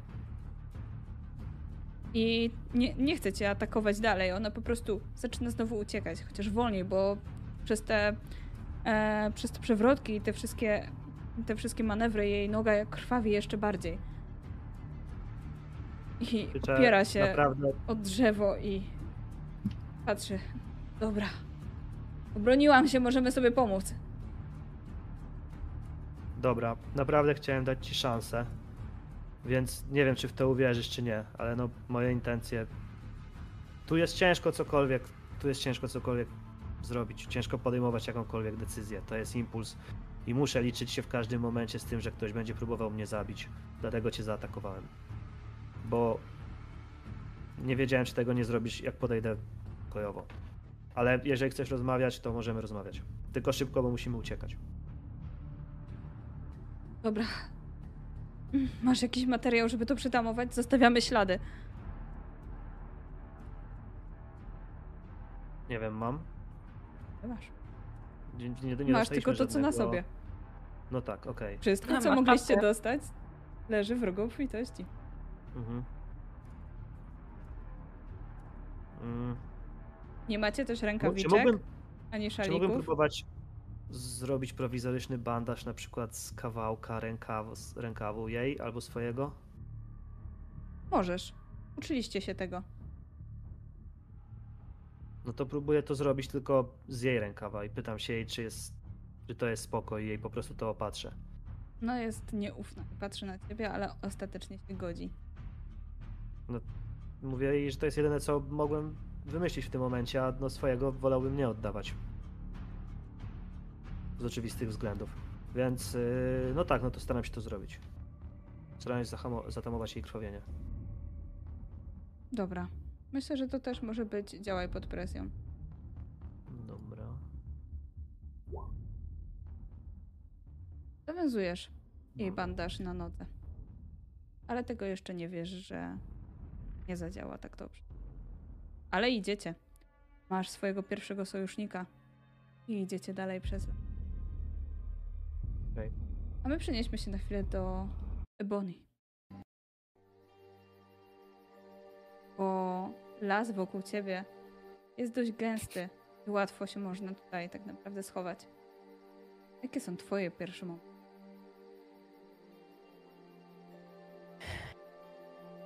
Mm. Teraz y, serce nie tylko kłacze mi się od stresu, ale też od wysiłku, bo biegłam szybko, biegłam długo. Y, momentalnie straciłam orientację i w przestrzeni, i w e, czasie. Więc rozglądam się. mm, cały czas e, wzrok mnie dekoncentruje, więc po chwili, kiedy nie widzę żadnego zagrożenia, żadnej poruszającej się plamy e, w tej bieli, o ironio, ze wszystkich opcji, jakie mogli wymyślić organizatorzy, akurat śnieg, naprawdę.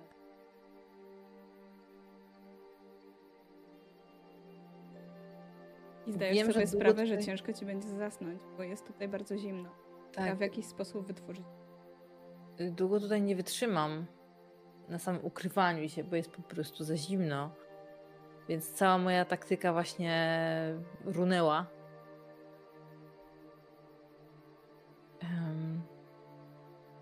Cała nauka jadalnych roślin też się mi raczej nie przyda. Pod tym śniegiem niczego nie znajdę. Hmm. Rozglądam się jeszcze raz, a potem zamykam oczy i zaczynam iść przed siebie. Zaczynam się zastanawiać, a potem urywam jedną z gałązek i zamiatam twoje ślady. Od tego momentu staram się je tuszować i nie idę też prosto. Idę za kosami, idę tak, żeby jak najbardziej ukryć swój ślad, a zaczęłam to robić pod jednym z drzew, żeby wyglądało, że ktoś może się na nie wspiął i gdzieś tam się ukrywa. I potem idę e, cały czas starając się utrzymać jeden kierunek. Mm, Czuję, jak zasło mi w ustach, jak e, od samego biegu też e, dużo, dużo wody e, wraz z potem straciłam, więc e, kiedy nie czuję już takiego bezpośredniego zagrożenia, to kucam i biorę trochę śniegu i zaczynam go po prostu jeść, żeby jest zimny, jest to, to uczucie zamarznięcia warg jest bardzo nieprzyjemne, ale po chwili czuję, że już nie mam tak, aż tak bardzo suchego języka, więc jest to jakiś chociaż minimalny sposób e, poprawiający mój stan. Nasłuchuję. Nasłuchuję, czy słyszę jakąkolwiek żywą istotę. Zaczynam się zastanawiać, jak wielka jest ta arena, jak długo mogę iść przed siebie, nie zatrzymując się, aż dotrę do krańca tego lasu. Wszędzie wszystko jest takie samo. Nawet gdybym teraz chciała, nie wiem, czy potrafię wrócić. Czy rozglądasz się za Jackiem? Wydaje mi się, że się zgubiliśmy już. Mam tylko nadzieję, że jeden z tych dziesięciu e, wystrzałów to nie wieścił jego śmierci. Tak naprawdę nie mam pojęcia, czy mogę jeszcze liczyć na jego wsparcie. Patrząc na to, jak się zachowywał i na to, co deklarował, boję się, że pobiegł po broń, więc raczej nie liczę na to, że jest jeszcze wśród żywych. Czuję się jak zwierzę w wielkiej klatce. Słyszysz głosy. Rozmowę. Staram się. Mhm. Dobra, chyba już. Chyba już daleko pobiegliśmy. No, poczekaj. Męczyłam się. Jaką dobrą pamięć masz do głosów? Fantastyczną. Właśnie chciałam zapytać, kto to, bo na pewno poznam po głosie. Ja przez ten czas treningu ja się bardzo zwracam na tę uwagę, jak, jaki ktoś ma zapach, jaki ktoś ma głos, jak ktoś chodzi, wszystkie rzeczy, które mogę, e, które mogą mi dać jakąkolwiek informację. Jest to Bryce i Meadow, czyli dzieciaki z dystryktu 10. Bryce'a możesz kojarzyć A. trochę bardziej, No tak. bo e, trochę rozmawiał z Jackiem na temat e, polowania. Podobno dobrze strzela z łuku. I też jest dobry w tropieniu i zakładaniu pułapek. I słyszysz, czekaj, możemy tutaj jakieś pułapki założyć. Rzuć sobie jeszcze na analizuj sytuację. Bo może będzie więcej usłyszeć. Raczej nie będę chciała tak szybko. Korzystając z mojego nowego wzroku.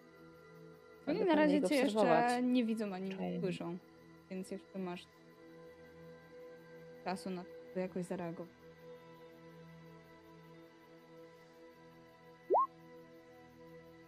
Sukces z komplikacjami. Dobra. E, w takim razie myślę, że wiesz jeszcze, że Meadow jest małą dziewczynką, bo po głosie to rozpoznała. I wiesz, że, wiesz, że umie oswajać dzikie zwierzęta. Co to znaczy? Mm. Kiedy przypomniałam sobie o tym, że umie oswajać dzikie zwierzęcia, zwierzęta, to y, zaczynam też patrzeć na to, e, że przecież tak naprawdę moich tropów y, nie zasłaniam tylko przed y, innymi trybutami. Tu mogą być jakieś zwierzęta. I szukam śladów ich obecności. Jakichkolwiek. Robisz z tą dwójką? Ujawniasz się, chowasz? Obserwuję. Obserwuję ich tak długo, jak tylko mogę i trzymam się ich blisko. Oni jeszcze idą. Wiele już teraz nie biegną, tylko idą wolno. Starają się być cicho.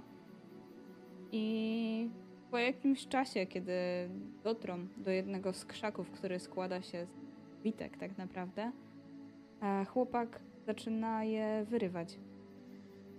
Tworzyć prowizoryczną broń. Hmm. To mi przypomina o tym, że też powinnam mieć coś do obrony.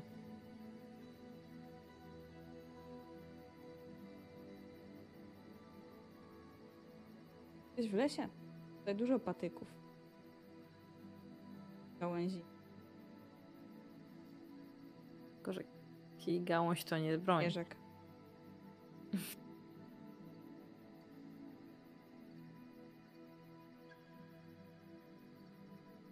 No to szukam takiej najbardziej zaostrzonej gałęzi, najtwardszej, na jaką znajdę, żeby w razie czego. I tu wykorzystamy sobie te komplikacje, które ci wyszły z rzutu. Znajdziesz gałęzie, ale one wszystkie są w miarę kruche. Ale możesz mieć, że kogoś to odstraszy. Więc y, uzbrajam się w pseudo-oszczep. Ty bez grotu. Zimną. I obserwuję. Teraz znajdziemy sobie bronienie. Jest tutaj dużo krzaków. Oni w zasadzie starają się po prostu ukrywać. I w tym momencie słyszysz Co ja? kroki z zupełnie innej strony. Odwracam się na i nadsłuchuję. One się zbliżają bardzo szybko. Się? Ehm, y, czy no, jestem w stanie rozpoznać, czy to człowiek czy zwierzę? Dwójka ludzi. Trójka ludzi. Dwójka. A, dwójka. Hmm. Nie będę ich ostrzegać. Chowam się. Dobra. Rzućmy sobie na twoje chowanie się. Niech to może będzie w takim razie działaj pod presją. Okej.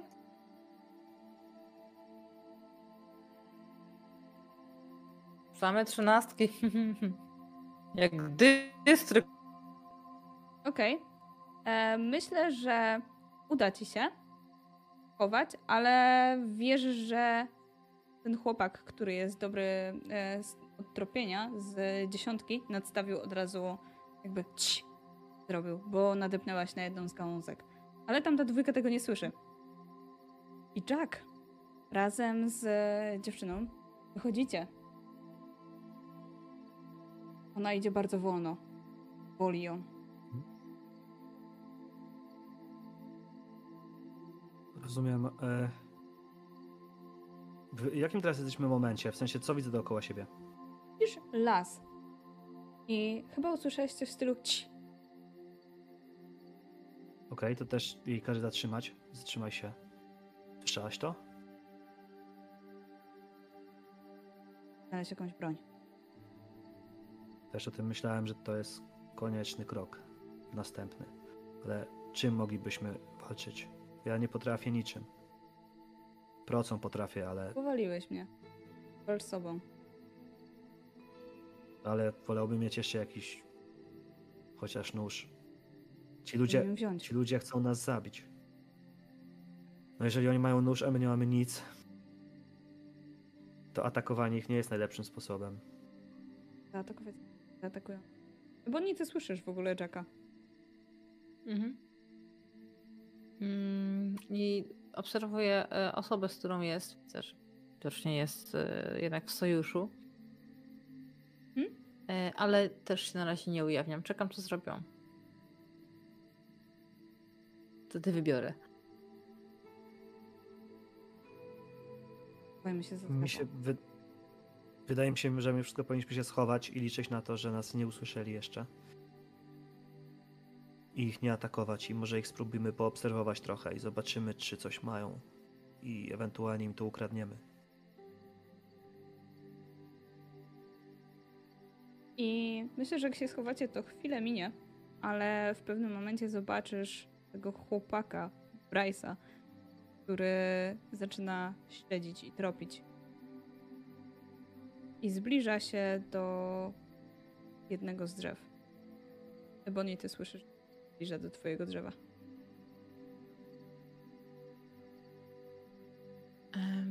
To w takim razie mm, biorę jedną z e, szyszek i rzucam e, tak daleko, jak potrafię od siebie, tak żeby zmylić go, że coś się poruszyło gdzieś.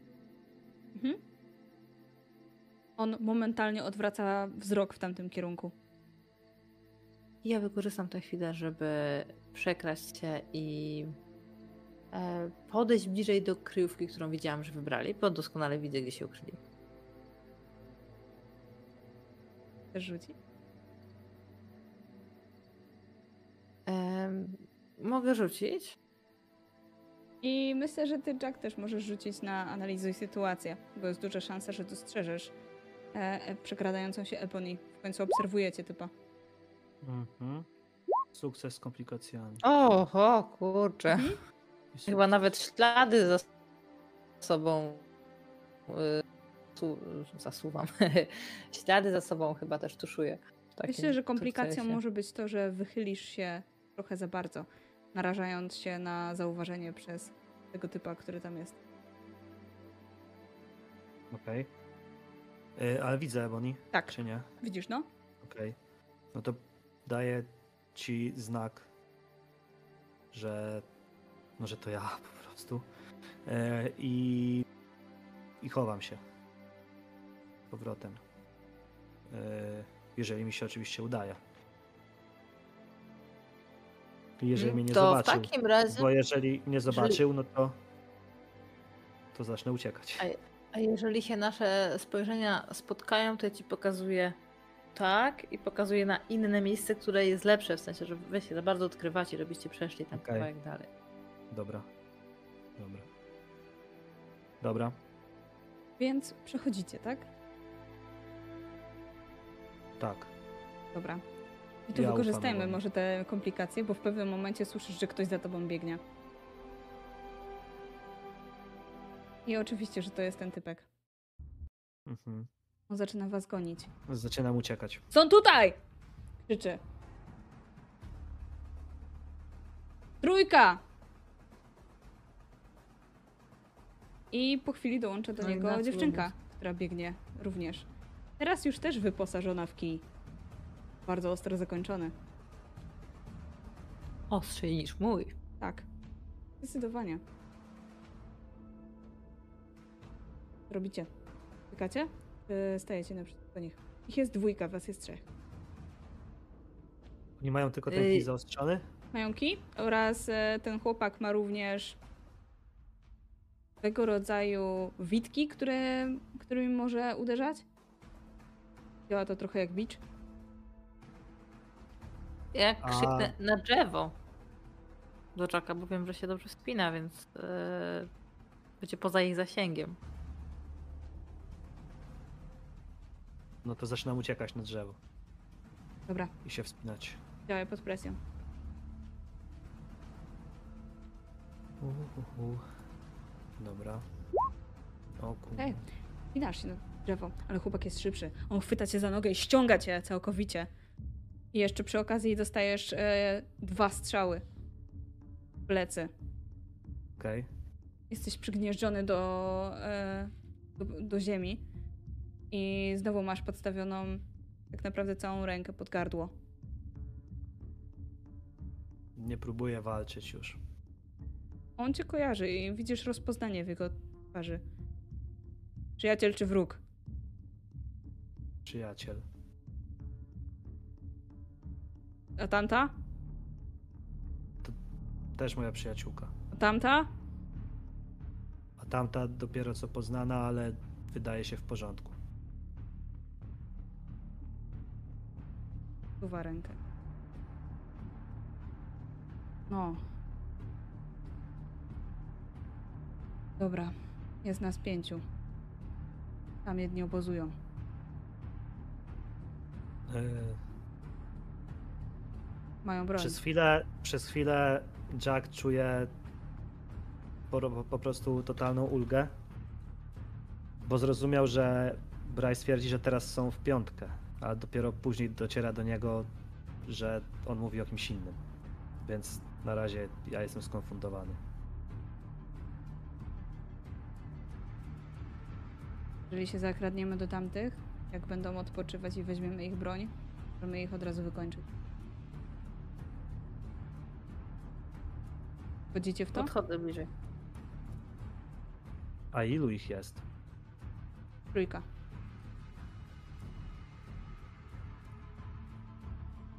Dobra. Wchodzimy.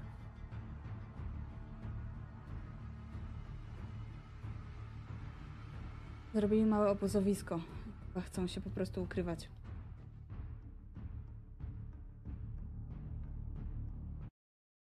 My możemy przeanalizować tak naprawdę, jak chcemy ich dopaść.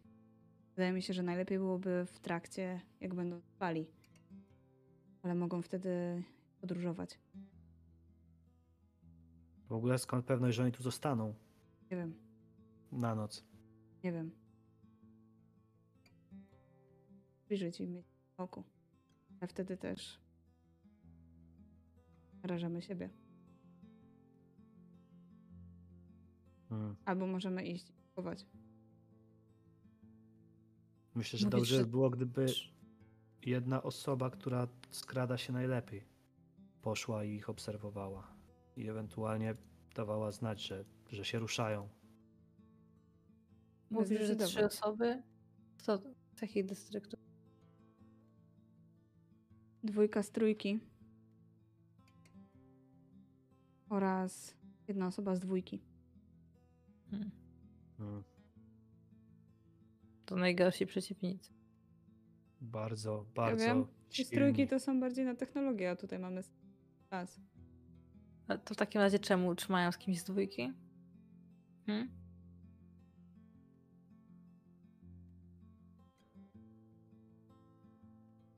Wolę być drapieżnikiem.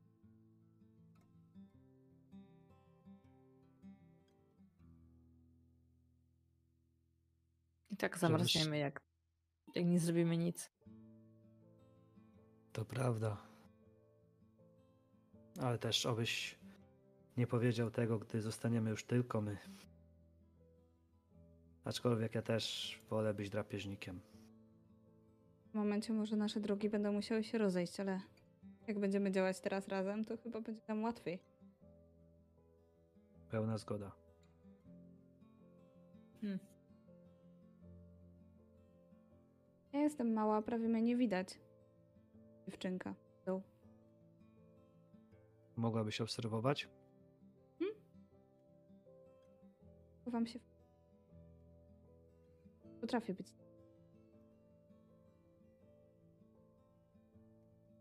Okej. To chyba tak najlepiej by było zrobić, nie? A my co? Idziemy dalej? Chyba też trzymać. No myślę, że najlepiej by było, gdybyśmy po prostu poczekali, aż oni usną, ale tutaj schowani dalej trochę. Czy Patrzę w górę. A trochę jeszcze poczekamy na noc. O ile w ogóle zapadnie. to co, chcecie się tu rozejrzeć po terenie? Dałoby się coś do jedzenia. No, głodna jestem. No dobra, to tak zróbmy.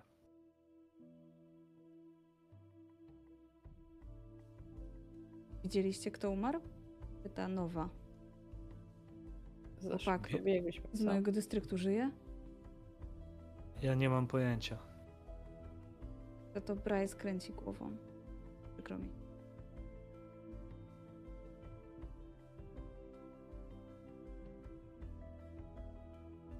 No wzdycha. Chyba głową.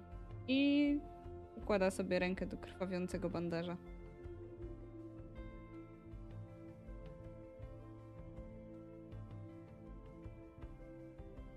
Dziewczynka pyta za kurtkę tego chłopaka, żeby chylił do niej i coś mu szepcze na. A on spogląda na nowę krwawiącą i lekko kiwa głową, ale Oj, oj. To nie brzmi dobrze. Tak, co to miało znaczyć? bawi, więc może przyciągnąć zwierzęta. Nie wiemy, co jest w tym lesie. Co chcesz zrobić? Sorry, ale niech nie idzie z nami. Nie chcesz ją No po co prostu ty, no nie zostawić? zostawicie mnie tak. Mają najsilniejsi.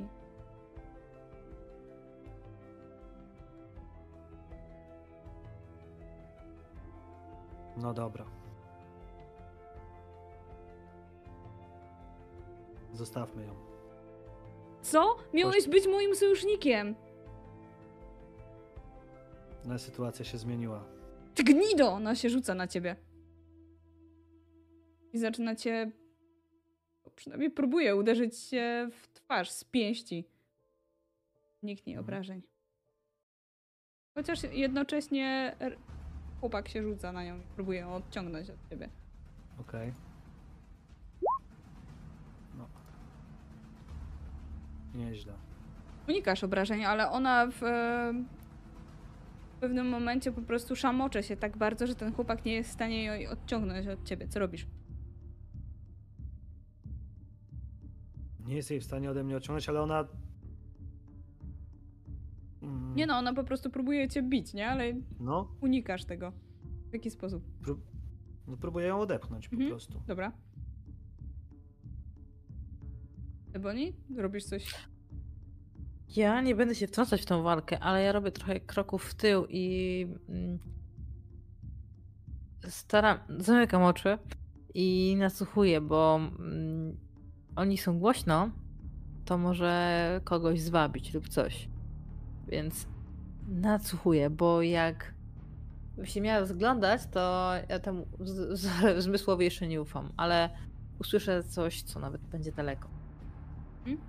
Staram się przez to zamykam oczy, staram się wyłączyć e, tych tutaj, te odgłosy, a usłyszeć cokolwiek z tyłu.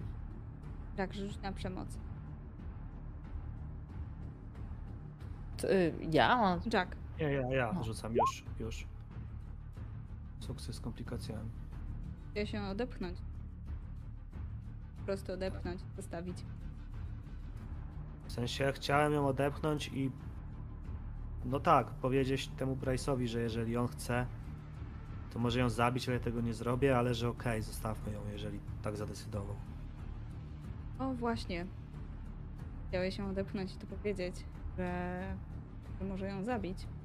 Wtedy ty ją zabiłeś, Jeżeli- tak, bo ona upadła niefortunnie na kamień. Uderzyła się w głowę i, i słyszycie. Brał armatę. Zdrygam się. I wracam. I otwieram oczy, żeby zobaczyć, co się stało. Widzisz Jack, leżące ciało nowy.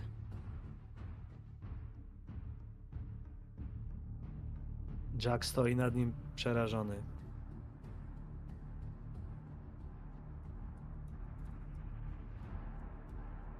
Czy usłyszałam, że Ale- ktoś nadbiega? Biega.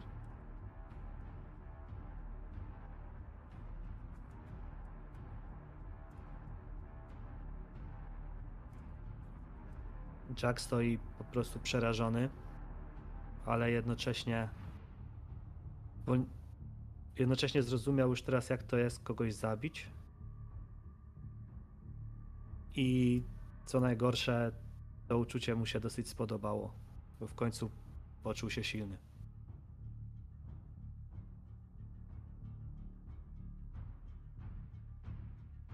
Ale mimo wszystko nie wie, co zrobić w tym momencie.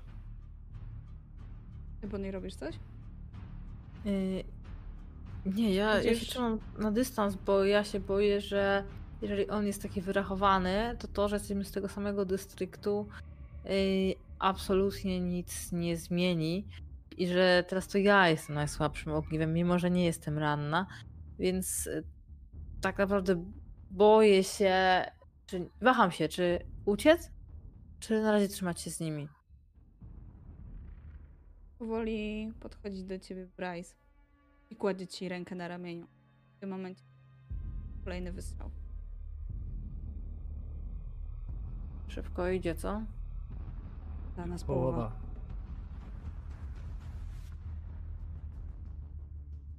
Hmm. Chodźmy może po prostu stąd. Dziewczynka Meadow stoi, patrzy po prostu na to ciało, które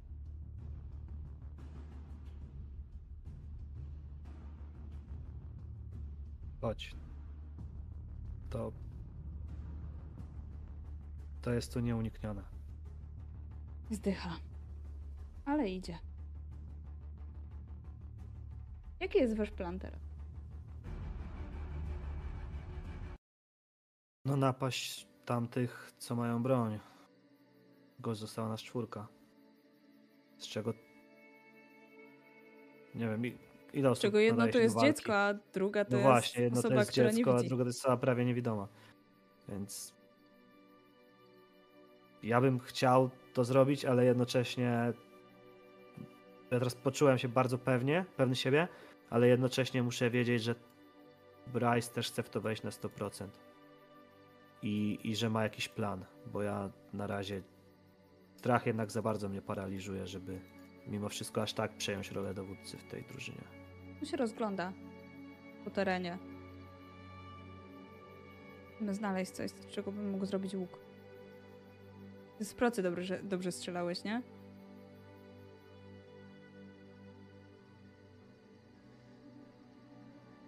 Więc szuka materiałów. Możecie mu pomóc, rzucając na analizuj sytuację.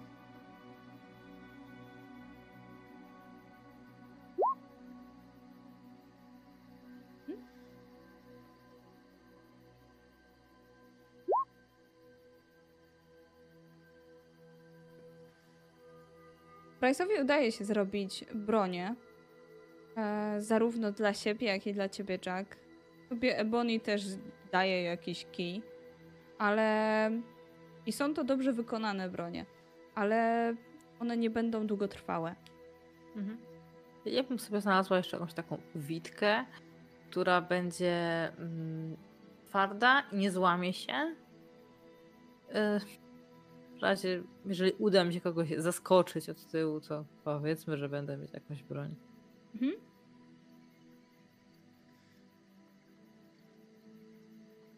Ale nie wyobrażam sobie, zwłaszcza po tej scenie, której byłam świadkiem, nie wyobrażam sobie, żebym mogła. E, Moją taktyką jest iść z nimi, trzymać się z boku, w razie czego uciec i pozwolić im się nawzajem wymordować. Najwyżej umrę z zimna, trudno. Gdy znajdujesz tę witkę, e, przysiada kilka ptaków na gałęzi i obserwujecie. Przypominają trochę kosy.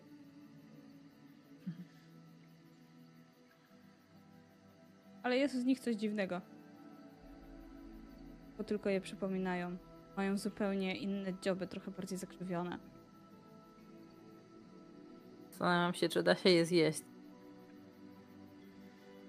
Wygląda jakby one obserwowały, czy da się ciebie zjeść. No to wymieniamy takie same spojrzenia. I cofam się. Kiedy się zaczynasz cofać, słyszysz pierkanie. I momentalnie cała chmara ptaków zbija się w powietrze i leci w waszą stronę. Oh no. Zaczynają was dziobać. Stajemy uciekać. Uniknij O. obrażeń.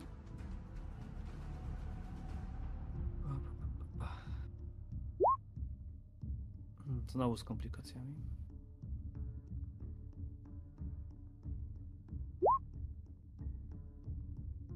Wiecie, zostajecie podziobani.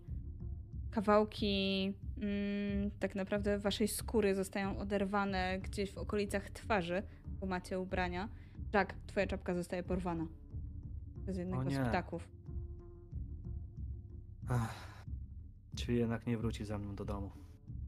Wrócę sam. Chyba, że jest gdzieś blisko. Nie wiem, one, one cały czas was atakują. Jak uciekacie, to w pewnym momencie te ptaki się rozbijają o coś niewidzialnego. Nie lecą dalej. Jest tam też twoja czapka. W sensie została Tak, na tej zaporze. tak, A my przebiegliśmy dalej normalnie? tak. Co to jest? Nie wiem. Chodźmy dalej, uciekajmy lepiej. No dobra. Tylko wezmę jeszcze czapkę. I próbuję ją wziąć. No jak jest tak blisko? Naprawdę? I- Zaryzykujesz dla czapki? Tak. Jak chcesz Dla to Jacka zrobić? ta czapka Wsadzić jest tylko naprawdę- rękę? Tak. No jeżeli ona jest blisko, bo jeżeli ona Tak. została gdzieś tam dużo dalej, to nie. Jest tuż przy tej ścianie. W takim razie nie rzucaj na nic. Wkładasz tam rękę i masz czapkę. Ale jakim kosztem? Całą twoja, twa, cała twoja dłoń jest mocno podziubana. Widzisz, jak jeden z ptaków wygryzł kawałek twojej skóry. A! Piecze. Boli jak skurwesyn. No zaczynam krzyczeć z bólu. Ale wracam do. Bo to nie jest taka rana, która. Nie wiem. Odbiera mi przytomność, ten ból, czy, czy coś takiego, nie? Nie, to nie jest coś Nie, takiego. nie, nie, nie. No to Boli, wracam piecze. do nich i, i, z, i z czapką i, i próbuję się do, przyzwyczaić do tego bólu, choć jest ogromny, no to czy on jest nie do zniesienia? Boli cię jakby ktoś ci, wiesz, jakbyś, jakbyś sobie przejechał przez jakimś tynkiem. Wiadomo, próbuję przyzwyczaić tam y, śnieg, trochę przykładam, chłodzę i tego typu operacje. Jest to... Oby układy. Okej. Myślę, że powinniśmy się przenieść jak najszybciej stąd. No, ja uciekając ciekawe- na pewno się przenieśliśmy już. Co ich zatrzymało? Słyszycie To dwa było. strzały.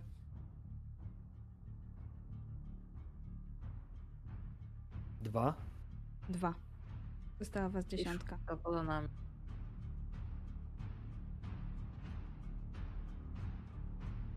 To jest chyba dobry moment, żeby się ukryć w takim razie, bo tam już nie wrócimy.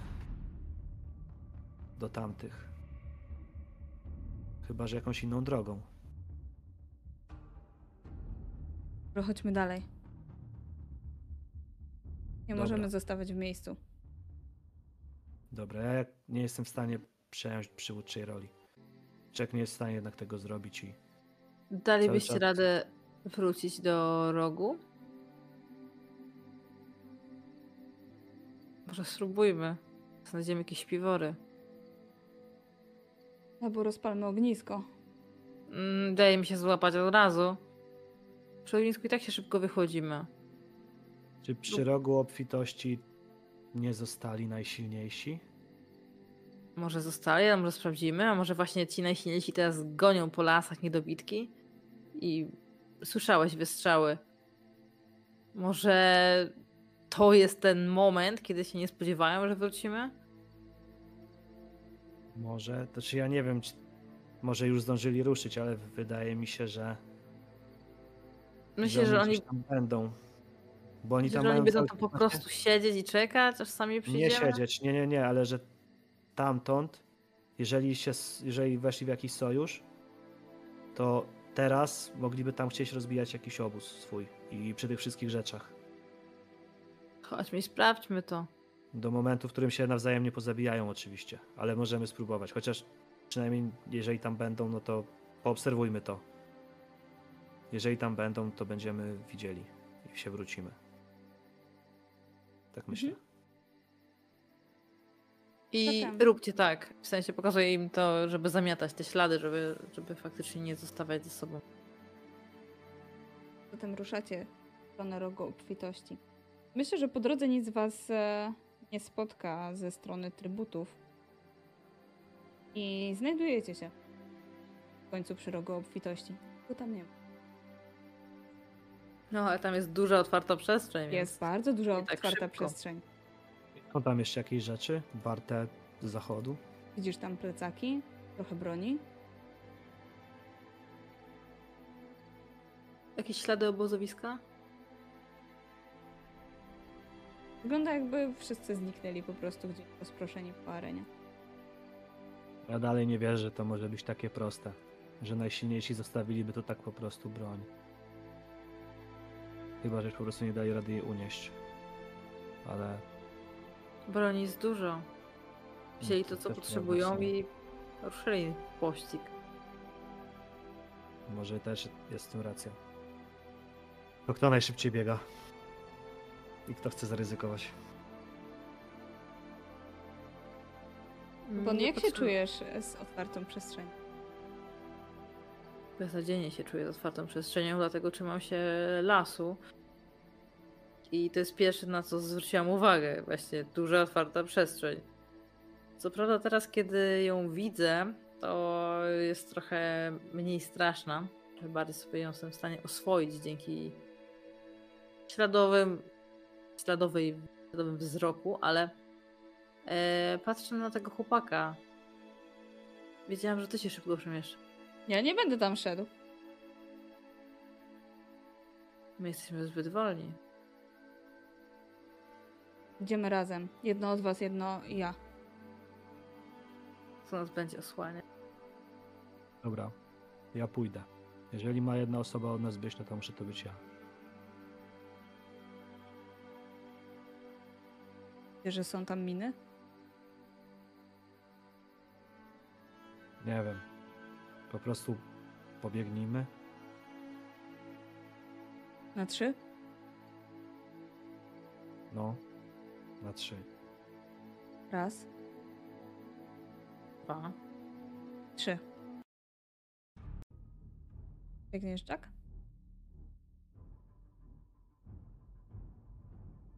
No, biegnę. Więc A ja nie. słyszysz trask. W pewnym momencie tobą ręka lód, który ukrywał się pod warstwą. Noga wpada ci po prostu do lodowatej wody. Mhm. A chłopak, który miał z tobą ruszyć, on ruszył, Okej. ale troszkę wolniej od ciebie. Więc jak pękło coś pod twoimi nogami, to się zatrzymał w pewnym momencie. Mhm. Zrozumiałe. Ale tylko nogami wpadła? Na razie tak. To po prostu cofam się i próbując samemu wyciągnąć tą nogę, jeszcze do niego rękę wyciągam, nie? Bez słów żadnych w sumie. On pomaga ci. Musimy jakoś inaczej to obejść. Być może całość jest skuta lodem. Rozgarnia nogą część śniegu i widać tam piękną warstwę lodu. A A gdyby pod nie biec, wodę. gdyby nie biec, tylko bardzo wolno tam pójść, A może po prostu zejdziemy do parteru? Rozłożymy ciężar ciała. i się tam przyczołgać. Jesteś lżejsza. Ona też. Idziecie. No, Wzdycham.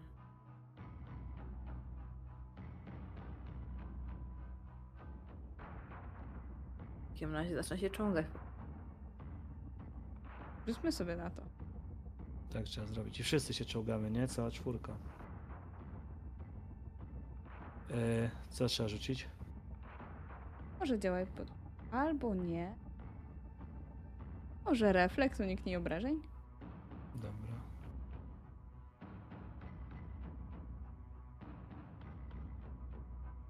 Naście.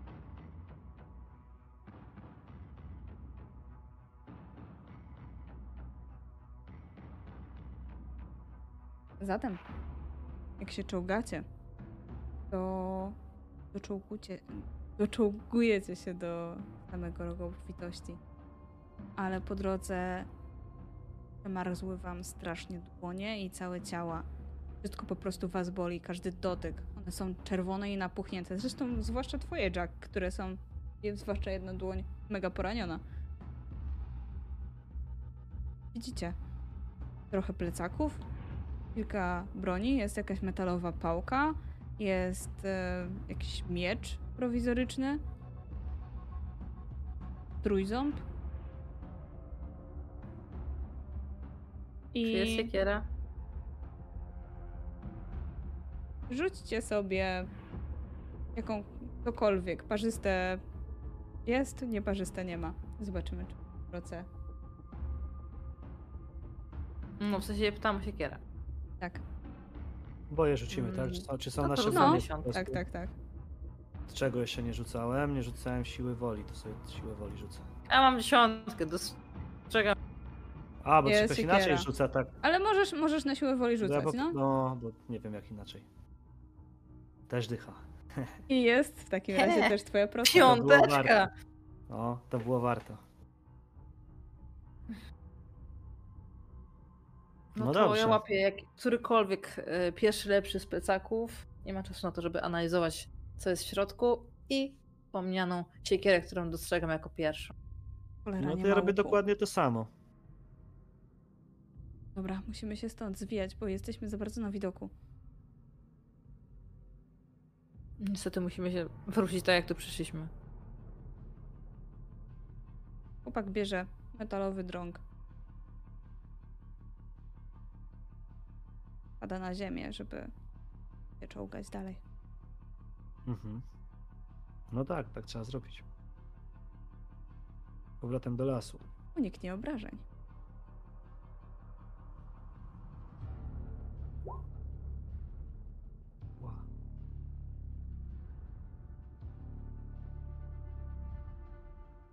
Ja również? Tak.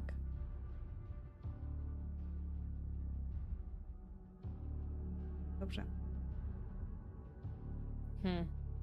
W pewnym momencie, Jack, czujesz przeszywający ból w swoich plecach. Stałeś drogiem. Nie. Dostałeś ze strzały. A ty, Ebony, widzisz ruch szybki. I jest to zbyt szybki ruch, ale ty, Jack, kiedy spojrzysz, widzisz, że jest tam jakaś dziewczyna, która strzela z łuku. I strzeliła w ciebie idealnie. To, co Zaznacz mogę sobie ranę. Na drugiej stronie. O, mhm. A, dobra. Eee, poważne rany? Nie. Nie wiem, czy w A, dobrym tak dałem. tutaj, no. Tutaj? Dobra. Okej, no jak się czuję po prostu, bo nie wiem, co, na co mogę sobie pozwolić, co się ze mną dzieje. Masz w strzały w W plecach. sensie ma, mam strzał wbitą w plecach, w plecach, tak? tak? Okej, Nie jest Okej. bardzo głęboko wbita, ale boli. okej, jest po prostu strzał w plecach. No to próbuję ją Są wyjąć. tutaj! Słyszysz głos tej dziewczyny. Jak daleko nam zostało do linii drzew? Ja przyspieszam. Niedaleko. To, to zaryzykuję i, i Działaj pod presją. ale nie do takiego półskłonu i jak najszybciej. Oboje działaj pod Za presją. Dobra. Tak, tak długo wytrzymali. Ale teraz No przekręciłem. o czy kurczę, nie. O, mam. co się dziś E, dzieje? Tutaj. Dobra, nie mogłem tego znaleźć, już mam. Dobrze, Okej. fantastycznie. Słuchajcie, wbiega, e, wbiegacie w las i słyszycie strzał.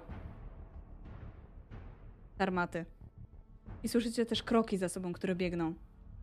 Szybko uciekamy! Dziewczynka biegnie za wami. No. Czyli chłopczyk już... Pak już został. Jeżeli się odwracasz, to leży. I nie wstaje. Mhm. No to tak jak zupełnie na samym początku yy, również uciekamy z miejsca. Ja próbowałem wyciągnąć tą strzałę i dla mnie jest kluczowe, co się z nią stało, nie? Czy Ona uda była mi się dość długa. wyciągnąć? Mm, tak, myślę, że ci się uda wyciągnąć, ale mm, czemu nie? Skoro była ta komplikacja, to myślę, że wyciągnąłeś ją w taki sposób, że zabolało cię po prostu bardziej i będziesz dłużej czuł konsekwencje tego strzału. To trzymam, gdzie mogę ucisnąć, po prostu gdzie najmniej boli i, i też podnoszę się do Do ucieczki. takiego, nie wiem, do takiego jakby chodzenia na, na kolanach, jakoś tak, no nie chcę się podnieść aż y, do pionu, ale no w miarę staram się wyczuć ten lód, jeżeli mi się uda, do którego momentu mogę sobie na to pozwolić. Mhm. Wyczuwasz i rozumiem, że uciekacie dalej w las. Tak. Biegniecie. Biegniecie lasem. I w pewnym momencie zdajecie sobie sprawę, że to jest zupełnie inne miejsce, w którym byliście. Bo ten las w końcu staje się zupełnie inny. Jest cichy, mglisty, a drzewa porośnięte są winoroślami. Jest tutaj naprawdę bardzo dużo mgły. Bardzo mało rzeczy widać.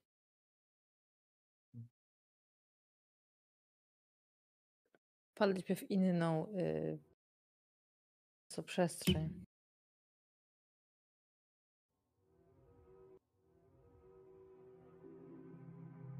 wpadliście w nieco inną przestrzeń. Faktycznie. Bo te drzewa tutaj nie mają liści. W teorii powinno być widać, jakie jest niebo, ale wszystko wokół jest białe i mgliste.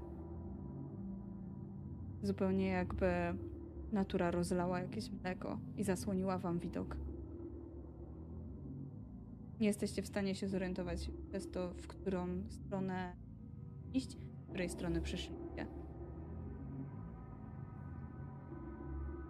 Jack totalnie zgubił teraz gdzieś swój zapał, bo nie dość, że prawie został zabity przed chwilą, to jeszcze ginęła osoba, którą uważał za lidera i za którą póki co chciał podążać.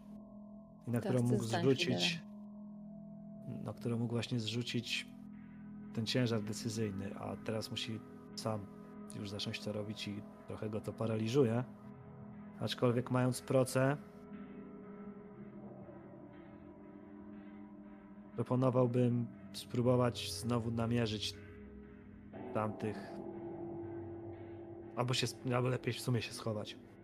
Byśmy się gdzieś schowali już i po prostu strzelali do ludzi. Ja już nie widzę innego pom- pomysłu.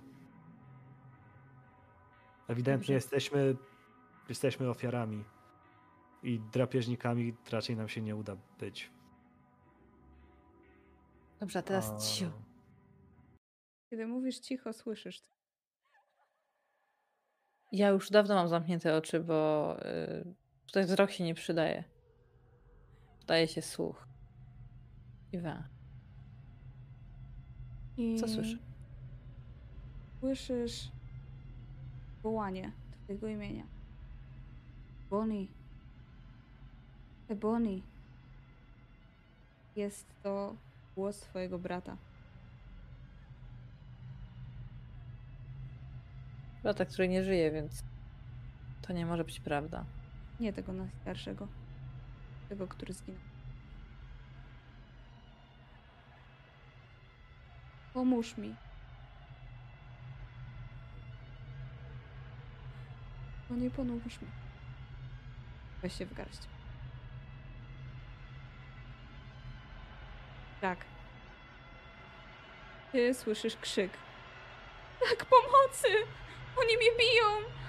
Oni mnie chcą zabić! Powiedzieli, że muszę tutaj trafić. Powiedziałeś im, jak mam na imię i teraz mnie tutaj mają. Weź się w garść. Mhm. Albo nie powiedz, co się dzieje.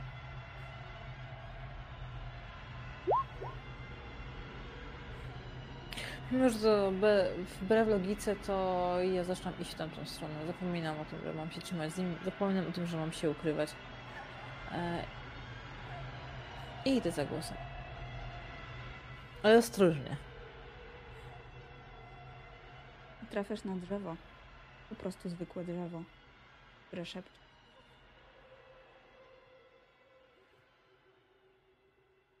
Bada mnie dłońmi. Czym jest to drzewo? Bo drzewo. nie jest drzewem. Nie może być drzewem. Jack. Twoja siostra płacze idzie. Jack niestety wierzy w to całkowicie, że to jest jego siostra, co jest zresztą związane z jego małą inteligencją również. I po prostu próbuje ją namierzyć. Całkowicie. Jakby to no totalnie nie spodziewa się, w sensie totalnie on nie spodziewa się żadnego podstępu. I ona jest wszędzie. Takiego. Ona jest Słyszysz, wszędzie. słyszysz ją z prawej strony, po chwili nie, z lewej. Echo odbija się i dociera do ciebie z każdej strony. Twoja siostra tutaj jest. Zdajesz sobie sprawę z tego, że może ci ludzie z tego kapitolu wcale nie są tacy ładni, piękni i kolorowi i mili. Nie mogę w to uwierzyć i nie wiem, co się dzieje, więc stoję w miejscu. Nic nie robię. A krzyk twojej siostry. Ewentualnie próbuję uciekać. Jestem przerażony. Paraliżowało mnie. Nie wiem, co, nie wiem, co się dzieje. Zatem uciekasz. A ty, Oboni, dotykając tego drzewa, słyszysz, jak ktoś za tobą biegnie. Jeśli się odwrócisz, to zobaczysz Jacka biegnącego przed siebie. W jakimś celu, czy po prostu jakby zwiewał? Jakby zwiewał. Patrzę, przed czym ucieka. Nic nie widzisz, jest mgła. Nic też nie. Za tymi szeptami drzewa. Chyba też. To pobiegnę za nim. To na razie najbardziej sensowne, co się wydaje. Y, Tracę z y, uszu i z oczu tą dziewczynkę, ale na razie nią się nie przejmuję. Mhm. Ja tak samo w ogóle zapomniałem o niej totalnie w tym momencie. Zarzucam ten plecak, który zdobyłam. Ja praktycznie zapomniałem również o Ebon i zapomniałem w ogóle o czymkolwiek.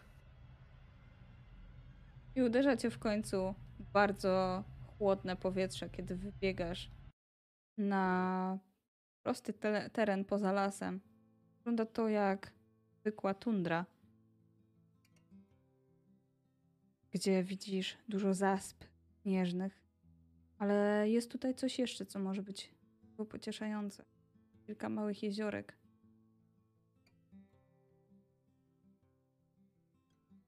Jednego z nich widzisz, że bucha para. Jednego z jezior. Gorące źródło.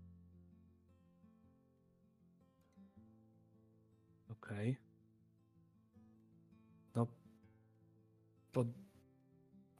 Nie próbuję w sumie nic z nimi zrobić. Podbiegam do nich troszeczkę, żeby się może ogrzać lekko przy nich. Ale nie wiem, co się dzieje w mojej głowie w tym momencie. Cały czas, co się z tą siostrą, mi się coś wydaje cały Ona czas? już nie czy- krzyczy. Okej. Czyli to zeszło, tak? Tak. Nie słyszysz, nie sobie- słyszysz jej ani z tego lasu, mimo że słyszysz tak naprawdę kroki za sobą, bo za tobą biegnie Ebony. Czyli uświadamiam sobie, że to był jakiś postęp. Prawdopodobnie. Prawdopodobnie. Słyszałaś to? Słyszałam.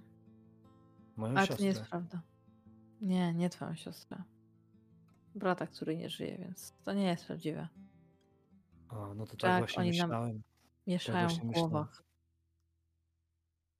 Nie wiem, co mamy zrobić teraz. Zostaliśmy tylko we dwójkę.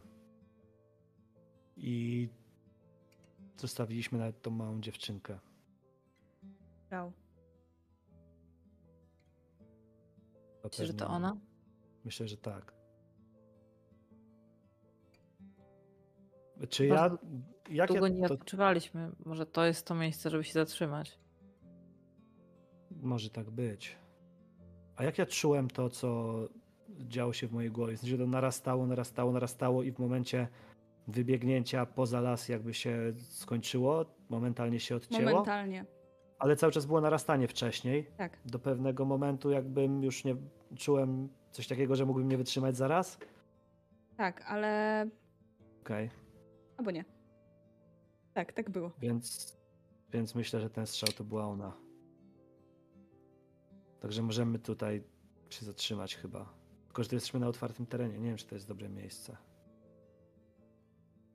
Ja bym wolał w lesie gdzieś, ale ten las tutaj jest bardzo nieprzyjazny. Ale możemy tutaj na skraju. Zobacz. To dobre miejsce. No dobra, mi się też wydaje, że to miejsce jest w porządku. Jackowi w sensie? Jakiekolwiek miejsce tutaj jest w porządku. No nie, ale no dobra. Okej. Myślę, że tak. Zróbmy tak. Wezmę pierwszą wartę, bo może odpocznij. Ta rana już nie, na razie nie krwawi, ale Dobra. Nie wiem, czy w nocy. No, w sumie będziesz słyszeć. jeszcze noc jeszcze nie zapadła, nie zauważyłeś? Zachodzi słońce. No ale już myślę, że właśnie. A, myślałam, że to Zaraz taki będzie. dzień. Dzień polarny, tak jakby, nie? Że jest cały czas jasno. A. Jest coś takiego? Dzień, że zawsze jest jasno? Znaczy. No dobra, nie wiem. Zostańmy tutaj. Zostańmy tutaj w takim razie. No dobrze, no to weź wartę. My się czujemy zmęczeni pewnie, nie? No Zdecydowanie. Tym bardziej, że im się robi ciemniej, tym się robi zimniej. Mhm. Sprawdzam, jest blisko gorących źródeł. A z Jest. tych źródeł bije, bije ciepło. Tak. No to myślę, że dla Jacka to faktycznie jest dobre miejsce, żeby się zatrzymać, bo jest mu po prostu ciepło. Mhm. W... Oboje macie plecaki, prawda? Tak. W jednym z nich Mhm. znajdujecie koc termiczny e, oraz czapkę zimową. W drugim zaś znajdujecie bukłak. Pusty. Można tam Mhm. nalać wody. Oraz kilka pułapek.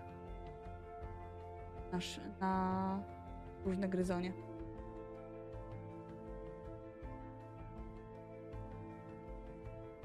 Zostawiamy pułapkę? I szalik. Może coś się złapie. Biorę szalik, rozkładam pułapki, jemu daję czapkę, rozkładam koc i tak, żeby mógł iść spać. Pod... Częściowo. Ja będę się tak kręcić wokół, żeby e, nie być głośno, ale żeby patrolować tę okolicę i nie żeby nie zamarznąć. Chodząc raz do tych je, stawów, a raz do, em, do tego miejsca, gdzie on będzie leżał, a w momencie, kiedy poczuje, że już nie daje rady, to go obudza. Tak zróbmy. I To ja po prostu idę spać. udaje się, nic się nie dzieje tak naprawdę podczas tej nocy. Zarówno na warcie Ebony, jak i na warcie Jacka. Jesteście bezpieczni. Możecie odpocząć. Kto z siódemki zabrnął tak daleko? To niesamowite. Niesamowite jeszcze, żeby dwie osoby. No, To się chyba nigdy nie zdarzyło. jak do tej pory. No ale co? Teraz trzeba próbować jeszcze poprawić ten wynik. Stał świt. Tak, czy jakoś sobie radzisz z tymi ranami, które masz? Raniona ręka, plecy. Mm. No, znalazłem coś w plecaku, co mogłoby mi pomóc. Niestety nie. Więc próbuję przemyśl tą ranę. Na pewno. Eee, Żadnego bandażu nie mamy, nic takiego. Absolutnie. Nic, co by się mogło nadać. Szalik. Szalik. No to pytam się, czy mogę ten szalik wziąć, bo w sumie Ebony go wzięła. Ale ja bym sobie zrobię, zrobił z niego jakiś bandaż. To jest jedyna opcja. Hmm? A, Wymieniam go za czapkę. I idę sprawdzić wnyki. no to daję jej czapkę. No.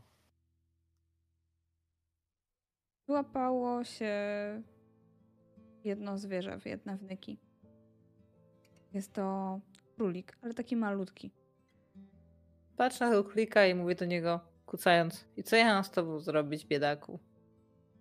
Ostatni posiłek w swoim domu to królik, nie? Dokładnie. Trawka z królika. Hmm.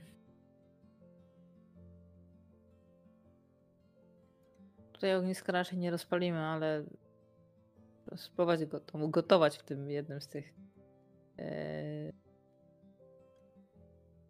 źródełek.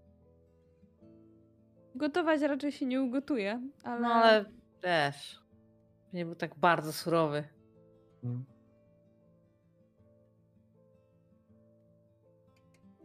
jakoś sobie radzicie. Tak mijają wam w zasadzie kilka kolejnych dni. O, dni. w czasie Jakieś których strzały były? Słyszeliście, w kolejnego dnia nie było żadnego wystrzału. Następnego był jeden wystrzał. I wróćmy do was w momencie, kiedy jest trzeci wystrzał, drugi wystrzał, przepraszam. Dla was I zos- zostało ile osób? sześć. Okej. To jeszcze nie te czasy, żeby pokazywali, kto umarł, nie? Myślę, że nie że nie pokazują. Się domyślę. I Ciekawe, jak oni się zabijają, jak ty myślisz? W sensie jeden na jednego nagle się spotykają i uciekają? Myślisz, że tylko my mamy sojusz? Hmm. Bo, No raczej Teraz mnie to ciekawi. Grupka bez grupka. bo jeżeli jest już tylko sześć osób, nas jest dwójka, to już prawdopodobnie nie ma ani jednej dużej grupy. Takiej no, czteroosobowej, no na pewno. Czy myślisz, no w sumie jest opcja, że się teraz we czwórkę zbratają, ale skoro ktoś ginął, no to raczej No to polują na nas. Chyba, że polowali na dwie samotne osoby. Czwórka. Ale to jest najgorsze, Patrz, co możemy patrz, teraz w takim spotkać. razie dwie samotne osoby. No to polują na dwie kolejne samotne osoby. No może tak być w sumie, ale prawdopodobieństwo jest małe. Wydaje mi się, że nie są poparowani nawet w żaden sposób. A my jesteśmy. W sensie, no mogą być, ale no nie wiem. Jak jak mówię, słaby Jest, z matematyki byłem, ale... Ale prawdopodobieństwo jest chyba nieduże, no, że... Już bardzo małe jest na to, że są we czwórkę, albo w trójkę. No też jest dwójka. Obawiam się, że są, ale już mu tego nie mówię, tylko e, staram się zatuszować ślady naszego obozowiska. I zebrać. Kuję koc do plecaka. kiedy tuszujesz, widzisz, że coś nadlatuje w waszą stronę. Mm, Staram się czymkolwiek zasłonić. Chodzi Widzisz, że to jest pikający cicho dron, który niesie A. małą menażkę. Dziś mieliśmy już menaż. Otwórz. A. W środku znajdujesz ciepłą zupę O, oraz kartkę Zróbcie show. Zrób. Możemy zrobić taki show, żeby zjeść tą zupę.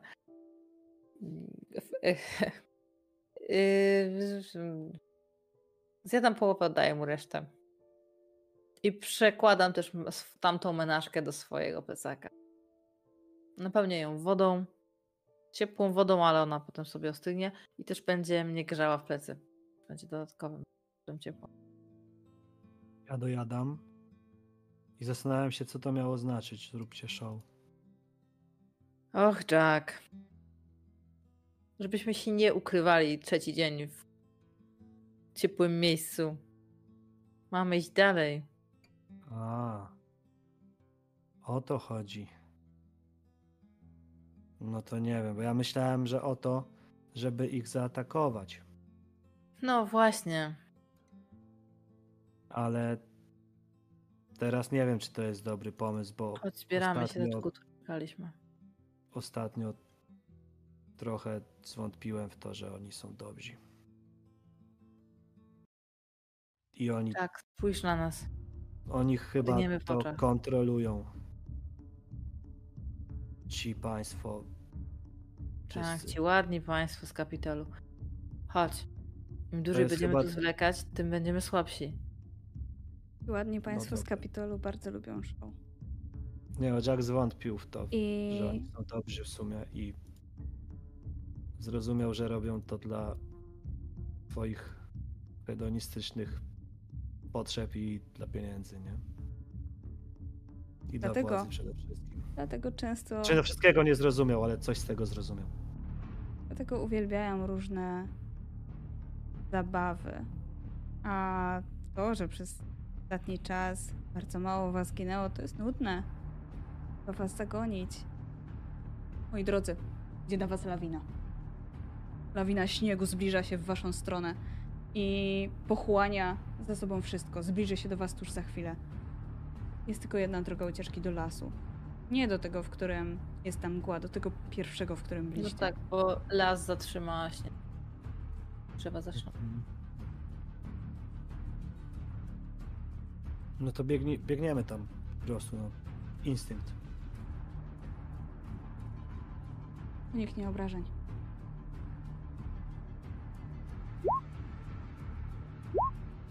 Ha! Ha! A to ty rzuciłaś sukces. Ja, a kurde, znowu porażka. Myślałem, że to Dobrze. mój sukces. Dobrze mi się biegnie. Bonnie, No to biegniesz przed Jack. siebie. Biegniesz przed siebie. I słyszysz za sobą lawinę, która zbliża się do ciebie coraz bardziej. Pokonujesz te wszystkie haszcze, które starają się ciebie zatrzymać w jakiś sposób. W pewnym momencie słyszysz strzał. Jack,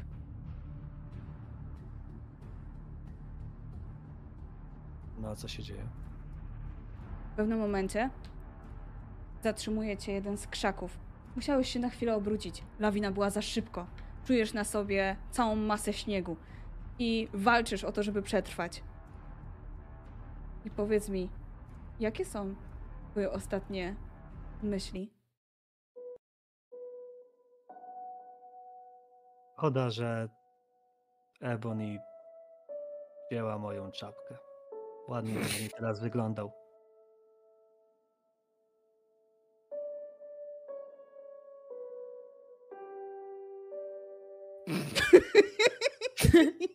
Dead inside.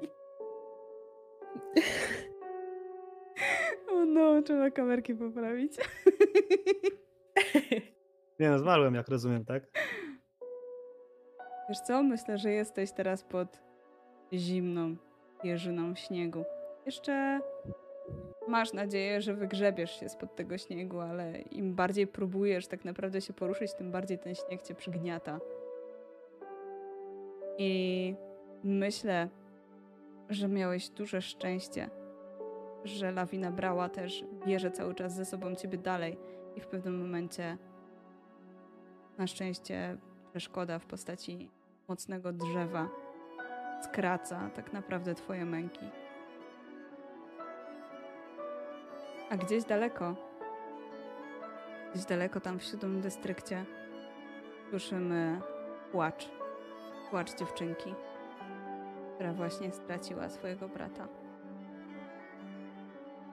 Jeszcze ciebie wróci. Tymczasem Ebony, jeżeli się odwracasz, to Nie odwracam. nie widzisz Jacka w pewnym momencie. Nie odwracam się.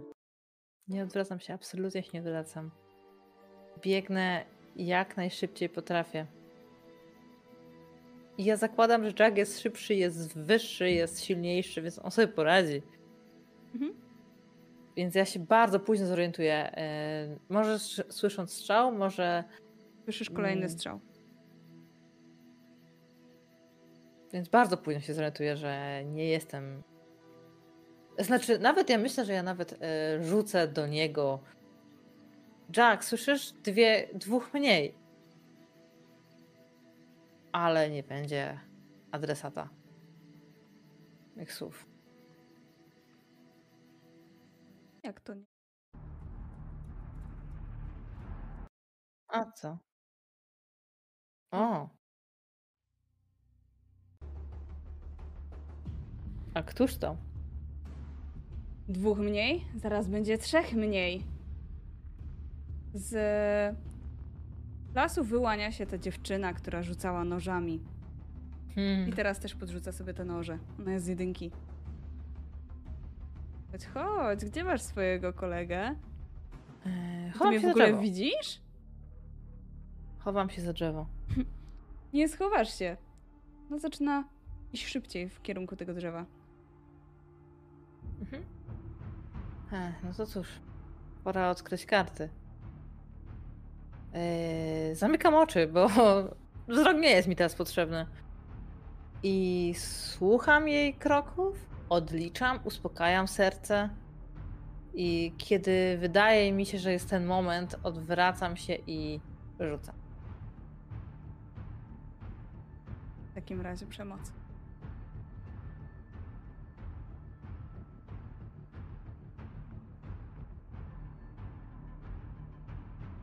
Ale się denerwuję. Ojej. Och, udało się. Jak to się dzieje? Opisz to. Puch. Puch. Wyłaniam się w ostatniej chwili, zamyka, z zamkniętymi oczami, rzucam i dosłownie słyszę, jak siekiera obracając się wokół własnej osi w pewnym momencie dociera do czegoś. I słyszę równie głuche, głuchy odgłos, jak wtedy, kiedy zatapiała inna siekiera w innym, mieś, w mieś, innym miejscu, zatapiała się w pięć drzewa, ale tym razem to nie pięć drzewa. I kiedy otwieram oczy i dzięki tym oku- kapitalański, kapitalańskim okularom widzę, jak dziewczyna upada na kolana, a siekiera widnieje idealnie w miejscu, gdzie powinna mieć serce. Dziesiątka. Ale ja nie czuję tego, co czuje Jack. Czuł Jack, kiedy zabił pierwszą osobę. Ja jestem przerażona. Ale nie ma na to czasu nawet, żebym się z tym uporała, żeby się z tym pozbierała. Podbiegam do niej, wyszarpuję, mówiąc: Przepraszam. I rozglądam się, już całkiem gubiąc się w tym panice, w tej całej sytuacji, szukam innych przeciwników i biegnę na oślep z zakrawioną e, siekierą, zostawiając za sobą kapiące ślady. Hmm? Świetnie. Po chwili słyszysz jeszcze jeden strzał. Powiedz, czy ty się orientowałaś w ogóle? Ile jeszcze osób zostało? Eee, mówiłam, że tam było dwóch, piątka była, yy, czyli w tym momencie to powinnam stać ja i ktoś, ale yy, to jest takie liczenie właśnie w stresie, pi razy drzwi i ja już teraz sama nie wiem, czy ja mam rację, czy nie, bo może być różnie. Jasne. W takim razie biegniesz przed siebie. ukrywać. Najpierw biegnę, ale kiedy, kiedy y, po chwili nic się przez dłuższy czas nie, nie czuję, żeby mi ktoś gonił, nie czuję w sobie żadnej strzały ani noża, to zaczynam się uspokajać, y, kłócam za jakimś krzakiem y, i... I widzisz ślady i- stóp. O, W sensie butów. Prowadzące w konkretną stronę. to najpierw muszę się uspokoić, a dopiero jak się uspokajam na tyle, żeby w ogóle być w stanie zmobilizować się i wstać, to skradając się no całkiem nisko, y, idę za tymi śladami. Hmm? I w pewnym momencie te ślady zacierają ich. I obok widzisz inne ślady w innym kierunku. Spoglądam w górę. Nacofuję. To są stopy, nie? W sensie buty. Nie, Tak. że jakieś ślady no dobra. Nasłuchuję. Nic nie słyszę. Chowam się gdzieś i nasłuchuję po prostu. Nikogo tutaj nie ma, jesteś pewna. To w takim razie bezpiecznie, jeżeli jestem bezpieczna i, i nikogo nie ma na horyzoncie, to staram się iść przed siebie. Szukać, e, tropić. Cały czas trzymając się w ukryciu. W pewnym momencie zaczynasz słyszeć melodię, nawet piosenkę z każdej strony. która tłumi twoje zmysły. Ty idziesz dalej pieśń.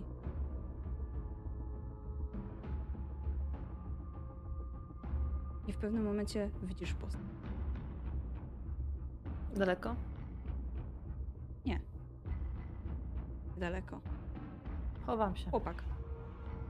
I słyszysz przez chwilę jeszcze stęknięcie drzewa i drzewo na niego pada. To A, no tak. Nie jestem w stanie zapanować nad odgłosem, który z siebie wydaje takim dziwnego rodzaju szlochem. A potem wpieram plecami do drzewa i zjeżdżam w dół i kulę się w sobie i zaczynam się trząść.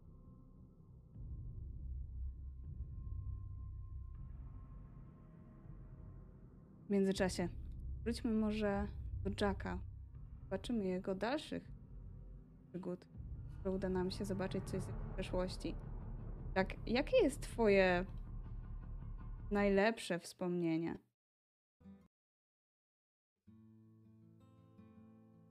W dzieciństwie chyba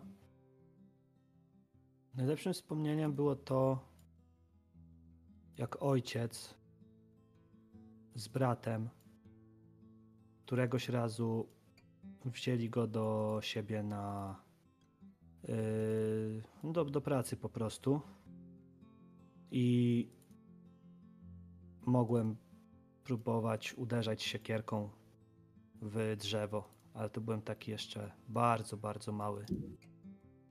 I wtedy jeszcze po prostu nikt ode mnie nic nie oczekiwał, więc więc wtedy tata był był fajny. Wtedy nie byłem dla niego zawodem. Myślisz, że Jack zrozumiał? Prosić mu żegnać? Raczej podszedł z świata myśl. że Lepiej bez jego syna. Jack widział, że coś się zmieniło w tamtym momencie, ale to było za mało, żeby żeby w tamtym momencie się tym przejął. Poza tym on bardzo wolno myśli. I wszystko się działo zbyt szybko, żeby pomyślał o czymś innym niż o swojej czapce.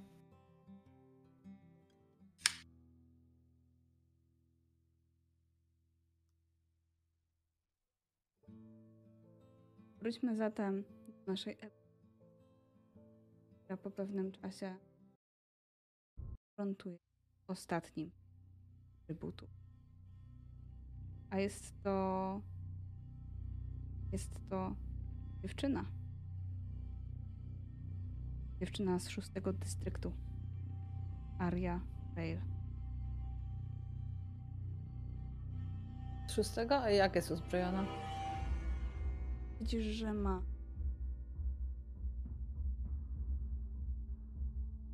I ona Jestem ciebie jeszcze nie widzi. To Widzisz, cóż, jak właśnie pogadać. przykuca i rozkłada rzeczy, które ma ona. Ma kilka takich menażek, które najprawdopodobniej przesłali jej sponsorzy. Wyciąga właśnie garść tabletek, które połyka. To jest dobry moment, żeby. Żeby zrobić to, czego nie chcę, ale to, to co muszę. Raz się udało. Uda się po raz kolejny, czy tylko się odkryje?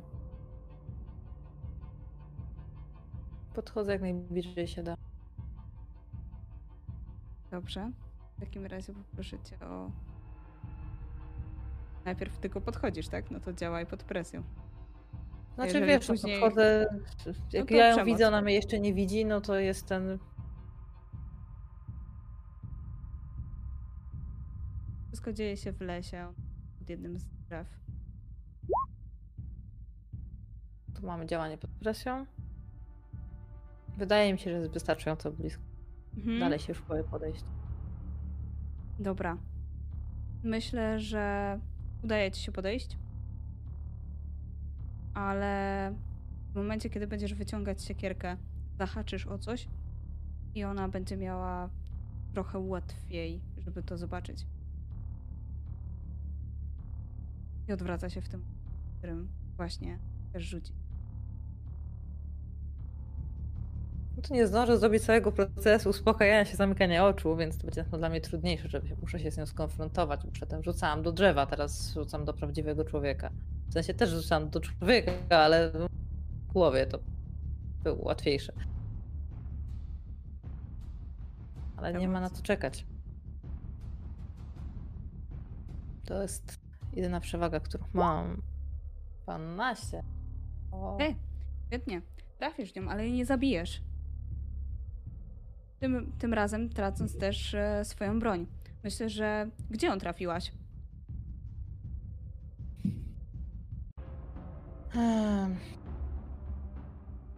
Pewnie gdzieś w brzuch, bo rzucałam mniej więcej celując jak najwyżej, ale no przez to, że miałam otwarte oczy, no to, to, to trochę mi ręka zeszła i, i trafiłam ją pewnie w brzuch. Niekoniecznie zadała mi jakieś poważne obrażenia. I chowam się do drzewa. Ona jęknęła i próbowała jeszcze w ciebie rzucić oszczepem. Uniknij obrażeń.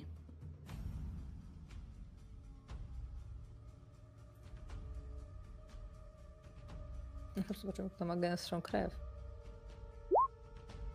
12. Uda ci się, ale jednocześnie zablokujesz sobie drogę ucieczki, bo ona przyszpiliła twoje ubranie, kurtkę do drzewa. To zacznę ją Biegnę. jak najszybciej wyjmować. W sensie Bie, biegnie w oswobadzam. stronę. Co robisz? Oswobadzam jak najszybciej swoją kurtkę, czyli wyszarpuję ten oszczep i tak naprawdę to teraz ja jestem uzbrojona. Ona ma twoją siekierkę. Ale w brzuchu. Tak. No właśnie. Trzyma Jak rękę to? tak naprawdę na rękojeści tej siekierki, ale jeszcze nie wyciąga, bo chyba zdaje sobie sprawę, że to mogłoby pójść źle.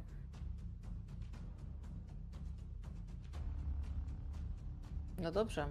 Jedyne co mi teraz sensownego przychodzi do głowy, to odsunięcie się w ostatniej chwili tak, żeby żeby się nadziała na ten swój własny oszczep jeszcze. Albo tak, żeby przebiegła i, i ten impet, który, który biegnie wykorzystać, e, upadła. Straciła równowagę. straci- Okej, albo Działa- działaj pod presją, albo przemoc. Wybierz sobie. Działaj pod presją, bo ja nieaktywnie nie atakuję, tylko właśnie bardzo. Yy, I jest 13. Okej? A porażki! Super. Słuchaj. Zrobimy to tak. Dziewczyna biegnie na ciebie i biegnie z całym, całym swoim impetem, tak żeby się na ciebie rzucić. Ty w tym momencie się odsuwasz i ona nadziewa się na ten swój oszczep. Oszczep w niej tkwi.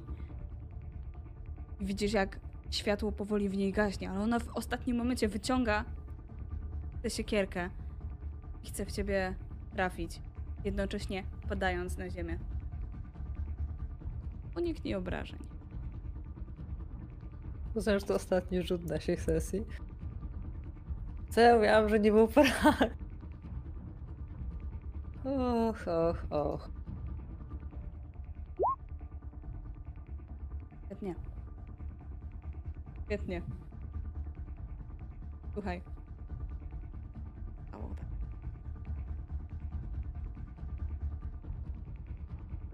Bo ona rzuciła w ciebie e, wyporkiem. To on trafił, że cię nie zabił. W ramię. Zraniła mnie, ale ona umrze pierwsza. Widzisz tak Więc naprawdę, pewnie, jak ona... nawet nie w ramię, myślę, że gdzieś po prostu tu, w ramię i ta siekiera po prostu tkwi w moim ramieniu, więc ja nie mogę korzystać już z tej ręki, ale kuś, odkuśtykuję jak naj... w sensie idę jak najdalej, trzymając się za tą rękę, staram się po prostu odejść jak najdalej od niej, Mhm. brocząc krwią na świeżość. Widzisz tak naprawdę, albo słyszysz, jak ona bardzo długo umiera, bo ty nie słyszysz jeszcze żadnego strzału. Ale w Chowam końcu, się gdzieś w krzakach i płaczę. w końcu słyszysz ten strzał. Myślałaś kiedyś, co się Mi dzieje tak drżą naprawdę wargi, po tym? trzęsę się cała. Słyszysz odlatujący poduszkowiec. Ale on tylko latuje, a po ciebie latuje klatka, która cię zabiera. Co? Bar. Jestem Bonnie Barwick i wygrałam 51 igrzyska. To się nie mogło zdarzyć. To się nie miało prawa. Ale tak się stało.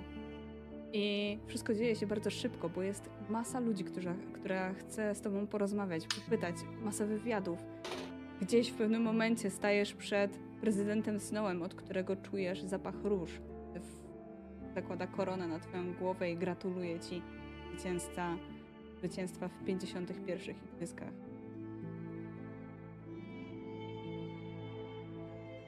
Co się dzieje, kiedy wracasz do domu?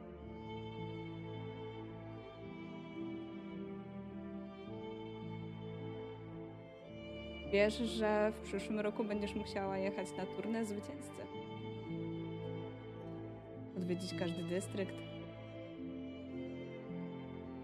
Zostaniesz również.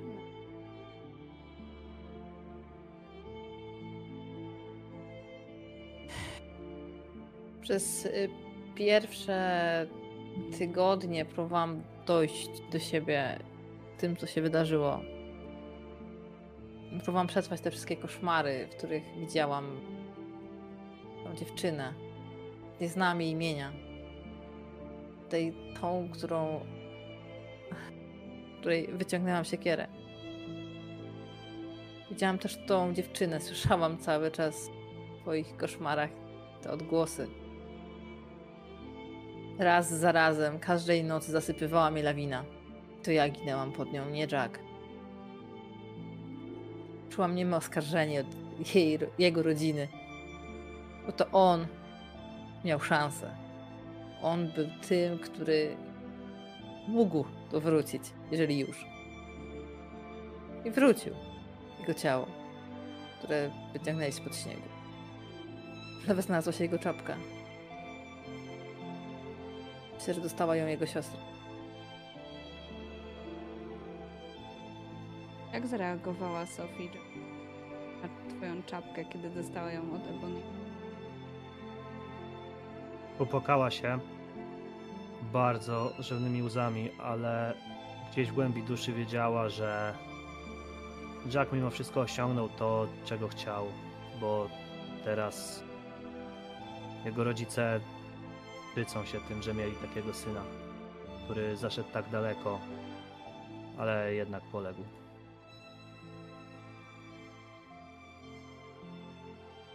W moich snach widzę też twarz Jacka, który bez mrugnięcia okiem zabija tamtą dziewczynę. To jak przyszło mu to łatwo. I ja pewnie obejrzałam y, relację, skrót, taki, że zresztą pewnie musiałam jako zwycięzczyni. Ale tuż przed turnę zwycięzcy odwiedziłam Torna Reduda w jego domu. I może siedzieliśmy nad kubkiem herbaty parującej, bo teraz mogę sobie na takie rzeczy pozwolić. I jedyne pytanie, które padło po długich, długich minutach ciszy, brzmiało: Jak sobie pan z tym radzi? Ja dziękuję wam za sesję. Dzięki. Wow, nie spodziewałam się takiego wyniku. Ja też! powiedziawszy. Sorry. Totalnie. No, fajnie, fajnie. Mega często mi porażki właśnie wchodziły. No, Ej, ale wiedziałem wtedy, już, Żadna porażka już wtedy wiedziałem, że jest koniec. w sensie najlepsze jest to, że jak Iwona mi powiedziała po raz pierwszy swój pomysł, to takie, no spoko, nie? Ale licz się z tym, że umrzesz szybko. No i fajnie. Gratuluję. Wow, nie ma czego! Ale cieszę się, że chociaż któryś, któryś z was w ogóle przetrwało, nie? Bo nie musieliście tak naprawdę wygrać. No ale cóż, jest późno, ja przepraszam was, że tak was długo przetrzymałam. E, trochę nam się to rozjechało w czasie, ale myślę, że udało nam się wygrać. tak, Ja to, jest, to jest gra, w którą można wygrać i w którą niestety można też przegrać. Moi drodzy, dziękuję wam jeszcze raz za naprawdę kawał dobrej gry. I cóż, zapraszam widzów też do komentowania. Dajcie znać, gdzie wy byście się widzieli na jakiej arenie, albo z jakiego dystryktu się czujecie, że jesteście. Tymczasem my się żegnamy. Dobranoc. Dzięki. Dobranoc. Cześć.